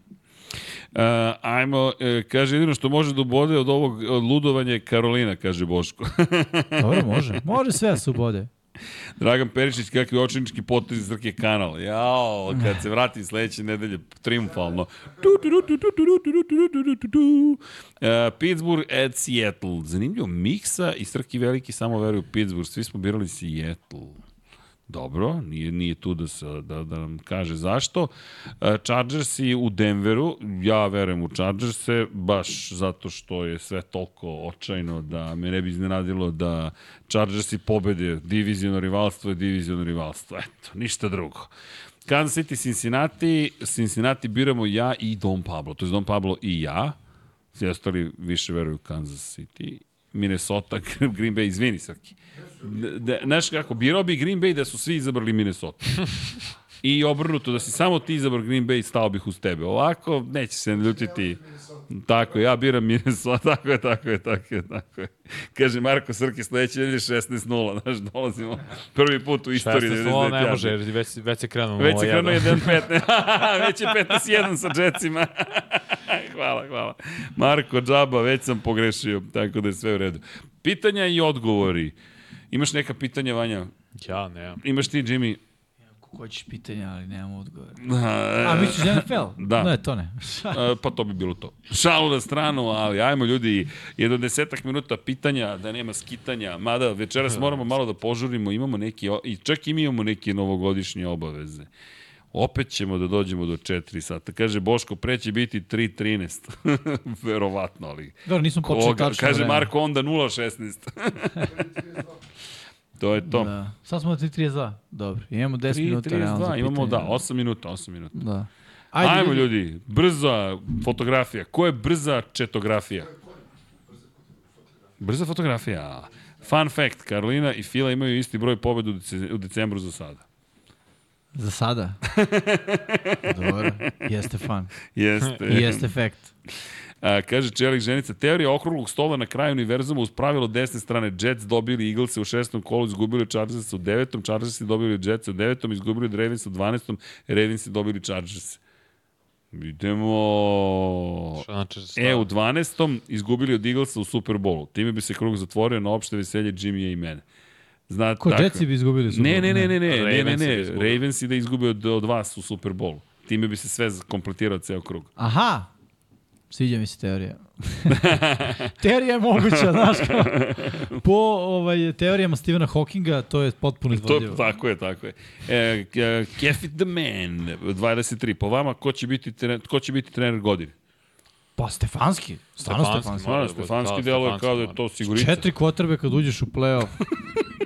I da na kraju i četvrti A znamo bude. da postoji pravilo ako imaš dva kvotrbeka ili više To- nemaš ni jednog. Nemaš, da, da, da, da. Ovo ima četiri. Četiri. I sva četiri rade. E, gleda Posao. 99 yardi, rekao 4 je magični broj. Uh, Almir Srki, jel ti nedostaje komentarisanje NFL? Kako ne? O, baš mi nedostaje, iskreno. I ove godine, sve sam mislio, pa dobro, sad ću bar da uživam gledajući. Međutim, koliko šiju po mojim džecima i Vanja, i Jimmy, i Miksa, surovo je, teško mi. A nije upravo. Šalim se, nije, nije. Zaista mi nedostaje, nedostaje mi, znate šta mi nedostaje? Nedostaje mi svakako komentarisanje, ali mi nedostaje e, zapravo ono što se ne, ne vidi iza kulisa, komentarisanje posle komentarisanja. Da. O, o, o, šta je ovaj radim da proviriš kroz kabinu?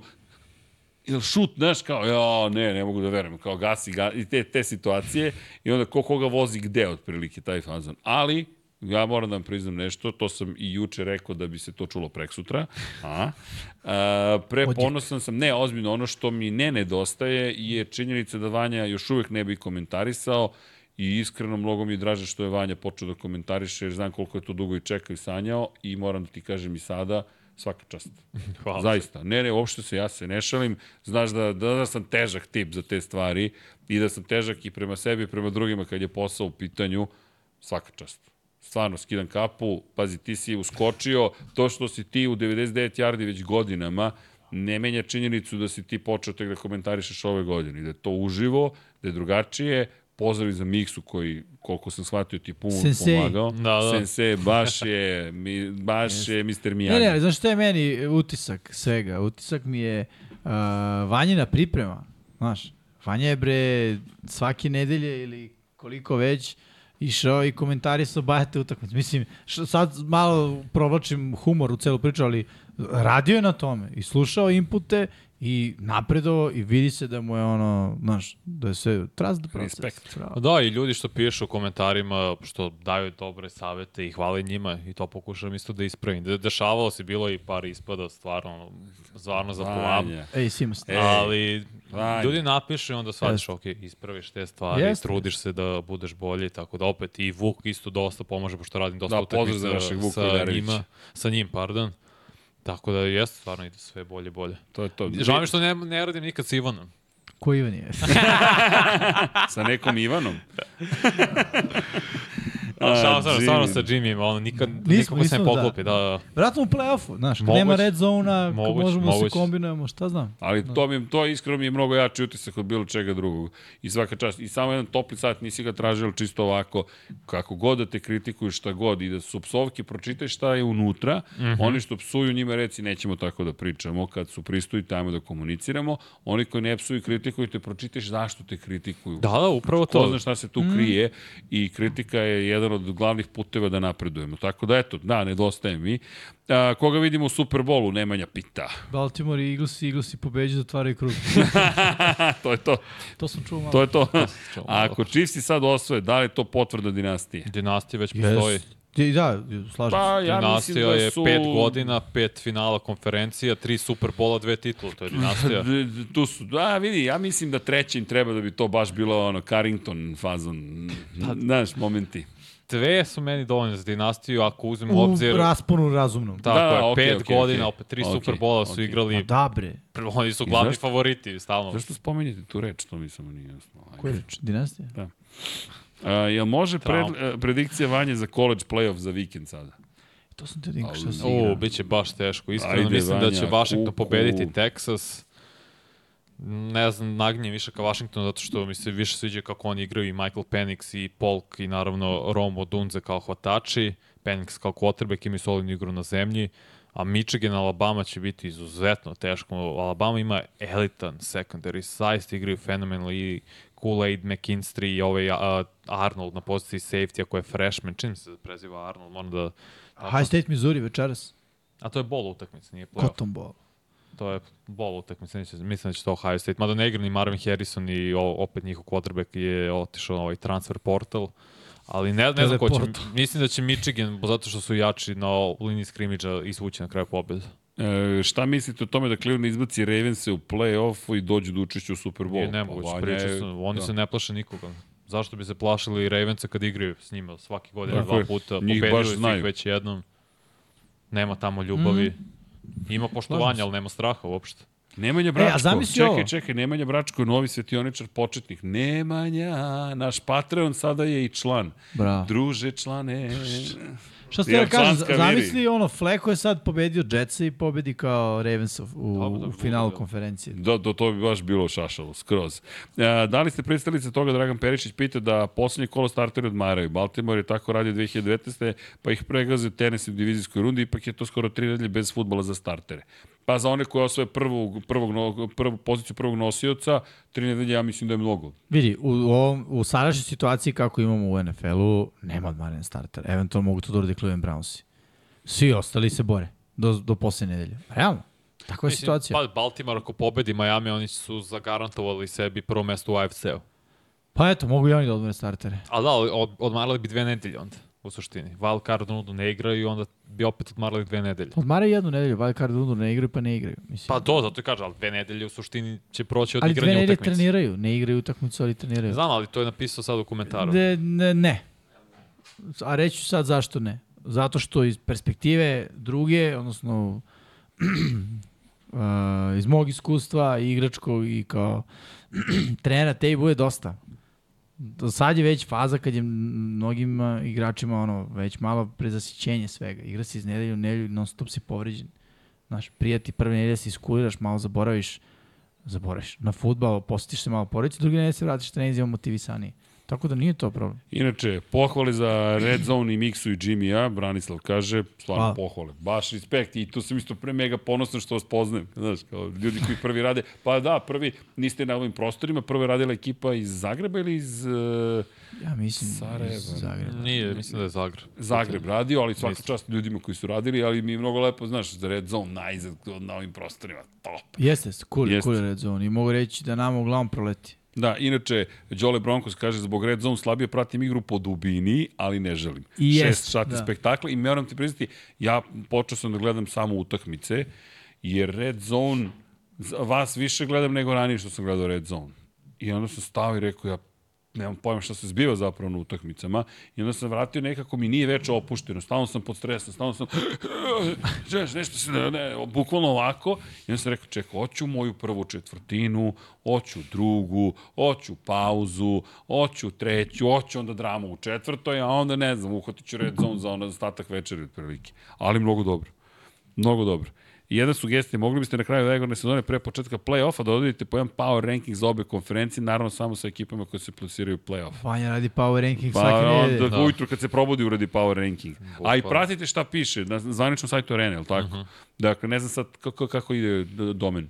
Da, NFL imaju posebnu Ne, stranu. ne, Arena Sport, ne znam ko je domen ili Arena A, tačka. mislim da je arenasport.com, čini mi se. Da, dakle, vidjeti. potražite na sajtu i potražite šta piše Vanja, mnogo je dobro. A, Baltimore osvaja Super Bowl ove sezone, dobija Phil, Big Easy. A, a, da. A neće TV zatvoriti arenasport.com. tvarenasport.com. E, Ej, čekaj, što se tiče ispada u red zone, je Jimmy već više puta rekao da Don Donovan People Jones vraća kick panta, čovek u Lions je davno traden. Sad ne znam šta je to kao. Lionsima. Da, ne znam šta je. Aha, za Cleveland Brownse. Moguće. Da, on je tradovan u Detroit. Da. Donovan, Donovan Peoples. Emotivno sam vezan za njegov broj 11. i onda Da, inače, odlični tandemi. Ali hvala, da. A, meni je baš gotivan komentator Milan, baš je gotivan čovek. E, samo manje statistike jer nije sve statistika. Dobro, znate kako, kada počinjete, pogotovo u statistici, znamo da se sakrijemo malo jer smo sigurni. razumeo? Manje statistike u smislu brojke, ali, e, ljudi, svako ima svoj stil. Sve to u red. komentarisanju ili... Da, u komentarisanju, u komentarisanju. Pa dobro, da, ali treba da ubaciti to. Na meni je najbitnije kad je Jimmy poslao poruku kako si rekao da će ovo da se desi. To mi je jako e, lepše da Romo, noć zapravo. Romo, Romo, e, dešavalo se više puta Neka. ove godine. neka, tako i treba. Šta mislite o Wilsonu u Pittsburghu? Russellu, Tako je. pa mislim da bi se sjajno uklopio kod Majka Tomlina. Neko mi deluje da njih dvojica imaju sličan jezik. Da, inače, Almir Vanja posred Srede Milićević. Da. Vidi, svi imamo uzrečicu, ja sam imao b- A da, milion. za, za šut, da. Da. Za, pa da, to mi je najprostije da kažem što se tiče field gola Lagano. ili šuta za Vanja, ekstra Vanja, poen. koliko komentariš? Četiri meseca.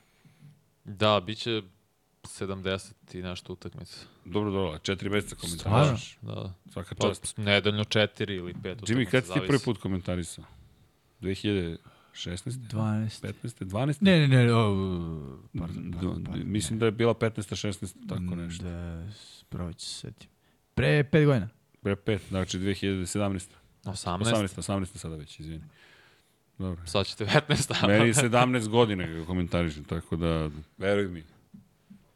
Sve je u redu. A, pre pet godina, da. Kad sam napunio Da. 30. Nemanja, a, on je na Oregonu, a kick su čufe, u, ja ne mogu da potam. Ko je po- na Oregonu? a, neće biti Jimmy Red Zone, Baltimore ima baju 30 nedelje, ne treba im dodatni odmor, lepo rečeno ne nade. Bitno je da poredite svaki potez sa Mahomesom kao i američki komentatori. A, pitanje, Alen Hajdarević, da li, Maho, da li Š- Shanahan može do Superbola? Realno svaku veliku utakmicu, u svakoj veliku utakmicu se pregaže, sve me više podsjeća na McCarthy, dobar za regu- regularni deo sezone i realno ima skor 63-50 u NFL-u. Pa dobro, za Shanahana što se toga tiče, ako, na, da se prisjetimo na način koji su i oni izgubili u finalu NFC-a. Tart je ispustio interception koji je Stafford bacio. To bi rešilo utakmicu. Mislim, nije on kriv što Jimmy Garoppolo ne može se sastavi, što je pod pritiskom da se raspadne njegova igra. S druge strane, napravio od Garoppola krštenim kotrebekom, pravi od Pardija sada da izgleda kao MVP kandidat. Mislim da je čovjek napravio sistem u koji bilo koji quarterback može da ima uspeh u suštini. Mislim, stvarno, Samo ovi sa velikom eg, velikim egom ne bi baš mogli da se obuzdaju Da. tako lako. drugari, e, moramo svima se dešavaju gafovi samo da nisu kao pajni. Jao, to je iz Belgije, Almire, dobro, Šta- to je šta je sve. bilo s Pajem? Au, pa četiri sata komentarisao kišu i zove ga Ivan sa sport kluba da A on se- je ugasio sebe, I, priča se. I još me da, i signaliziraju da se ugasi, on kao važi, važi i ne, znaš, znaš ono kad sve radiš mahinalno bez greške, dok te neko, nije niko kriv, pa je odgovoran za to što se desilo, ali neko ti podsjeti da nešto što ti uvek uradiš i taj neko te podsjeti to kao u glavi da si ti to proživeo, da si uradio i nisi isključio. I krene pa da kaže, ma ništa, ke, brale, evo nešto pričam. o kiši. U, u, u WC-u. Tako je, tako je, tako je, telefoniram i, ovaj, i to otišlo u etar, a mene zovu, inače, ja, ne, ne, ne otišlo u etar, da, a, ne, a ja sam u tom trenutku bukvalno u toaletu i zove me osoba koja me nikad ne zove tokom prenosa, ja kao ovo je frka neka, i ja kod pisoara stojim bukvalno i zvoni ono video ekran, gde sada, razumeš, pogledam ko je kao šta se zbiva, javljam se, trči nazad u kabinu, pa je počeo da psuje. Džep, zakopčavaj se, peri ruke, trči, je okaže, video sam. šta radiš? Dešava se, dešava se. E, ljudi, a, šta da vam kažem, kad će Fioka nije se desilo. Čekajte se vrati Miksa u akciju, onda Fioke otvaramo, zatvaramo, vetrimo i tako Pa dalje. ne, ni svake sezone inoviramo. Tako Ove je, godine tako je, Fioka ostalo 2022. Tako je. E, za početak, pošto je prošla ponoć sada, e, podsjetit ćemo vas, pošto je sad već subota, u nedelju, još ne znam, izvinjam se tačno vreme, pošto ne znam koliko traje sve, kad se izmontira, ali negde oko 21, možda 21.30, počinje naš prvi novogodišnji program. Ima svega i manje prijatnih stvari, nekih utisaka koji su nažalost bili tužni ove godine i zabavnih stvari i svega je bilo, svako je dao svoj pečat celoj priči, tako da znate. U svakom slučaju ja vas pozivam da nam se pridružite, zato što, eto, mi mislimo da će biti zanimljivo. Nemam pa šta drugo da kažem. Da vam kažem kako će biti zabavno, to je uvek tako. Nama je bilo zabavno. Ne, ne, kad je Vanja došao, krenuo je haos kompletan. Kad se Jimmy pridružio, onda je sve otišlo. Jeste. Samo ovako. Imam takav utjecaj na ljude. U slobodni let. u slobodni let, otprilike. Ima, bilo, je, bilo je baš zabavno, tako da se nadam da ćete nam se pridružiti. Ali što se tiče večerašnje emisije, bilo ovo 166. izdanje 99 yardi. Šta da vam poručimo? Evo, gledat ću u, u, kameru. Ljudi, evo, mazite se i pazite se. Budite Mogu ja da dobri. kažem nešto pre nego što ti Ma odeš? naravno, molim te, molim vas kameru za gospodina Jimmya Sandeja. Želim da moje ženi često rođendan. O! Srećan rođendan. Danas, a sada pevaš. Nemojte Danas je to da je miksa tu, pa da dan, daje bit. divan dan, divan dan, radi Sunday rođendan. A, evo Rođendan. Živela, živela i srećna nam bila. Živela, živela i srećna nam bila. Ljudi, čao svima, volite se, mazite se, pazite se i uživajte u 2024. Puštaj Patreone i Ćao idemo svima. kućama. Rado, čao svima. svima! I čao Rađe. svima! Nespremnog si ga uhvatio. Ćao svima! Ne, ne, nespremno. Ćao ne- svima! Nije bio spreman za ovo. Sam. Evo, možda neko i ulazi. A Da, ne, daj, stvarno, srđene, pritisak, pritisak, ćao!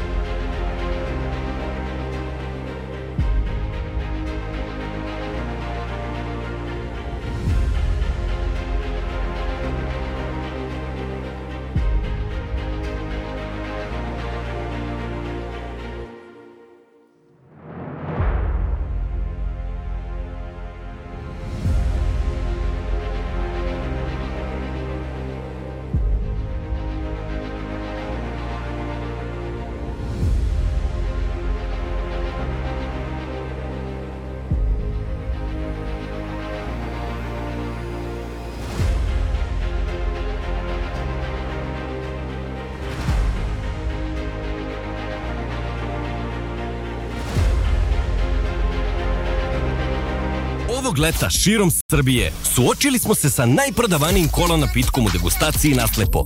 Više od 20.000 učesnika pridružilo se Pepsi izazovu. Pitali smo koji kola ukus vam se više dopada. 57% učesnika izabralo je Pepsi ukus. Hvala na učešću. Prati svoj ukus.